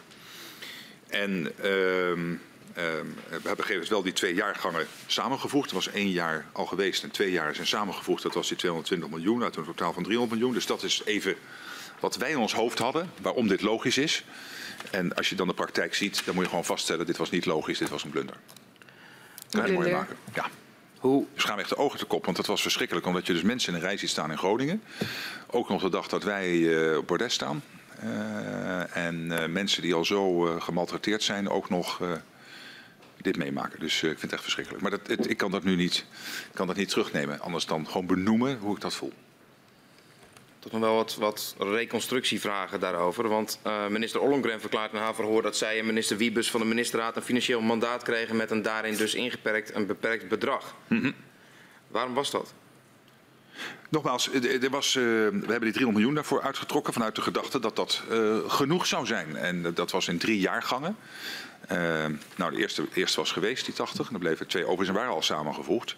Maar achteraf is dat gewoon verkeerd. En, en, en het blijkt inmiddels uh, nog 250 miljoen euro meer te kosten waarschijnlijk. Ja. Nee, precies, maar ik was benieuwd. Nee, maar er zit, geen, er zit geen grote gedachte achter. Er is echt volgens mij oprecht geprobeerd toen door de ministers om een uh, begroting te maken voor dat bedrag. Ja, dat is een discussie in het kabinet, uh, die je natuurlijk over allerlei dingen hebt. Maar wel vanuit een aanname die ik net schetste.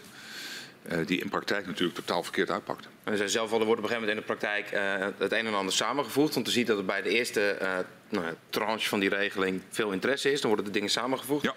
Is toen ook overwogen om het, een hoger totaalbudget beschikbaar te stellen toen die belangstelling zo groot bleek? Nee, de overtuiging was met het samenvoegen en vanuit die drie aannames dat niet iedereen en niet iedereen voor het volle bedrag en niet iedereen op hetzelfde moment dat dit genoeg zou zijn. Maar dat was er niet. Maar en, waar, en, waar was die, uh, die, die, die, die, die aanname op gebaseerd? Want de commissaris van de Koningin Paas waarschuwt u op twee, uh, 12 augustus 2021 ja. al. Uh, dat er wel eens een tekort voor budget zou kunnen zijn. Ja. Hij wijst er letterlijk op, ja, dat, dat, met name voor de categorie E1 is het risico groot dat er onvoldoende middelen beschikbaar ja. zijn. Ja, zeker. En ik, dat signaal is overigens doorgegeven, ambtelijk. Uh, ja. Maar ik heb er zelf ook niet meer op geduwd daarna. Dus het is wel ambtelijk doorgegeven uit dat werkbezoek. Maar ik heb er ook niet zelf uh, daarna op aangedrongen. We moeten die uh, pot verhogen. Dus we, hebben, we zijn daar echt op een stootblok afgezet. Dus de vraag is, wat heeft u met die waarschuwing gedaan? Doorgezet naar het vakministerie? Ja, maar dat is niet genoeg. achteraf denk ik, had ik maar gecheckt. Wat ik dan vaak doe, even een klein aantekeningetje maken. De eerste volgende keer dat ik iemand zie, joh, wat heb je met die suggestie gedaan? Dat heb ik hier niet gedaan. Uh, dus dit was echt een uh, falen. Bijna drie maanden later um, bent u weer in Groningen, november. Um, Wacht even. Um... 4 november 2021 onderhandelt u op het provinciehuis in Groningen. Ja, sorry, even voor de informatie, klopt. Precies. Ja. Uh, u wordt daar welkom geheten, wederom door de heer Paas. Uh, die overhandigt u wederom een brief met een aantal uh, bespreekpunten die voor de regio relevant zijn. Um, en daar staat opnieuw een waarschuwing in van zijn hand over uh, deze regeling. Als straks blijkt dat het huidige budget onvoldoende blijkt te zijn, dan is essentieel dat het Rijk deze pot opnieuw vult. En dan, uh, nou ja, achteraf profetische woorden. Een resoluut whatever it takes stelt gerust en voorkomt het gevoel van schaarste waarvan mensen weer de dupe kunnen worden. En dat advies hebben wij vertraagd opgevolgd nadat dat beschamende beeld zichtbaar werd van mensen in de rij. Ja, wat mij toch de indruk geeft dat uiteindelijk niet de brief van de heer Paas de doorslag gegeven heeft, maar de rijen.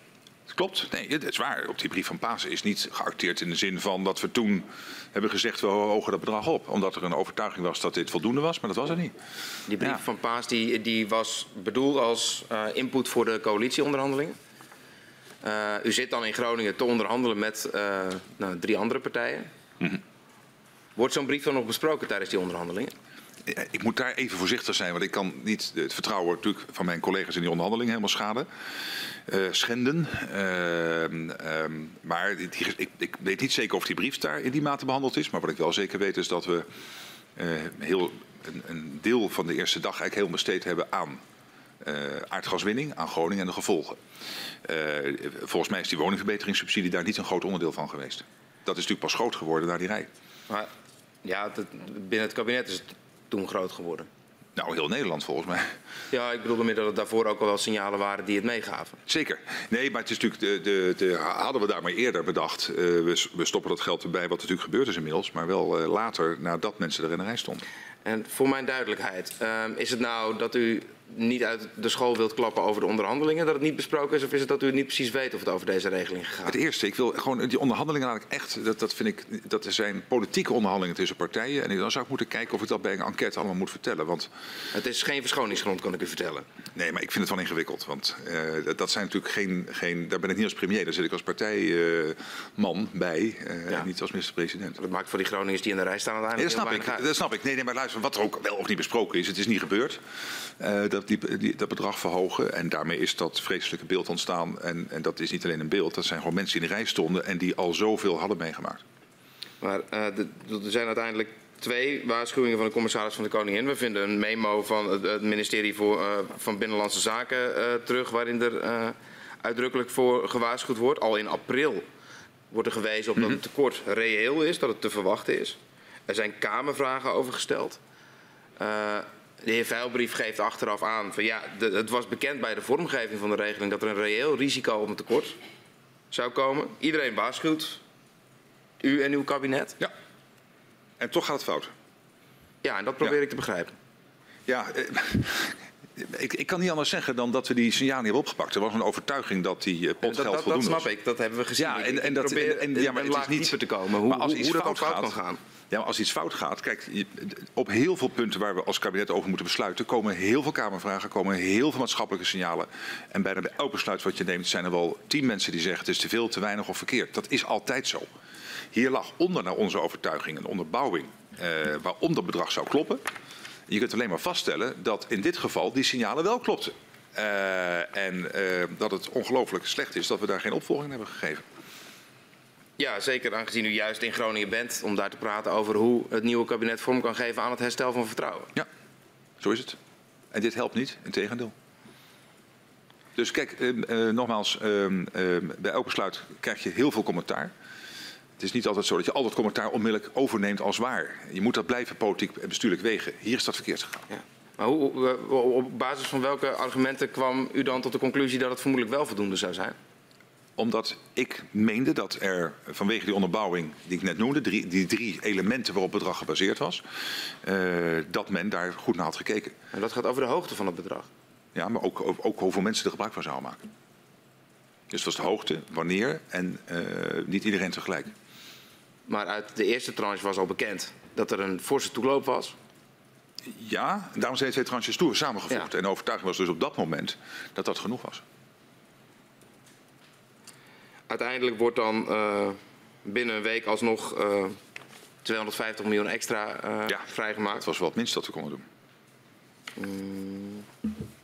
Is er ook overwogen om het bedrag vooraf als onderdeel van het coalitieakkoord aan te kondigen? Volgens mij niet, nee. Maar, maar ik moet dat, echt, dat moet ik echt ook even bij de coalitieonderhandelingen laten. Volgens mij niet. Uh, Bovendien, dat zou ook gek zijn. Want kijk, dit, ik, heel erg, maar dat moet ik even uit mijn VVD-pet praten. Ik zou dat ja. ook een beetje onkies vinden om te zeggen... nou gaan we in het kader van coalitieonderhandelingen een bedrag uh, aankondigen van een kabinet... wat überhaupt pas op de dag aantreedt en überhaupt niks aan meer kon doen. Dat moest het zittende kabinet doen. En het zittende kabinet heeft het niet gedaan. Nee, maar ik kan me voorstellen dat gezien de overlap tussen het zittende en het dan onderhandelende kabinet, daar iets te regelen was. Ja, geweest, dus de, het signaal van Paas opnieuw in november had natuurlijk aanleiding moeten zijn om te zeggen: dit is niet een signaal zoals je het vaker krijgt en wat je weegt en niet altijd overneemt. Maar dit signaal komt nu zo indringend door. En blijkbaar heeft u ook nog iets uit BZK gevonden al eerder. Dat, April al, Ja, ja. dat, dat weet ik niet zeker of ik dat ken. Maar in ieder geval, deze twee ken ik sowieso wel. Eh, had alle aanleiding moeten zijn om te zeggen: we gaan dat bedrag verhogen. Eh, minister Hoekstra zei in eh, zijn verhoor dat wanneer het op de hoofdtafel had gelegen, dat hij dan iets gedaan zou hebben. Ik, ik ga daar echt, dat, dat laat ik bij hem even. Want ik vind, wij zitten daar als onderhandelaars. En, en hij is geen minister daar. Dus ik vind dat echt ingewikkeld om dat hier te bespreken. En het had ook niets uitgemaakt, want dat was een formatie die toen al heel lang duurde. Eh, de kans was heel klein dat het kabinet eh, er al zou zijn eh, eind december. Dus sowieso was dit iets wat, en dat blijkt ook wel, want we stonden op bordes op de dag dat het gebeurde. Dus we hadden dat als nieuw kabinet niet kunnen oplossen. Dat moest het vorige kabinet doen. Maar uw punt is volgens mij een ander. Paas geeft dat signaal twee keer. Eén keer bij mijn werkbezoek en dan komt het nog een keer terug.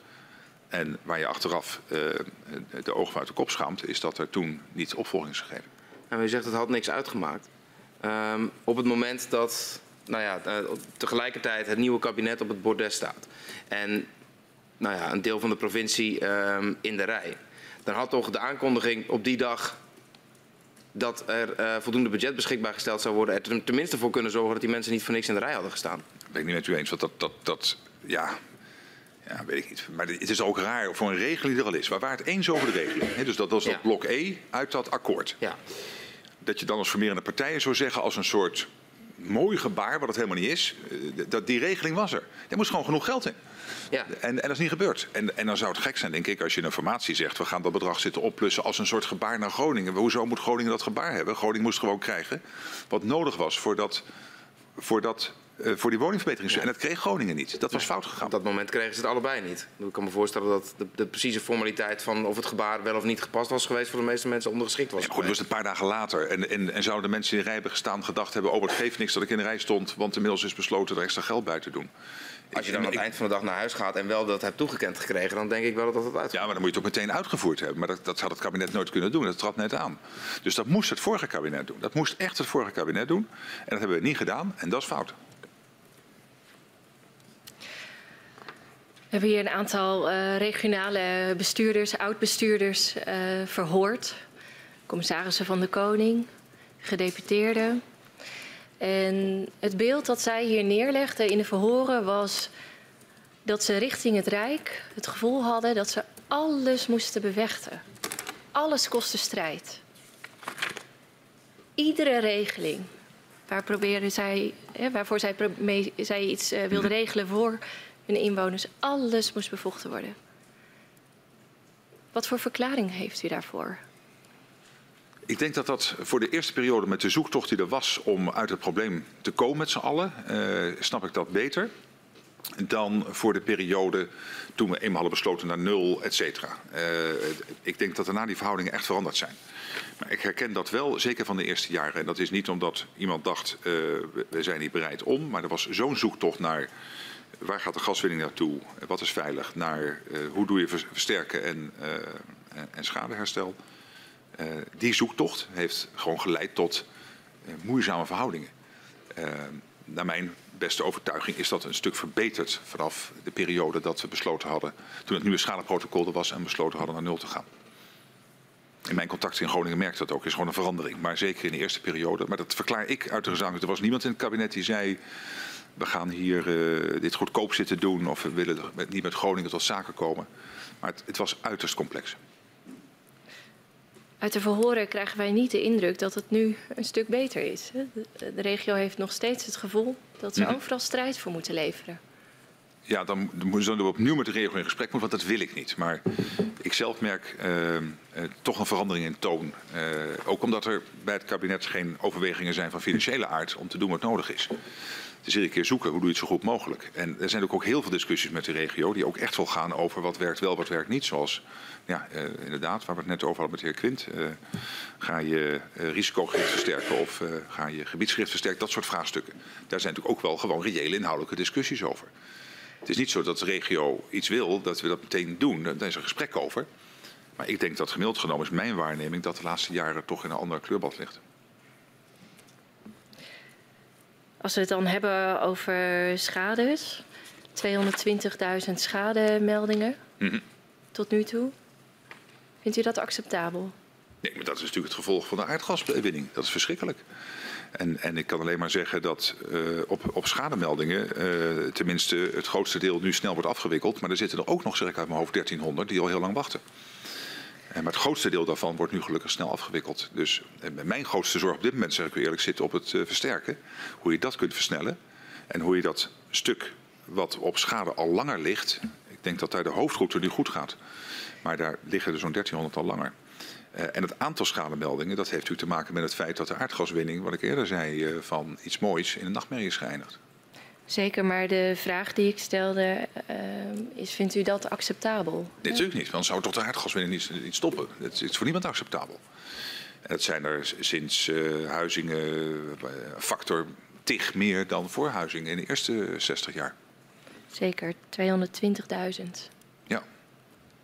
Nee, natuurlijk niet. Nee, maar daarom hebben we dit, deze enquête denk ik ook met elkaar te praten. Wat is daar fout gegaan en wat kun je daarvan leren? Neem even mee in die schadeafhandeling. Want begin 2015 neemt de Tweede Kamer een amendement aan over de introductie van het zogenoemde bewijsvermoeden. Ja. Uh, daardoor hoeven bewoners niet meer zelf aan te tonen dat schade door gaswinning is veroorzaakt. De bewijslast ligt bij NAM, die aan moet tonen dat de schade een andere oorzaak heeft dan gaswinning. Op algemene zaken is bekend dat Shell hier fel tegenstander van is. Mm -hmm. Hoe woog u de mogelijke gevolgen voor Shell en andere bedrijven van de introductie van het bewijsvermoeden af tegen de uh, gevolgen voor de bewoners? Niet voor Shell. Ik weet dat ze er bezorgd over waren. Ik geloof dat Van Beur dat vandaag ook verklaarde, maar dat is, neem ik kennis van. Uh, ik was zelf bezorgd hierover, omdat ik het generiek vond. En daarom heeft het kabinet ook advies gevraagd aan de Raad van State. En uiteindelijk heeft het Raad van State advies opgevolgd, waardoor het zich nu beperkt uh, tot uh, de situatie in Groningen. Hij was voor mij te breed. En dat zou echt gevolgen hebben gehad, vind ik, uh, die voor onze economie schadelijk konden zijn. En je moest het voor Groningen oplossen. Het was niet nodig om dit ook voor Limburg nu op te lossen. Op een manier die zou leiden tot echt een groot probleem met ons vestigingsklimaat. Ja. Wij zien uh, terug uh, in die notitie van AZ um, dat Shell dreigde niet langer mee te werken aan de versimpeling van de procedure voor schade. Hmm. Ja, prima. Maar dat, daar neem ik dan kennis van. Nogmaals, de relaties goed houden, uh, maar de besluiten nemen we met het openbaar belang in acht. Dus ik had zelf een zorg hierbij en ik niet alleen. Dit heeft geen rol gespeeld nee, uh, bij de afwegingen nee, voor mij nul, voor het kabinet? Echt nul. Voor mij heeft het echt een rol gespeeld dat ik zelf bezorgd was over wat dit zou doen voor het vestigingsklimaat. De Raad van State geeft ons ook gelijk. Die zeggen, het kan, maar dan moet je hem wel inperken en geclausuleerd vormgeven. En volgens mij hebben we dat ook gedaan en daarmee doet hij ook wat hij moet doen voor de aardbevingsschade, zonder dat het die grote gevolgen had waar ik bezorgd over was voor uh, ons vestigingsklimaat. In 2018 uh, besluit het kabinet om de schadeafhandeling publiekrechtelijk te maken. Ja. De overheid keert de schadevergoeding uit en verhaalt de kostenopnam die aansprakelijk blijft voor de schade. Ja. Die verandering betekent ook het einde van de arbiter bodembeweging, die inwoners een laagdrempelige procedure bood om een conflict over schades op te lossen. In hoeverre realiseerde u zich dat burgers in het bestuursrecht mm -hmm. uh, moeten procederen tegenover de staat en de landsadvocaat? Wij allemaal als ze het niet eens zijn met een besluit. Ja, nee, wij allemaal onvoldoende. Ik, ik, zag dat ook gisteren terug. Ik weet dat in het kabinet ook een gesprek over gaande is, hoe we dat moeten oplossen. Uh, want je krijgt dus nu een situatie dat het goede is. Je bent af van privaat naar privaat. Het is nu publiekrechtelijk geregeld. Ik denk dat dat heel belangrijk is. De NAM eruit, het Centrum Veilig Wonen, goed werk gedaan, maar heel nauw verbonden met NAM werd gezien als een verlengstuk. Uh, nu bij IMG, ook nu met een groot tempo schadegevallen afwikkelen. Maar precies dit punt, uh, als je het oneens bent, dan sta je uiteindelijk toch weer tegenover de staat. Ja. En, um, met de ik, landsadvocaat. Ja, precies. En de staat met alle macht die de staat heeft. En uh, dat is ook precies waar Velbrief nu naar kijkt. Hoe we dat kunnen oplossen. Of je bijvoorbeeld zo'n arbiter weer terug kunt brengen in het proces. Dat is één variant. Hij noemde die gisteren ook. Uh, begrijp ik. Uh, maar daar moeten we als kabinet nog over praten. Maar in hoeverre realiseerde u zich dat deze situatie zich voor zou doen? Onvoldoende. We hebben ons dat allemaal onvoldoende gerealiseerd. De gedachte was, je moet af van die private verhouding. Je moet NAM eruit. Ehm, dit nadeel van het voordeel, het grote nadeel van het voordeel dat je dus uh, naar publiekrechtelijk gaat, hebben we ons niet gerealiseerd. En dat, dat leidt ook tot twee effecten. Dat je dus als burger tegenover de staat staat met alle might en power, maar ook ja, dat, dat daarmee het, het vertrouwen, en, laten we zeggen, ook, en de, trouwens, sorry, de kosten ook die dat met zich meebrengt, hè, dat die aanzienlijk zijn. Niet zozeer voor de burger, want dat is, dat kun je nog oplossen. Maar de, de kosten die je maakt aan proces, aan procedures, enorm zijn. Wat waren eh, de inzichten die de minister van Justitie en Veiligheid daarbij meegaf? Ja, dat, dat zou ik echt die ministerraad moeten terugkijken. Dat is niet nu. Ja, u, u, heeft dat nu een aantal keren aangegeven dat u de noodhulen van de ministerraad erop mm -hmm. na zou moeten slaan. Um, maar wij gaan ervan uit dat u die heeft betrokken bij de voorbereidingen voor dit verhoor. Dat doe ik Klopt ook allemaal. Dat? Jazeker, maar ik kan deze niet precies nu terughalen. Of daar heel specifiek door op dat moment door. Uh, dat zal dan op dat moment geweest zijn. Uh, uh, Stef Blok, denk ik, op dat moment, wat hij daarover gezegd heeft. U kunt zich daarover op dit moment niet iets herinneren wat u ons mee kunt geven? Nee, nee, nee. Um, we zien dat de uh, schadeafhandeling, ook al is het ondergebracht bij een zelfstandig bestuursorgaan, publiekrechtelijk, mm -hmm. nog steeds uh, plaatsvindt langs de lijnen van de aansprakelijkheid van de NAM. Waarom is daarvoor gekozen? Omdat wij het belangrijk vinden dat uh, Shell en NAM dus blijven betalen. Dat zit ook in het akkoord op hoofdlijnen. dus vandaar dat we het zo gedaan hebben. Maar wel op een manier dat ze op afstand staan en wij als de, de individuele Groningen daar niks mee te maken heeft. En in hoeverre heeft het kabinet uh, dan werk gemaakt van een toegankelijke bezwaar- en beroepsprocedure? Ik, ben, ik, was zelf onder andere op, bezoek bij de voorloop van de IMG begin maart. Ik vond dat dat heel erg goed was opgezet. Het leek me ook iets wat heel snel kon gaan. Uh, in combinatie met de versnellingsregeling in 2019 gaat het nu gelukkig ook veel sneller. Um, maar precies dit probleem ligt er nog wel, namelijk dat je uh, als individuele burger nog steeds te maken kan krijgen met de staat.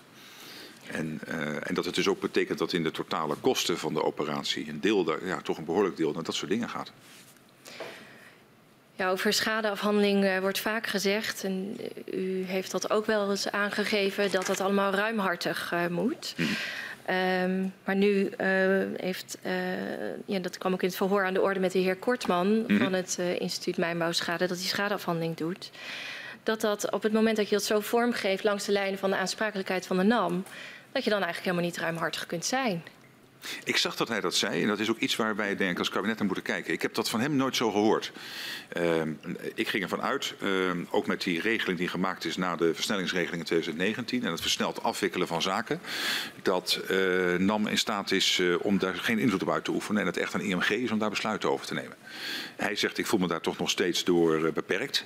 dus dat is echt iets waar ik met het kabinet naar moet kijken. Ja, niet alleen beperkt. Hij zegt, ik heb daar gewoon de bevoegdheid ja. niet voor. En dat heb ik ook al wel neergelegd bij het kabinet? Ja, dan niet bij mij, maar dat maakt helemaal niet uit. Ik ben ook het kabinet. Daar moeten we gewoon als kabinet moeten we daar wat mee. En dat is ook wat natuurlijk Veldbrief aan het doen is, is helemaal opnieuw kijken naar die hele schadeafwikkeling. En wat kun je verder versnellen? Hoe kun je inderdaad misschien die arbiter terug of iets anders, waardoor je niet tegenover de landsadvocaat staat. Maar ook dit aspect is voor mij heel wezenlijk en dat moet gewoon snel. Ja, wat we zien bij de schadeafhandeling is uh, dat er uh, eigenlijk continu discussie is over de begrenzing van het aardbevingsgebied. En wanneer ja. kunnen schades nou worden gehonoreerd uh, of schadeclaims gehonoreerd? Um, en we zien dat daar steeds grenzen, ze worden contouren genoemd, ja. effectgebieden, grenzen aan de schades. Mm -hmm. Dat dat steeds gebeurt. Um, ook nu nog. Ja, helemaal te vermijden is dat Wat niet. Wat heeft u daaraan gedaan om daar hm. iets anders in te bewerkstelligen? In de, in de kabinetsvergadering hebben we daar natuurlijk over gehad. En die zit ik voor, zo ben ik bij. Maar ik vind het wel logisch dat je met elkaar ook kijkt waar zitten ongeveer die contouren. Dat is ook niet te vermijden, omdat je ook wilt voorkomen natuurlijk dat uh, er schades worden gemeld uit uh, gebieden waar het echt niet waarschijnlijk is dat het door aardbevingen komt. Maar het moet op een manier dat je daar natuurlijk niet te zuinig in bent. En we hebben dus een aantal keren ook aanpassingen gedaan in hoe ver dat gebied reikt waar uh, ook de schaderegeling uh, bereik op heeft. En daar heeft ook IMG zelf natuurlijk in, uh, in geadviseerd. En u heeft een aantal keren uh, werkbezoeken gebracht in de regio. En daar uh, ja. gaf u ook blijk van dat u daar hoorde over nou, hoe dat dan ging met die schadeafhandeling. Um, heeft u ook wel eens werkbezoeken gebracht op plekken uh, waar mensen net buiten die contouren nee. lagen en daar een beter zicht op te krijgen? Nee, dat heb ik niet gedaan. Dat heb ik niet gedaan. Dat is een goed, goed, een goede suggestie, maar dat heb ik niet gedaan. Nee, de werkbezoeken waren allemaal in het gebied. Maar ik heb bij de gesprekken wel daarover gehoord. Bijvoorbeeld bij het gesprek wat ik had na mijn bezoek aan, aan Appingedam, had ik op kantoor de belangenorganisaties. Toen kwam dat wel aan de orde. En het is ook aan de orde geweest bij een diner wat ik had, ik zeg in 2018 of 19 bij een werkbezoek, waarbij ook mensen uit de regio aanwezig waren die daar aandacht voor vroegen. Dat er steeds discussie is over waar, waar, waar de, deze discussie en de discussie over de fundering. Dus ook zo eentje die steeds terugkwam. Uh, en, dus in die zin ben ik me daarvan bewust. En is natuurlijk iedere keer ook weer zoeken met de regio samen. Waar trek je de contouren? En daar proberen, ja, inderdaad, zo ruimhartig mogelijk. We hebben hier ook ehm, de heer Max van den Berg verhoord, oud-commissaris van de Koningin. Ja. En die zei tijdens zijn openbaar verhoor dat hij al in 2014 aan u vroeg om, uh, nou, zoals hij het zelf noemde, regie te nemen. Omdat de gevolgen uh, van de gaswinning zoveel mensen raakten en ook uh, nou ja, één, portefeuille overstegen, zeg maar. Ja. u antwoordde hem toen dat dat toch echt de taak van de minister van Economische Zaken was. Um, in hoeverre heeft u in al die jaren, liet u dit dossier inderdaad vooral aan de minister van Economische Zaken? Nou ja, de, de, voor alles geldt dat er een vakminister verantwoordelijk is. Maar uh, ik ben als premier natuurlijk bij zeker de grotere onderwerpen betrokken. Uh, en dat is sowieso uh, in, in, twee rollen die ik heb. Eén is dat ik een coördinerende rol heb. ervoor moet zorgen, en dat is ook zelf alle overleggen voorzitten van het kabinet als ik er ben. ook de bewindslieden overleggen bellen, laten informeren, op werkbezoek gaan. En uiteraard ambtelijke AZ die mij helemaal op de hoogte houdt. Uh, en uh, daarnaast, op momenten dat nodig is, ook, ook uh, soms een tikje hinderlijk mee gaan duwen en sturen. Dat is in een meer sturende rol. dat is niet dat ik het dossier overneem. Nee. Want dan moet ik naar economische zaken verhuizen met alle mensen daar die werken aan, aan, aan het aardbevingsgebied. Dat gaat niet. Ehm, maar in die tweede rol, dat heb ik natuurlijk op een aantal momenten gedaan in het hele proces, waarin ik uh, wel degelijk ook meer sturend met gaan bemoeien. Dat was bijvoorbeeld bij het uh, schadeprotocol. Hebben we een paar uh, van die voorbeelden gehad in 17 en, uh, en 18. Maar ook bij de versterking begin 2020. Dat zijn van die voorbeelden waar ik dan niet altijd op blijdschap van de betrokken ministers. Maar goed, dan probeer je een toon te vinden dat het werkt. Uh, juist ook niet om die minister te wantrouwen, want die doet vreselijk zijn best. Maar te kijken, doordat ik me ermee bemoei, dat misschien ja. ik dan informatie krijg waar ik dan weer kan helpen in de regio of anders om met telefoneren uh, mee het probleem op te lossen. Dus de knoop eruit te trekken als die ontstaat. En intern natuurlijk tot slot als er gedoe is tussen kabinetsleden en financiën. Ja. Uh, dan is het ook in algemene zin natuurlijk mijn taak om te proberen dat uh, in goede baan te leiden. Kunt u dat voor mij iets, iets concreter maken? Want u noemt, u noemt een paar momenten. één rondom schade, één rondom versterking. En nou ja, discussies over geld, om maar even ja. huiselijk samen te vatten. Um, wat betekent dat dan? Nou, rondom geld uh, heb ik daar niet zo'n voorbeeld van. Want ik moet zeggen, uh, ik heb niet bij financiën gemerkt dat daar het probleem zat. Uh, dat men zei, nou bijvoorbeeld voor die afspraak met de regio willen we geen geld vrijmaken of wat dan ook. Dat, dat is in mm -hmm. dit geval. Um, het is wel zo dat ik uh, ook vrij recent nog wel eens uh, even check van joh, hoe loopt het en uh, ook met financiën en kan ik helpen of kan AZ helpen. Maar dat gaat eigenlijk redelijk goed. De, de, twee grote operaties die liepen naast het naar nul gaan, waren de operaties rondom uh, schade en versterken. Ja. En daar waren natuurlijk momenten, we hebben het over schade gehad, uitgebreid in 17. Ja. Uh, het schadefonds, schadeprotocol, maar ook begin 18 na zeerijp, de aardbeving. Wat is nou nodig om daar eind januari uit te zijn? Nou, soms behulpzaam, soms minder behulpzaam. Op, ik, wat ik probeer duidelijk te krijgen is op welke manier, uh, wat, wat gebeurt er dan? Want u heeft volgens mij in, in, in, deze context alleen het voorbeeld genoemd van dat u per ongeluk iets zei in de krant dat u liever niet had gezegd. Wat ik dan doe is, is, is uh, een extra, uh, dat zie je ook in de agenda's terug, een aantal extra keer winstliedenoverleggen organiseren met de meest betrokken ministers. Ze even bij elkaar zitten en zeggen, doen we hier de goede dingen, doen we, ja. de, doen we de dingen goed en doen we de goede dingen. Ehm, uiteraard ook veel meer in, in telefonisch contact staan met betrokkenen. Als we vergaderingen hebben, daarover praten met zo iemand.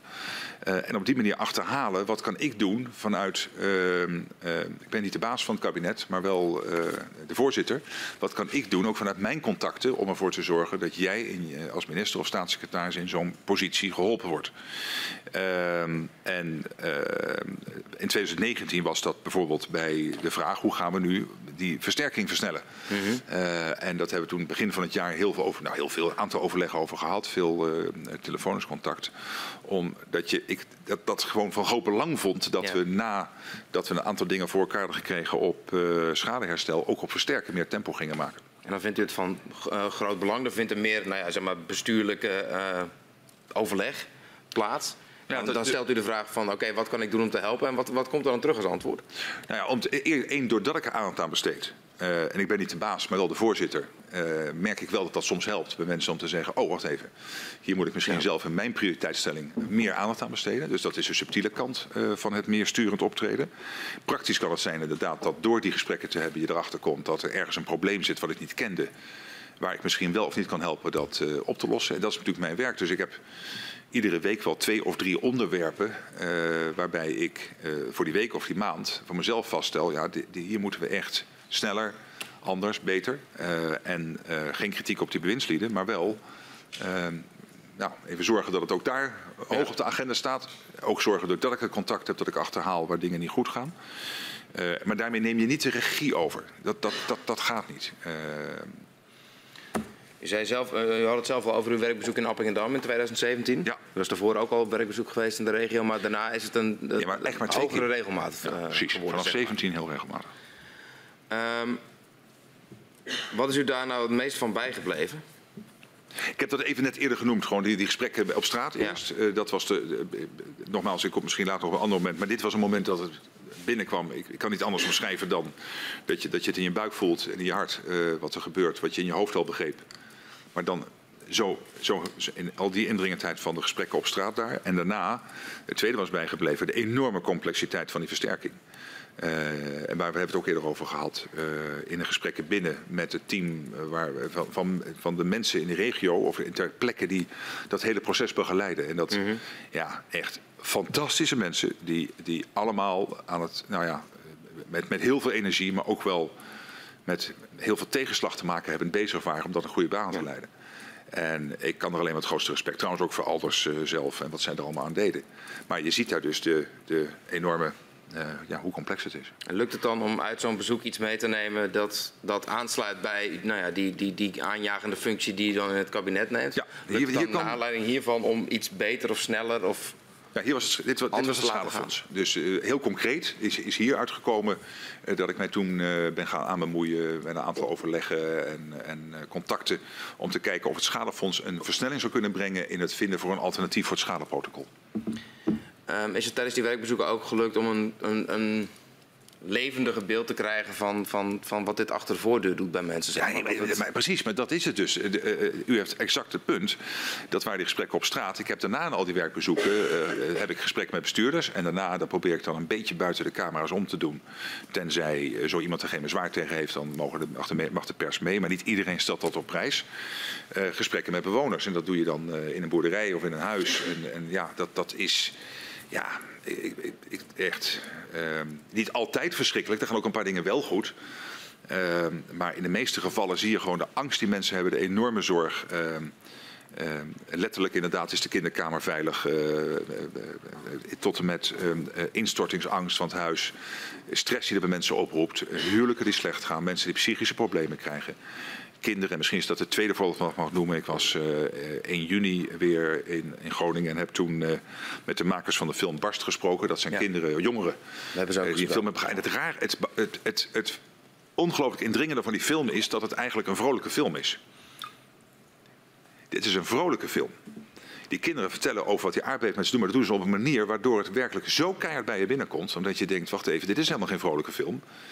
En ik heb dan ook met de jongeren gesproken en wat het met hen doet. En, en het is gewoon echt uh, verschrikkelijk wat je dan hoort. En hoe, je, hoe dus jonge mensen in Nederland in ja. angst opgroeien. En ook thuis zien dat hun ouders bang zijn, et cetera. Maar die film wil ik, ik weet niet of die nu ergens staat op een YouTube-kanaal of zo, maar het barst. En alsjeblieft, kijk ernaar. Hij is terug te vinden voor mensen. En je ziet hem eerst even dus dat je denkt, hé, hey, wat, een, wat, wat, wat een vrolijke jonge mensen. Maar dan ineens denk je, nee, dit, dit... Goed, dat wist ik wel, want ik wist dat het onderwerp was.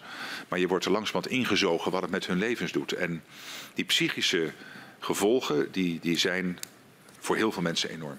Daar heb ik straks ook nog wel een vraag over. Maar um, in twee, uh, bij hetzelfde werkbezoek... Um, in Appingen dan zegt u dat u een einde wil maken aan de bestuurlijke spaghetti die is ontstaan door nou ja, de samenloop van organisaties, regelingen, veranderingen, contouren, noem het allemaal maar op. Klopt. De Nationale Ombudsman constateert in 2021 dat de bestuurlijke spaghetti de afgelopen vijf jaar juist is toegenomen. Ja, goed, wat we geprobeerd hebben te doen natuurlijk vanaf dat moment, hè, uh, na, uh, uh, vanaf 2017, is om eerst de, de NAM helemaal te krijgen uit de versterkings, sorry, uit de, uit de, uit de schadehersteloperatie. en, en vervolgens ook uit de operatie voor, voor versterking. En, en dat uiteindelijk te beleggen bij twee instituten die dus ook vergaande bevoegdheden hebben om uh, hun werk te doen. En we hadden het net over een paar zaken waar dat dan toch nog niet genoeg is. Ja. Uh, of met mevrouw Van der Gaaf had ik dat net, of met u. En dat, uh, dus dat moet verder worden opgepakt. Maar ik denk wel dat daarmee de complexiteit een stuk minder is geworden. Ehm, het, het, het, heen en weer sturen van rekeningen via NAM, ministerie van EZK, terug naar de NAM, terug naar ja. degene die het moet. Dat, dat is echt wel een heel stuk simpeler nu. Um, en dat is verder versimpeld natuurlijk door uh, die, dat vaste bedrag voor de schadeafwikkeling. Voor mensen die daar gebruik van uh, willen maken. Nou, dat, dat, rapport van de ombudsman is nog maar een jaar oud. Ja, dat, nee, dat, dus, dus blijkbaar is het niet genoeg. Ik merk zelf in mijn bezoeken in het gebied dat men, in ieder geval over die, die invloed van NAM, dat hoor ik veel minder nu. Ja. Uh, en, en op de complexiteit, die zit dan toch wel vooral op versterken, maar dan minder op de structuur dan op het versterken zelf. Ik merk zelf minder in de gesprekken nu dat daar de structuur het probleem is.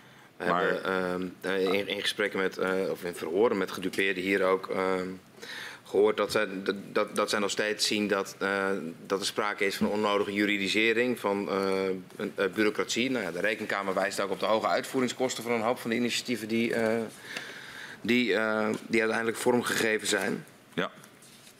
Zit dat ook niet deels in de juridificering waar we het net over hadden? Deels. Ja. Eh, en, en, en dat, dat, dat erken ik onmiddellijk. En dat is ook dus de, de processen die je soms tegen de staat moet voeren. En wat ook bijdraagt natuurlijk aan de hoge uitvoeringskosten. Wat voor mensen zelf natuurlijk in eerste plaats een ramp is. Ja, en dan, dan, dan is toch mijn vraag van ja, sinds 2017, waarom lukt het niet om dat terug te dringen? Ja, ik, ik, ik, zou, ik, ik kijk er iets anders naar. Uh, ja, dat is onvoldoende, er moet dus meer. Uh, maar we hebben natuurlijk wel met het eruit halen van NAM en het, uh, het, het publiekrechtelijk maken en niet meer privaatrechtelijk van de afwikkeling een paar hele grote stappen gezet. Waarbij ook die, dat heen en weer sturen van orderopdrachten via EZK naar. naar uh, en u heeft allemaal ongetwijfeld dat stroomschema ook gezien hoe het er een tijdje geleden nog uitzag en hoe het er nu uitziet. Is dat een stuk versimpeld. waar natuurlijk nu uh, uh, Veldbrief mee bezig is, is te zeggen hoe kan ik dat nu verder versimpelen. Vooral ook op de versterkingsoperatie. Door inderdaad te zeggen tegen een dorp, pak maar helemaal de regie zelf op de versterking. En dat, dat is natuurlijk waar nu eh, op zijn verzoek uh, Bernard Wintjes mee bezig is. Om te kijken of dat niet een aanpak kan zijn. Dat is boven Loppersum uh, in een gebied waar natuurlijk heel veel uh, versterking moet plaatsvinden. Ja. Of, dat niet, of dat niet kan leiden tot een veel verdere afname van die bureaucratie. Dat is wel de zoektocht. Het is niet, het is niet zomaar gedaan. dat blijkt maar dat, weer. dat blijkt inderdaad. Ja. Um, we hadden het net al over de beving uh, bij Westerwijter. Uh, naar aanleiding daarvan debatteert u op 4 juni 2019 voor het eerst met uh, ja. de Tweede Kamer over Groningen. En, de Kamer heeft er al eerder op gevraagd en heeft er dan ook kritiek op op het feit dat u dan pas ja. hierover met de Kamer in, in debat gaat. Waarom heeft dat zo lang geduurd? Ja, het, het kan dat, dat, dat is niet bewust of zo, maar... Um, het was natuurlijk vaak de vakminister die daar dan sprak. En ik heb natuurlijk wel bij algemene beschouwingen, uh, uiteraard is ook heel vaak over Groningen gegaan. Dus niet dat het niet over Groningen ging. Maar het is, uh, het is inderdaad de eerste keer dat ik echt pas bij een debat deelneem, is pas in 2019. En achteraf dacht ik ook, dat had ik eerder moeten doen. Of in ieder geval eerder moeten kijken of ik niet moest aanschuiven. Ik denk dat dat beter was geweest, ben ik met u eens. Althans, met de implicatie in de vraag eens. Na de publicatie van het uh, rapport van de Onderzoeksraad voor de Veiligheid in 2015 biedt minister Kamp namens het uh, kabinet zijn excuses aan voor de problemen in Groningen. Ja. Hij belooft alles te doen om de verbeteringen waar de Groningers terecht om vragen te realiseren. Op 14 januari 2018 biedt u zelf in het tv-programma Buitenhof namens het kabinet opnieuw excuses aan voor het feit dat de veiligheid in Groningen lange tijd geen rol heeft gespeeld. Ja. Ook zegt u dat er door de lange kabinetsformatie nog geen protocol is voor de schadeafhandeling. En dat verwijt ik mijzelf. Mm. U gebruikt ook woorden als uh, dat spijt ons diep. Waar bood u precies excuses voor aan? Eerlijk gezegd, ik heb ze in 2019 herhaald. Het allerbelangrijkste voor mij was dat te lang ehm, ehm, de veiligheid zelf geen rol heeft gespeeld in de discussie over de aardgaswinning. En dat dat eigenlijk pas na 2012, 2013 zichtbaar wordt. Maar ik heb er twee excuses aan, aan, aan toegevoegd, ook in 2019 bij het debat. En dat is in de eerste plaats, waar we het ook net over hadden, het feit dat wij vanaf het begin totaal onderschat hebben de uh, enormiteit van het vraagstuk wat voorlag. En twee, waar we het net ook over hadden, dat uh, uh, we veel te lang bezig zijn geweest. En tot op de vandaag, dag van vandaag natuurlijk worstelen met hoe je dat precies doet. de precisie en de juridische kant van de zaak. Um, en ik zou als ik die excuses opnieuw moest maken, die precies zo herhalen. Ik zou er een vierde aan toevoegen en dat is uh, uh, de eh, realisatie, misschien te laat, ik denk wel eerder al, maar te weinig daarover gesproken vermoedelijk met elkaar, over de enorme psychische impact op iedereen, maar ook op kinderen. Die zou ik eraan toevoegen. Wat heeft u na die eerste keer excuses gedaan om het voor de mensen in Groningen beter te maken? Ja, het, het, was niet zo dat ik die excuses maakte en toen dingen ging doen. We waren natuurlijk bezig. Alleen de excuses gingen over het feit dat zo lang, uh, en we waren bezig op dat moment ook met de veiligheid op orde te brengen. Dit was 2018. Uh, maar dat zo lang die veiligheid geen rol speelde. Ik, ik, dus het is niet dat ik zeg, op dat moment komen we er pas achter, excuses, we gaan het nu doen. We waren ermee bezig. Maar mijn rol is ook, vind ik, om als ik vind dat de overheid, ik zelf fout heb gemaakt uh, dan moeten we dat ook uitspreken. Uh, dat is cruciaal. En dat was in die uitzending in 2018. Ehm, maar ik denk belangrijker nog bij het debat in 2019. En we zitten nu tien jaar na Huizingen. hoe kan het nu dat het nog steeds niet duidelijk is welke huizen onveilig zijn? Dan moet ik echt terug aan de eerder in het verhoor. Ik vraag echt begrip voor de gigantische complexiteit. Ik, ik, ik zou iedereen die denkt dat het sneller kan, dat we dingen anders moeten doen, wil ik het weten. Ik weet dat Velbrief met niets anders bezig is. Daarom de dorpen aanpak, daarom opnieuw kijken naar de hele juridische kant van, van schadeafwikkeling. Um, en we weten natuurlijk van heel veel huizen of ze veilig zijn of niet. Dat is natuurlijk heel, voor een heel groot deel in kaart gebracht. We weten dat er 26.000 huizen versterkt moeten worden. Velbrich heeft ook gisteren terecht gezegd... als huizen acute risico's hebben, dan uh, gaan we die natuurlijk prioritair doen. Dan gaan we niet eerst wachten tot we een heel dorp doen of een, of een straat. Um, dit, dit besef, hè, dat uh, niet weten of huizen, of welke huizen precies onveilig zijn... Mm -hmm. dat is er al best wel lang. Heeft u geprobeerd daarin verandering te brengen? Ja, om daar met het kabinet, meer duidelijkheid te krijgen? Met elkaar als club. Uh, en dat is natuurlijk begonnen met het Mijnraadadvies in 2018. En dat is uh, vervolgens in die aanpak met die groepen huizen... is dat ook uitgewerkt welke huizen eerst, welke huizen later. Uh, ik heb dat met het kabinet gedaan natuurlijk met het vaststellen van de norm. De, de norm voor veiligheid en dan specifiek wat moet er bij een huis gebeuren. En daar hebben we natuurlijk ook heel vaak uh, in het kabinet over gesproken. Wat betekent dat voor de veiligheid van woningen? En hoe kun je dat toepassen op het individuele woning, het individuele huis? Dus dat is natuurlijk ook het gesprek wat, uh, en de acties die in de regio lopen. Um, we zien uh, dat het onderwerp veiligheid, en dat komt ook in de verhoren naar boven, heel vaak wordt gebagatelliseerd als een gevoel van veiligheid. Mensen voelen zich uh, niet veilig. Nee. Um, ondanks dat er rapporten liggen van de toezichthouder. Um, en mensen die uh, goed verstand van zaken hebben. Um, en uh, bewoners te horen krijgen dat hun huis acuut onveilig is. Na een zware beving, hè, ook na de laatste ja. beving. Ja. In Wierden. Ja. Hoe komt het dat dat gevoel van veiligheid zo wordt uh, gebagatelliseerd? Ja, in ieder geval niet in mijn waarneming door mijn collega's. Ik bedoel, uh, wat, ik zou dat verschrikkelijk vinden. Het is, er geen gevoel, het is natuurlijk geen gevoel van veiligheid. Het is gewoon, ja, het is ook een gevoel van veiligheid. Maar het is in de eerste plaats, komt dat voort uit veiligheid of niet? En als jij te horen krijgt dat jouw uh, huis uh, versterkt moet worden... als er grote schade aan je woning is, dan is het geen gevoel van veiligheid. Dan is het gewoon vaststellen dat er een probleem is. En als door een aardbeving in Weerdum nu weer uh, huizen weer met spoed uh, moeten worden gestut, als dat zou moeten, dan is dat niet een gevoel van veiligheid, dan is dat direct veiligheid. Dus als iemand dat soort teksten bezigt, dan denk ik dat wij daar met elkaar enige stevigheid tegen in mogen gaan. Dat is natuurlijk onzin. dat mag niet. dan is het net alsof we hier bezig zijn met een, een soort fake operatie. Ja, mensen zijn een beetje angstig en we gaan die angst wegnemen. Nee, mensen zijn terecht bezorgd. Als jij allemaal barst, ik heb ze allemaal gezien. U kent ook alle voorbeelden van inderdaad. Dat zijn heel vaak schoorstenen natuurlijk die enorme zware objecten zijn. Je als je dood bent dat ze door je dak te, naar beneden storten. Dat is toch geen gevoel van veiligheid, dat is veiligheid. En, dat is, uh, uh, maar, en, en, daarnaast ook de, de, sociale veiligheid. Dat je, dat je gewoon niet weet, kan ik in het huis... Uh, ik moet het huis uit, ik moet naar een wisselwoning. Mijn kinderen moeten op de fiets naar een ander dorp naar school. Al, ook al die dingen komen erbij. Maar het begint wel gewoon met de harde veiligheid. En dat wordt ook zo objectief mogelijk vastgesteld natuurlijk met die normen. En die, die liegen niet. Dus uh, kan ik alleen maar tegen u zeggen, dit wordt live uitgezonden. Als iemand praat over gevoel van veiligheid, alsjeblieft. Dit is een reëel, reële angst. Die is niet uh, een gevoel alleen. We zijn nu uh, tien jaar naar die beving bij Huizingen. Uh, wat heeft u daaraan gedaan om mensen in Groningen ook veiliger te krijgen? Ik heb geprobeerd uh, met het kabinet uh, ervoor te zorgen dat we op alle fronten waar dat moet gebeuren, wat, alle, alle kennis vergaren, vervolgens op basis van die kennis besluiten nemen over aardgaswinning, over sterken, over schadeherstel, zo goed mogelijk de zaak in goede baan te leiden. Ik denk op teruggaan in gaswinning hebben we dat met, uh, met, met horten en stoten goed gedaan met z'n allen. Als Nederland, niet het kabinet, te doen met z'n allen.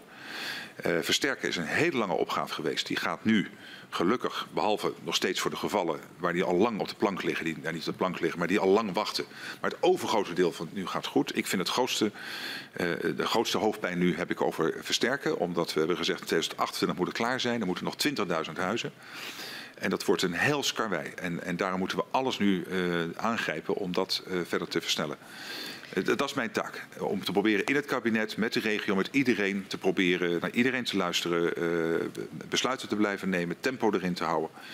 Ik vind dat in 2017 echt fout is gegaan met de pauzeknop op de schadeprotocol, of het stopzetten van het schadeprotocol, sorry. Ik vind die pauzeknop 2018 toch iets anders. Ik vind die in 2007 op versterking, maar die stopzetting van het schadeprotocol in 2017, dat zo lang geduurd heeft. Uh, dat vind ik echt heel erg. U gaf al aan, in juni 2019 heb ik in het Kamerdebat de excuses herhaald. -hmm. Drieledig. U voegt daar vandaag nog een vierde aan toe, namelijk de kinderen en de psychische impact. Uh, in de Kamer uh, gaf u aan, het is echt niet goed ingeschat vanaf het begin. We hebben dat onderschat en daarvoor passen excuses. Waarom had u de opgave in Groningen onderschat? We hebben die onderschat omdat uh, uh, dat zit hem op twee punten. Ten eerste, uh, hoe snel kun je terug in gaswinning? Uiteindelijk bleek dat, als ik nu terugkijk naar 2019, zijn we gelukkig nu heel snel naar die nul gegaan. En kon dat ook. En, en, maar ten aanzien van versterken, en, en schadeherstel hebben we het onderschat. En ik heb daar een paar voorbeelden van genoemd in het verhoor. Waardoor dat ook, uh, denk ik, uh, inherent is aan het enorme probleem wat er ligt. Um, um, maar het idee was, ik noem nog maar even de 3000 en de 5000 uit, ik zeg uit mijn hoofd 2015, 2016. En dat zijn er nu 2600, waar echt iets aan gedaan is. Uh, dan zie je, uh, daar zie je gewoon in de cijfers de onderschatting van die complexiteit. En en, en, dat is een gegeven. Dat, en, dat is, uh, uh, en we hadden daar, als we dat toen hadden geweten en als we dat hadden gerealiseerd, hadden we, dat, hadden we daar ook misschien met meer gezag over kunnen spreken naar de bewoners. We kunnen zeggen, dit zijn de verwachtingen. Um, en daar speelt natuurlijk ook mee een klein element ongetwijfeld van, maar we willen dat het sneller gaat. Uh, je, je, je wilt niet dat je tegen mensen moet zeggen, dit duurt langer. Um, maar dat is niet overwegend. Overwegend is het toch de onderschatting van de complexiteit. En wat heeft uh, u eraan gedaan om het vertrouwen van de mensen in Groningen te herstellen? Nou, dat is niet hersteld. Dat is min 30 of min 100. En dat gaat ook voorlopig niet herstellen. Dat was al vrij aan het begin. Ja. Toen het rapport van het SODM werd gepresenteerd. Maar ook in 2017 merkte ik het in alle bezoeken. Uh, en uh, het laatste wat ik nu ga vragen aan Groningen is vertrouw het kabinet of heb vertrouwen in de politiek. Uh, wat ik, wat we moeten doen met het, met, met, met het kabinet wat er zit, is ervoor zorgen dat we nu die gaswinning aan het verdwijnen is, ten aanzien van versterken, vooral versterken, er alles aan doen met de bewoners samen om dat tempo erin te krijgen. En te laten zien dat we dit met z'n allen doen. En dan hoop ik dat over tijd mensen zeggen, oké, Weet je, uh, het ging heel lang niet goed, maar nu gaat het beter. Maar ik ga daar nu niet om vragen. We moeten dit nu eerst laten zien met elkaar. De twee momenten waarop u die excuses aanbiedt, vinden allebei plaats vlak na een grote beving. Mhm. In 2018, januari, vlak na de beving bij Zeerijp. En in juni 2019, vlak na de beving bij Westerwijtwerd. Zit daar een verband tussen? Ja, het is ook het moment. Uh, en zeker die tweede keer was het Kamerdebat. Hè. Ik zei net tegen collega Quint, van, uh, wellicht had ik eerder gewoon in die Kamer bij een debat aanwezig moeten zijn. Maar het was de eerste keer. En uh, ik vond het van belang om ook zelf die excuses daar te maken. En ja, dat debat vond plaats naar aanleiding van Westerwijdwerd. Dat klopt. Ja, ja want het vindt, we zien het wel vaker als er een grote beving is geweest... dat er dan ineens lijkt alsof er wel doorgepakt kan worden. Ja, ik snap dat dat zo lijkt. Uh, als ik het toch heel even Huizingen, ja, dat was natuurlijk de eerste. En daarvoor stond het niet op de radar, dus die staat even alleen. Als ik uh, ten boer pak, dat was toch het SODM wat dan zegt... je moet versneld uh, naar onder de 40 gaan zakken. Bij het schadeprotocol? Uh, ja, bij, bij het, nou ja, het schadeprotocol, uh, dat, dat, liep toen al heel erg lang. En, uh, maar het is absoluut waar dat door die... sorry, dat is na, na Zeerijp, begin 18... Dat in ieder het hele kabinet zoiets heeft, dit moet, er nu heel, dit moet er nu echt heel snel komen. Toen was het kabinet natuurlijk een paar maanden bezig nieuw. dus dat, de, alle processen waren opgestart. Het was ook niet zo dat er niks gebeurde. Maar toen was absoluut de realisatie dat dit moet versnellen. Maar het is niet, dat, het is niet zo dat je er de aardbevingen voor nodig hebt. Maar u heeft helemaal gelijk.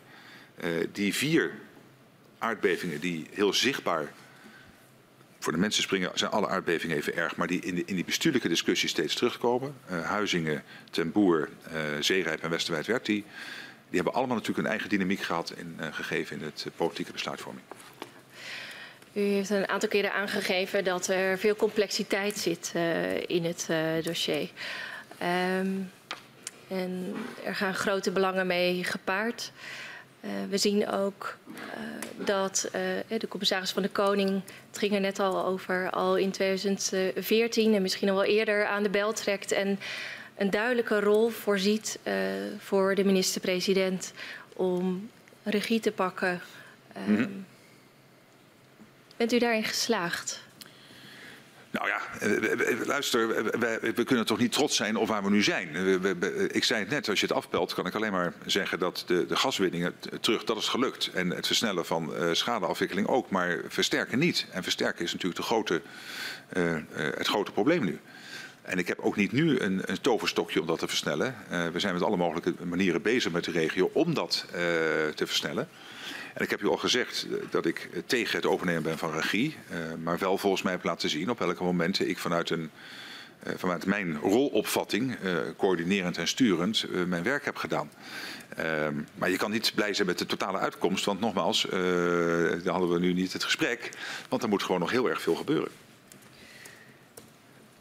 En hoe kijkt u dan terug op die momenten waarop u zegt, daar heb ik aangestuurd um, en meer regie gepakt? Uh, of meer coördinatie uh, gevonden. Hoe kijkt u daarop terug? Ja, maar dan ga ik toch wel eerst zeggen dat we in het stelsel wat wij hebben, ik niet instructies kan geven aan ministers. Dat werkt zo niet. Uh, we hebben geen presidentieel stelsel. Ook niet het, de kanselier in Duitsland kan dat. Die kan richtlijnen geven aan zijn ministers. Ik vind het ook goed dat we dat niet hebben. Ik denk dat wij de goede verhouding hebben die ook helemaal past bij Nederland. Met een premier als voorzitter van de ministerraad, verantwoordelijk voor de eenheid van het kabinetsbeleid. Maar Uh, tegelijkertijd hebben de die functie en ook zijn er de voorzitter van de ministerraad, realiseer ik mij zeer goed dat waar ik aandacht aan besteed, vanzelf ook belangrijker wordt gevonden in de hele overheid. En uh, of dat nou MH17 is of uh, de Groningse aardbevingen, dan heb ik dat te doen. En uh, ik ga mezelf geen rapportcijfers geven, want nogmaals, het hele Groningen dossier is verre vanaf. En op dat versterken zijn we er nog lang niet. Maar ik heb mijn poging gedaan om op de momenten dat ik dacht in mijn rolopvatting, nu is het, of het nou om versterken gaat of het schadeprotocol uh, of het terugbrengen van de gaswinning, uh, mij meer dan normaal. En normaal ben ik al zeer nauw bij het dossier betrokken, omdat ik natuurlijk alle belangrijke vergaderingen leid en dat ook doe met een opvatting. En welke lessen trekt u uit deze periode? Ja, ik, ik heb daarover nagedacht, dus misschien mag ik daar iets over, uh, over zeggen.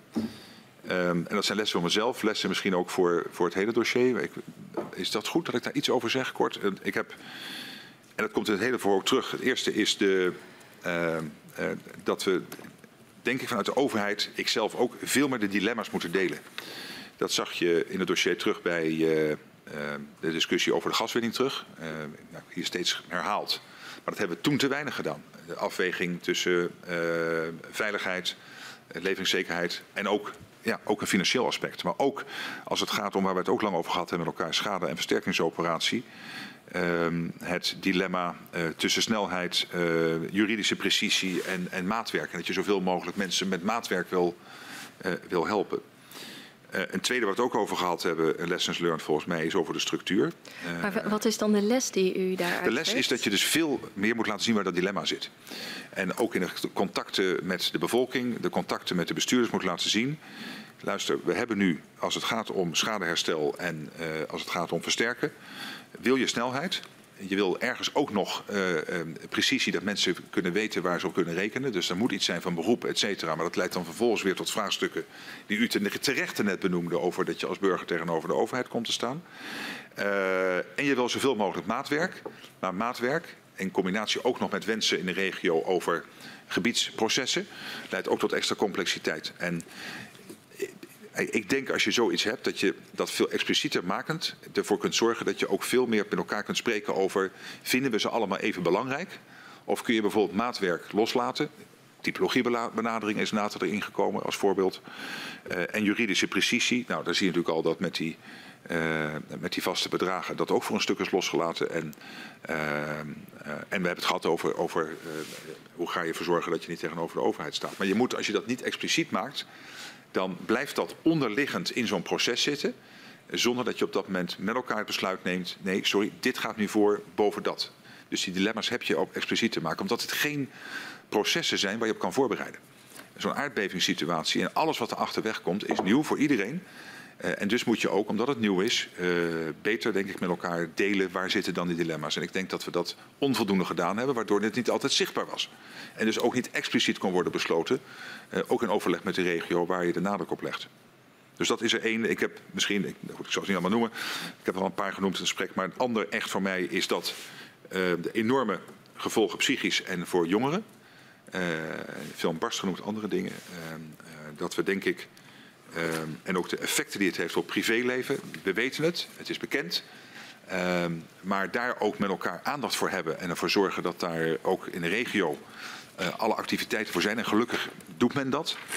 Um, uh, dat is ook een, ik denk dat je niet mag onderschatten hoe belangrijk dat is. Ook al uh, probeer je met z'n allen ervoor te zorgen dat de situatie weer veilig wordt, dat die tussenliggende fase ongelooflijk veel angst en zorg met zich meebrengt.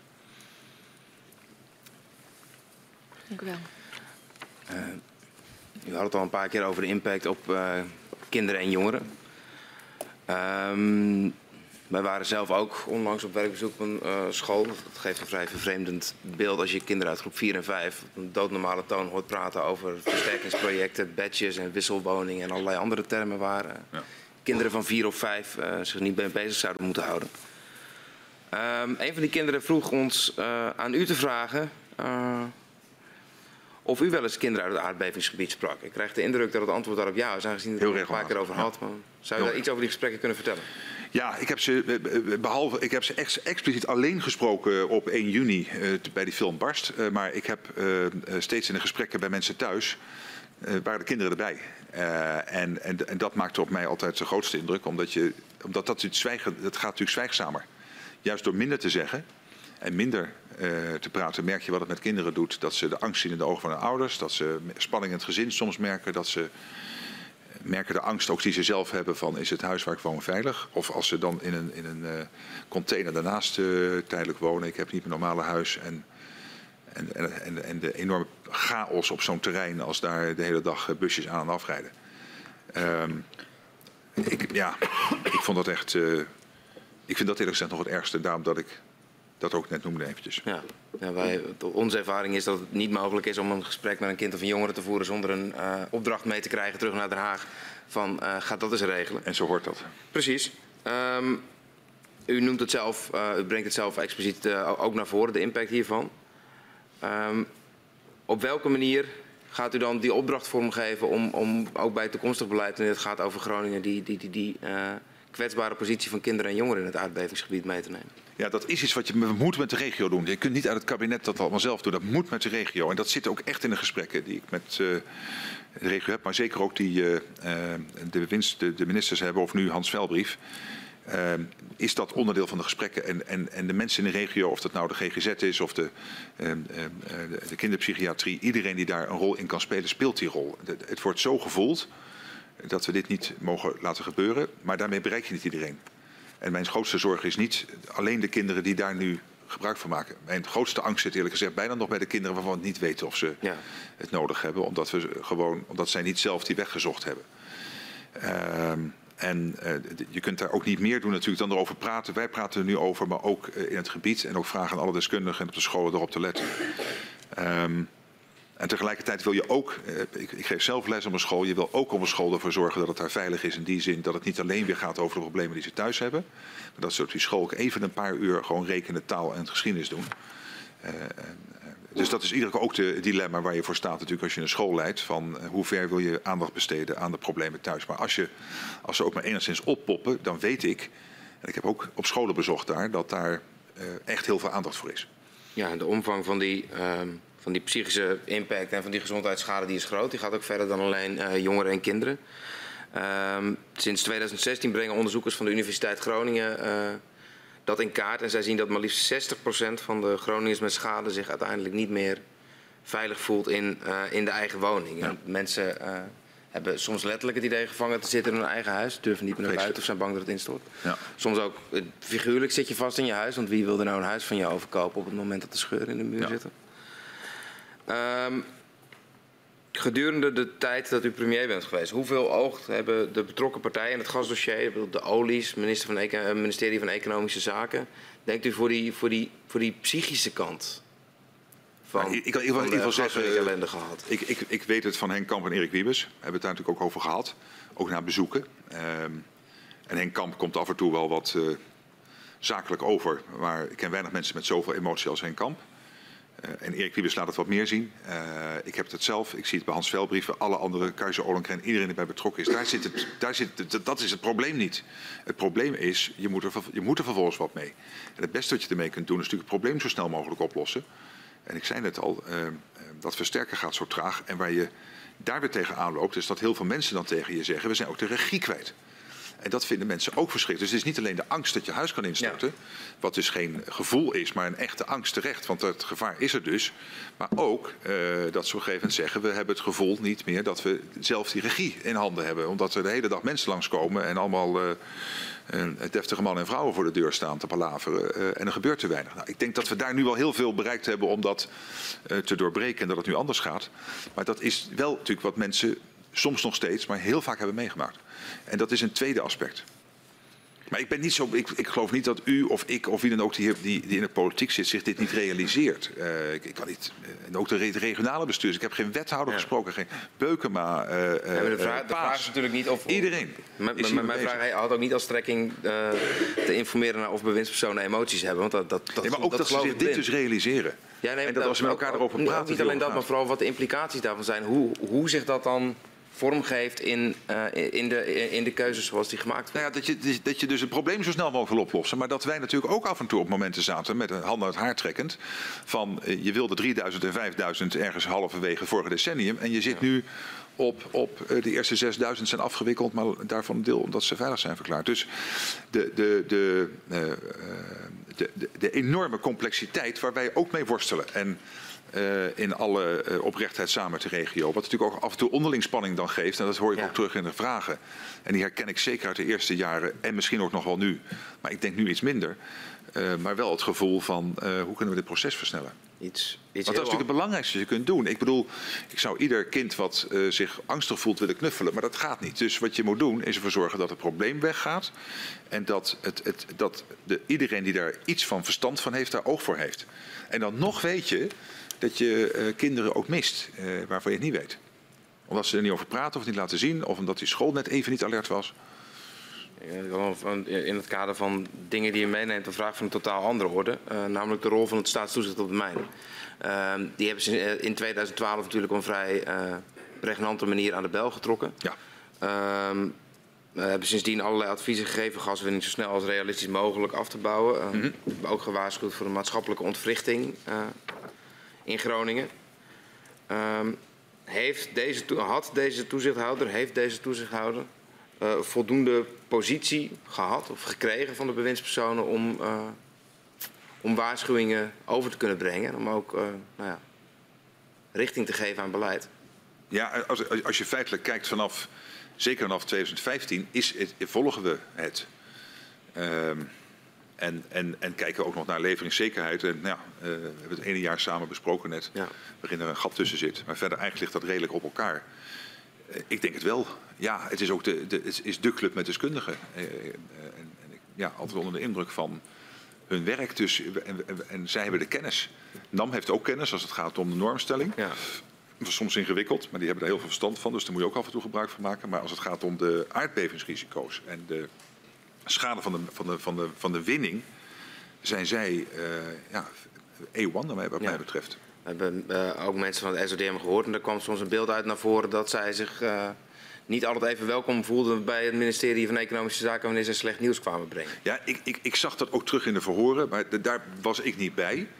Uh, wat ik zeg, het kan ook zijn, ja, weet ik, weet ik, maar ga ik interpreteren. Ik, wat ik gewoon zie in de feiten is dat als zij met een advies komen, toch eigenlijk iedere keer uh, dat advies leidend is voor wat wij uh, gaan doen. Uh, en zeker vanaf, nou, in 14 zitten we nog 2,5 boven. maar daarna volgen toch eigenlijk precies die adviezen. En dat is ook logisch.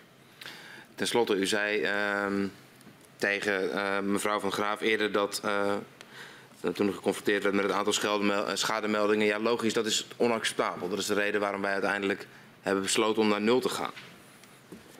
Nou ja, is het eigenlijk niet gek dat er helemaal geen, geen, geen normen zijn voor wat acceptabele uh, bijkomende schade is van zo'n uh, activiteit als mijnbouw? Ja, ja eens. Uh, moeten we ook oplossen. we, hebben nu, we zijn natuurlijk met het probleem geconfronteerd in 2012. En op dat moment scheen de zon. er was allemaal geen verenigd veldje aan de lucht, leek het. Oké, als je erop terugkijkt, zie je ook daarvoor echt wel aanwijzingen en aardbevingen. Maar niet met een impact zoals Huizingen. Ehm, en, en daarna, natuurlijk, ja, zijn we natuurlijk heel erg bezig geweest, los van uh, de, de, winning terugbrengen, zijn we ook erg bezig geweest met wat is, ja, wat is dan uh, de precieze uh, normstelling voor schade en wat moet je dan doen. Ja, dat zie je ook door het hele dossier heen, dat we daar toch iedere keer proberen heel strak op te blijven. En als die dan verbeteren, dat je weer zoekt, ja, hoe voorkom je nou verschillen in straten tussen de ene woning en de andere. mevrouw Kapman heeft ook nog een aantal vragen voor u. Ja, we hebben in de afgelopen weken meerdere malen in verklaringen gehoord dat elementaire signalen eigenlijk de hoofdtafels niet uh, bereiken. Signalen van de SODM, mogelijkheden tot ingrijpen in die recordwinningen in 2013, rode vlaggen van regiobestuurders of bijvoorbeeld belangrijke input voor de formatie. En ondertussen zei u van ja, sinds 2013 is Groningen um, nou, in het kabinet een dossier van ons allen, ook juist om die brede discussie uh, te voeren. Ja. Hoe komt het dan dat dan toch die signalen worden gemist?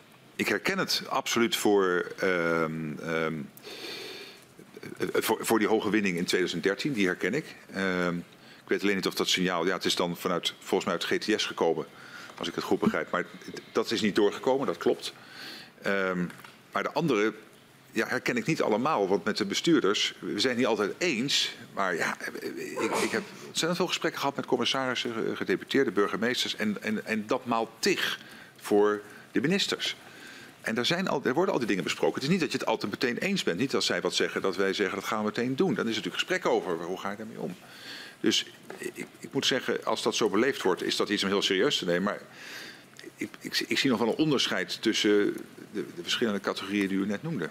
Maar is het dan niet doorgaans dat als een, als een, uh, uh, een toezichthouder een rode vlag uithangt, dat dat, dat, dan, dat, dat dan gebeurt?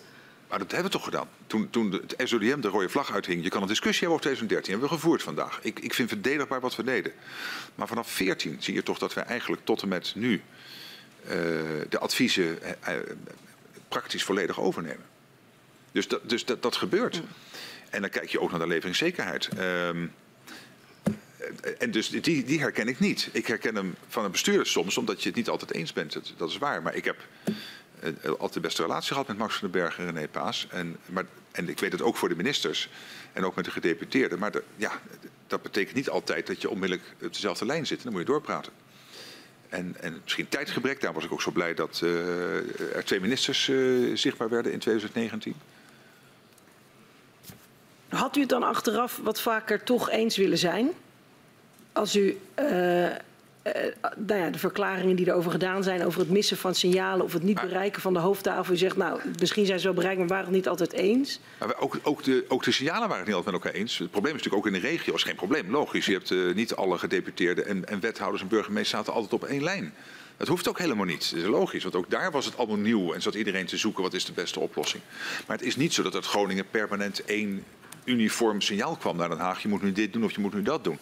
Geen verwijt, helemaal niet. Dat is hoe het werkt uh, in een bestuurlijk Nederland met ook verschillende politieke opvattingen. Uh, maar ik, ik hou wel staande dat uh, voor, de, voor de, de hoofdrolspelers die hier aan werkten, die gewoon beschikbaar waren om erover te praten en te kijken hoe gaan we dat samen oplossen. En ook was waar dat dit zo groot en nieuw was dat we allemaal, ook Groningen, ook wij, met elkaar bezig waren na te denken, hoe ga je dit doen? Waardoor, je ook, waardoor we ook konden onderschatten de enormiteit van die versterkingsoperatie. En daar veel te naïef over gedacht hebben in het begin. Allemaal. Dus dan houdt u ook staande dat de signalen van onderop voldoende in Den Haag naar voren Als u dit zo terughoort, is het antwoord nee. Dan is dat dus niet zo. En, en, en ik kan alleen proberen te zeggen hoe wij ermee omgingen. Dus dan is dat een zoektocht voor mij om te kijken waar ging dat dan mis. Maar ik vind zichtbaar vanuit ons dat we geprobeerd hebben steeds overal voor open te staan. Maar nogmaals, als men dat anders ervaart, dan is dat natuurlijk een gegeven. En dan ga ik dat niet bestrijden. U gaf aan uh, dat het zo lang op zich hebben laten wachten van een nieuw schadeprotocol. Dat dat één van de zwarte pagina's is in het Groningen dossier. Wat zijn de andere zwarte pagina's? Nou ja, die hoge winning in 2013 uh, is natuurlijk slecht. Uh, en, en uh, ik vind geen zwarte pagina, maar wel uh, de, de, het, het, rampzalige feit dat die versterkingsoperatie zo co complex is. Alleen bij dat schatenprotocol had je nog een handelingsperspectief. Je had ze kunnen zeggen in 2013 of 2017, toen het werd stopgezet, had je dat sneller kunnen oplossen. Ik, ik heb nu geen antwoord wat je anders kunt doen nu onmiddellijk om die versterking te versnellen. Want dan zouden we dat nu doen. Minister Wiebes die verklaarde dat u, uh, los van dat u gewoon wilde, want dat heeft u vandaag ook gezegd, dat er vanuit de inhoud breed verantwoordelijkheid werd genomen uh, in het kabinet voor Groningen. Mm -hmm. U ook zei, dat moet niet één minister doen, die is dan zo vertrokken. Ja. Ik parafraseer nou, een beetje, het waren niet exact hoor. zijn woorden, dat was wat hij zei. Die is dan zo weg, die is dan zo vertrokken. In hoeverre speelde dan de mogelijke politieke afrekening ook een rol? Nou, in de ik, keuze heb ik het nooit gezien, om hoor. het breed te beleggen? Ja, maar hoezo dat dan Wiebes vertrokken is op Groningen? Nee, nee dat... niet uh, gewoon dat het handig is om het breed te beleggen, omdat als dit op, één, op de schouders van één minister valt. Nee, maar sorry, dat, heb ik echt, dat is echt geen overweging. En ik, hier en daar wordt ook beweerd, OVL-brief is zeker benoemd, want dan kan die sneuvelen als het misgaat met de enquête. Nou nee, hij is de laatste die sneuvelt. Uh, wat kan hij er verder aan doen? Hij doet zijn best om het op te lossen. Nee, dat is echt uh, niet aan de orde. Mijn collega mevrouw Van der Graaf die, uh, zei zojuist, uh, die, die hield u voor dat in de verhoren de afgelopen weken naar voren is gekomen dat Groningers overal hebben voor, moeten vechten. Dat, dat hebben veel mensen ons hier uh, voorgehouden. Waar, waar heeft u voor gevochten? Ik heb vanaf het begin geprobeerd, en, en ik weet niet of dat met de term vechten moet omschrijven, maar geprobeerd om, wat ik eerder beschreef, of het nou ging om de gaswinning terug, schade en versterken om dat een goede baan te leiden. En dat lukt niet allemaal. Uh, sommige dingen lukken beter, sommige dingen lukken niet goed. En de Groningers hebben moeten knokken, dat zie ik. Dat is ook een reden waarom we bijvoorbeeld hebben gezegd, de NAM moet eruit.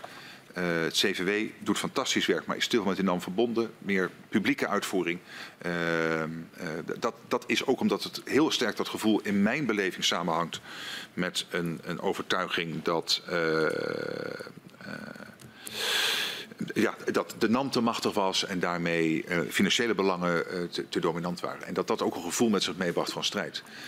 Uh, op schade, het, het, schadeprotocol stil en vervolgens de stuwmeer ook strijd. de zwarte bladzij. En daar gaat het volgens mij nu beter. Behalve voor de 1300 die we nog moeten oplossen, die langer liggen. Dan wil ik toch nog even ook met u terug uh, naar die coalitieonderhandelingen. Want uh, mijn collega de heer Quint die gaf het al heel duidelijk aan. U heeft daar geen verschoningsgrond. Daar kunt u zich niet uh, op beroepen. En u staat ook onder Ede. Dus eigenlijk bent u dan verplicht uh, om, om te antwoorden.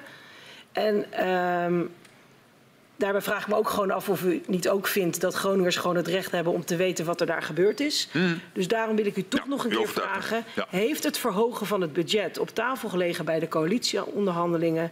Ja Volgens nee? mij niet. Volgens mij niet. Nee. Nee, maar ik, ik, zou het ook gek hebben gevonden als het daar op tafel lag. Dat zei ik net ook. Waarom vind ik het gek? Omdat dit is een het besluit om, een, om, een, om die woningverbeteringssubsidie te doen. Dat was een besluit wat het kabinet had genomen in overleg met de regio. was onderdeel van bestuurlijke afspraken. Daar hoort een budget bij. De discussie was, is het budget genoeg? Er was de overtuiging op dat moment dat met die gedachte hoeveel het budget moest zijn, dat genoeg was. Dat bleek een fatale fout te zijn. Um, als je dan in de formatie had gezegd, we gaan dat budget verhogen, wat niet een bestuurlijk besluit is om dat te gaan doen, maar alleen een budget is wat hoort bij een bestuurlijk besluit, dat vind ik niet iets voor een formatie. Je moet dat het kabinet verwijten, niet de formerende partij. Dat zou mijn opvatting zijn. Daar zit de fout, niet, niet bij de formatie. Okay. We komen tot een afronding van dit uh, verhoor. We hebben nog een aantal uh, vragen. In het huidige coalitieakkoord is opgenomen dat de gaswinning in Groningen conform plan zo snel als mogelijk wordt afgebouwd, omdat de veiligheid van de Groningers voorop staat. In hoeverre weet u zeker dat door de gewijzigde omstandigheden niet alsnog extra gas uit het Groningenveld gewonnen zal worden? Niet. Het, is, een, het is de laatste resort. Ik ben totaal eens met wat Hans Velbrief daar gisteren over gezegd heeft, wat ik terugzag in de media. Het is in een uiterste, uiterste geval. En dat kan zijn als er daadwerkelijk een leveringszekerheidsprobleem met ook een direct veiligheidsvraagstuk ontstaat in Nederland of in een van de buurlanden.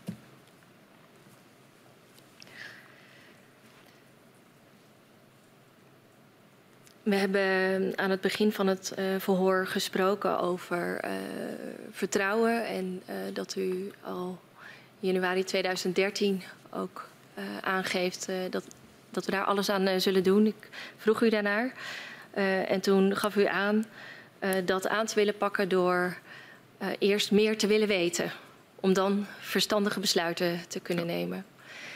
Um, we zien uh, en we horen dat ook terug in de verhoren dat veel getuigen aangeven dat dat vertrouwen nog ver te zoeken is. Hm.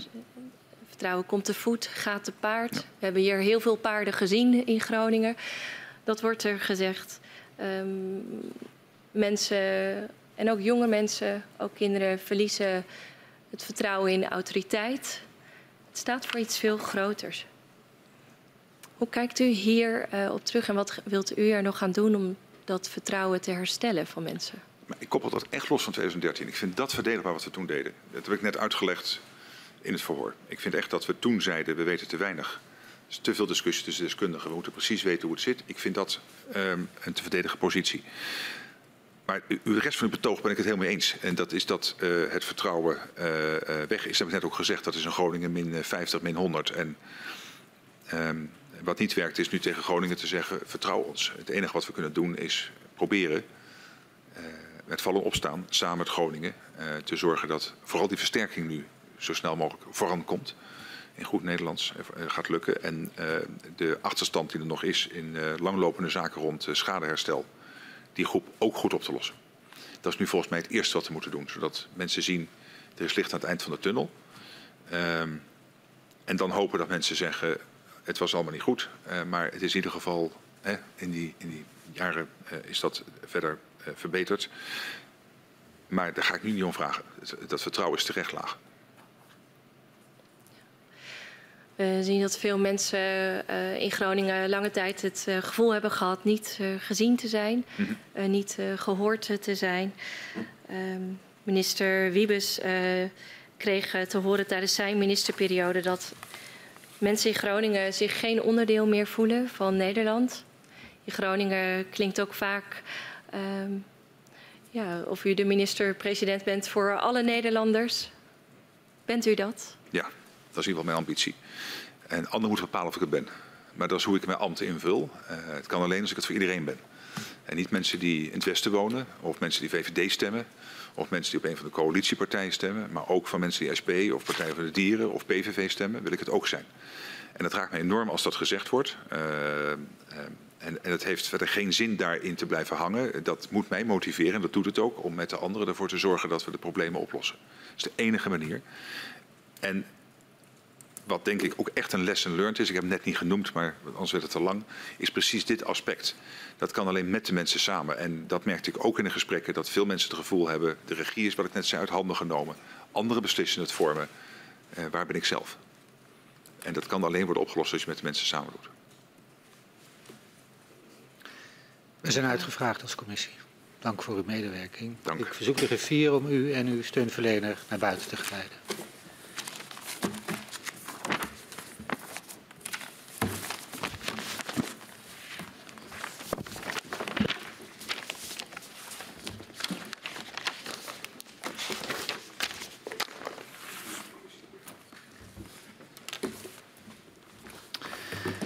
Um, ik ga zo de vergadering sluiten. Morgenochtend uh, hebben wij een verhoor met de heer Kogelkoorn, de, huidige uh, inspecteur-generaal der mijnen. En uh, dat is om tien uur morgenochtend. Ik sluit de vergadering.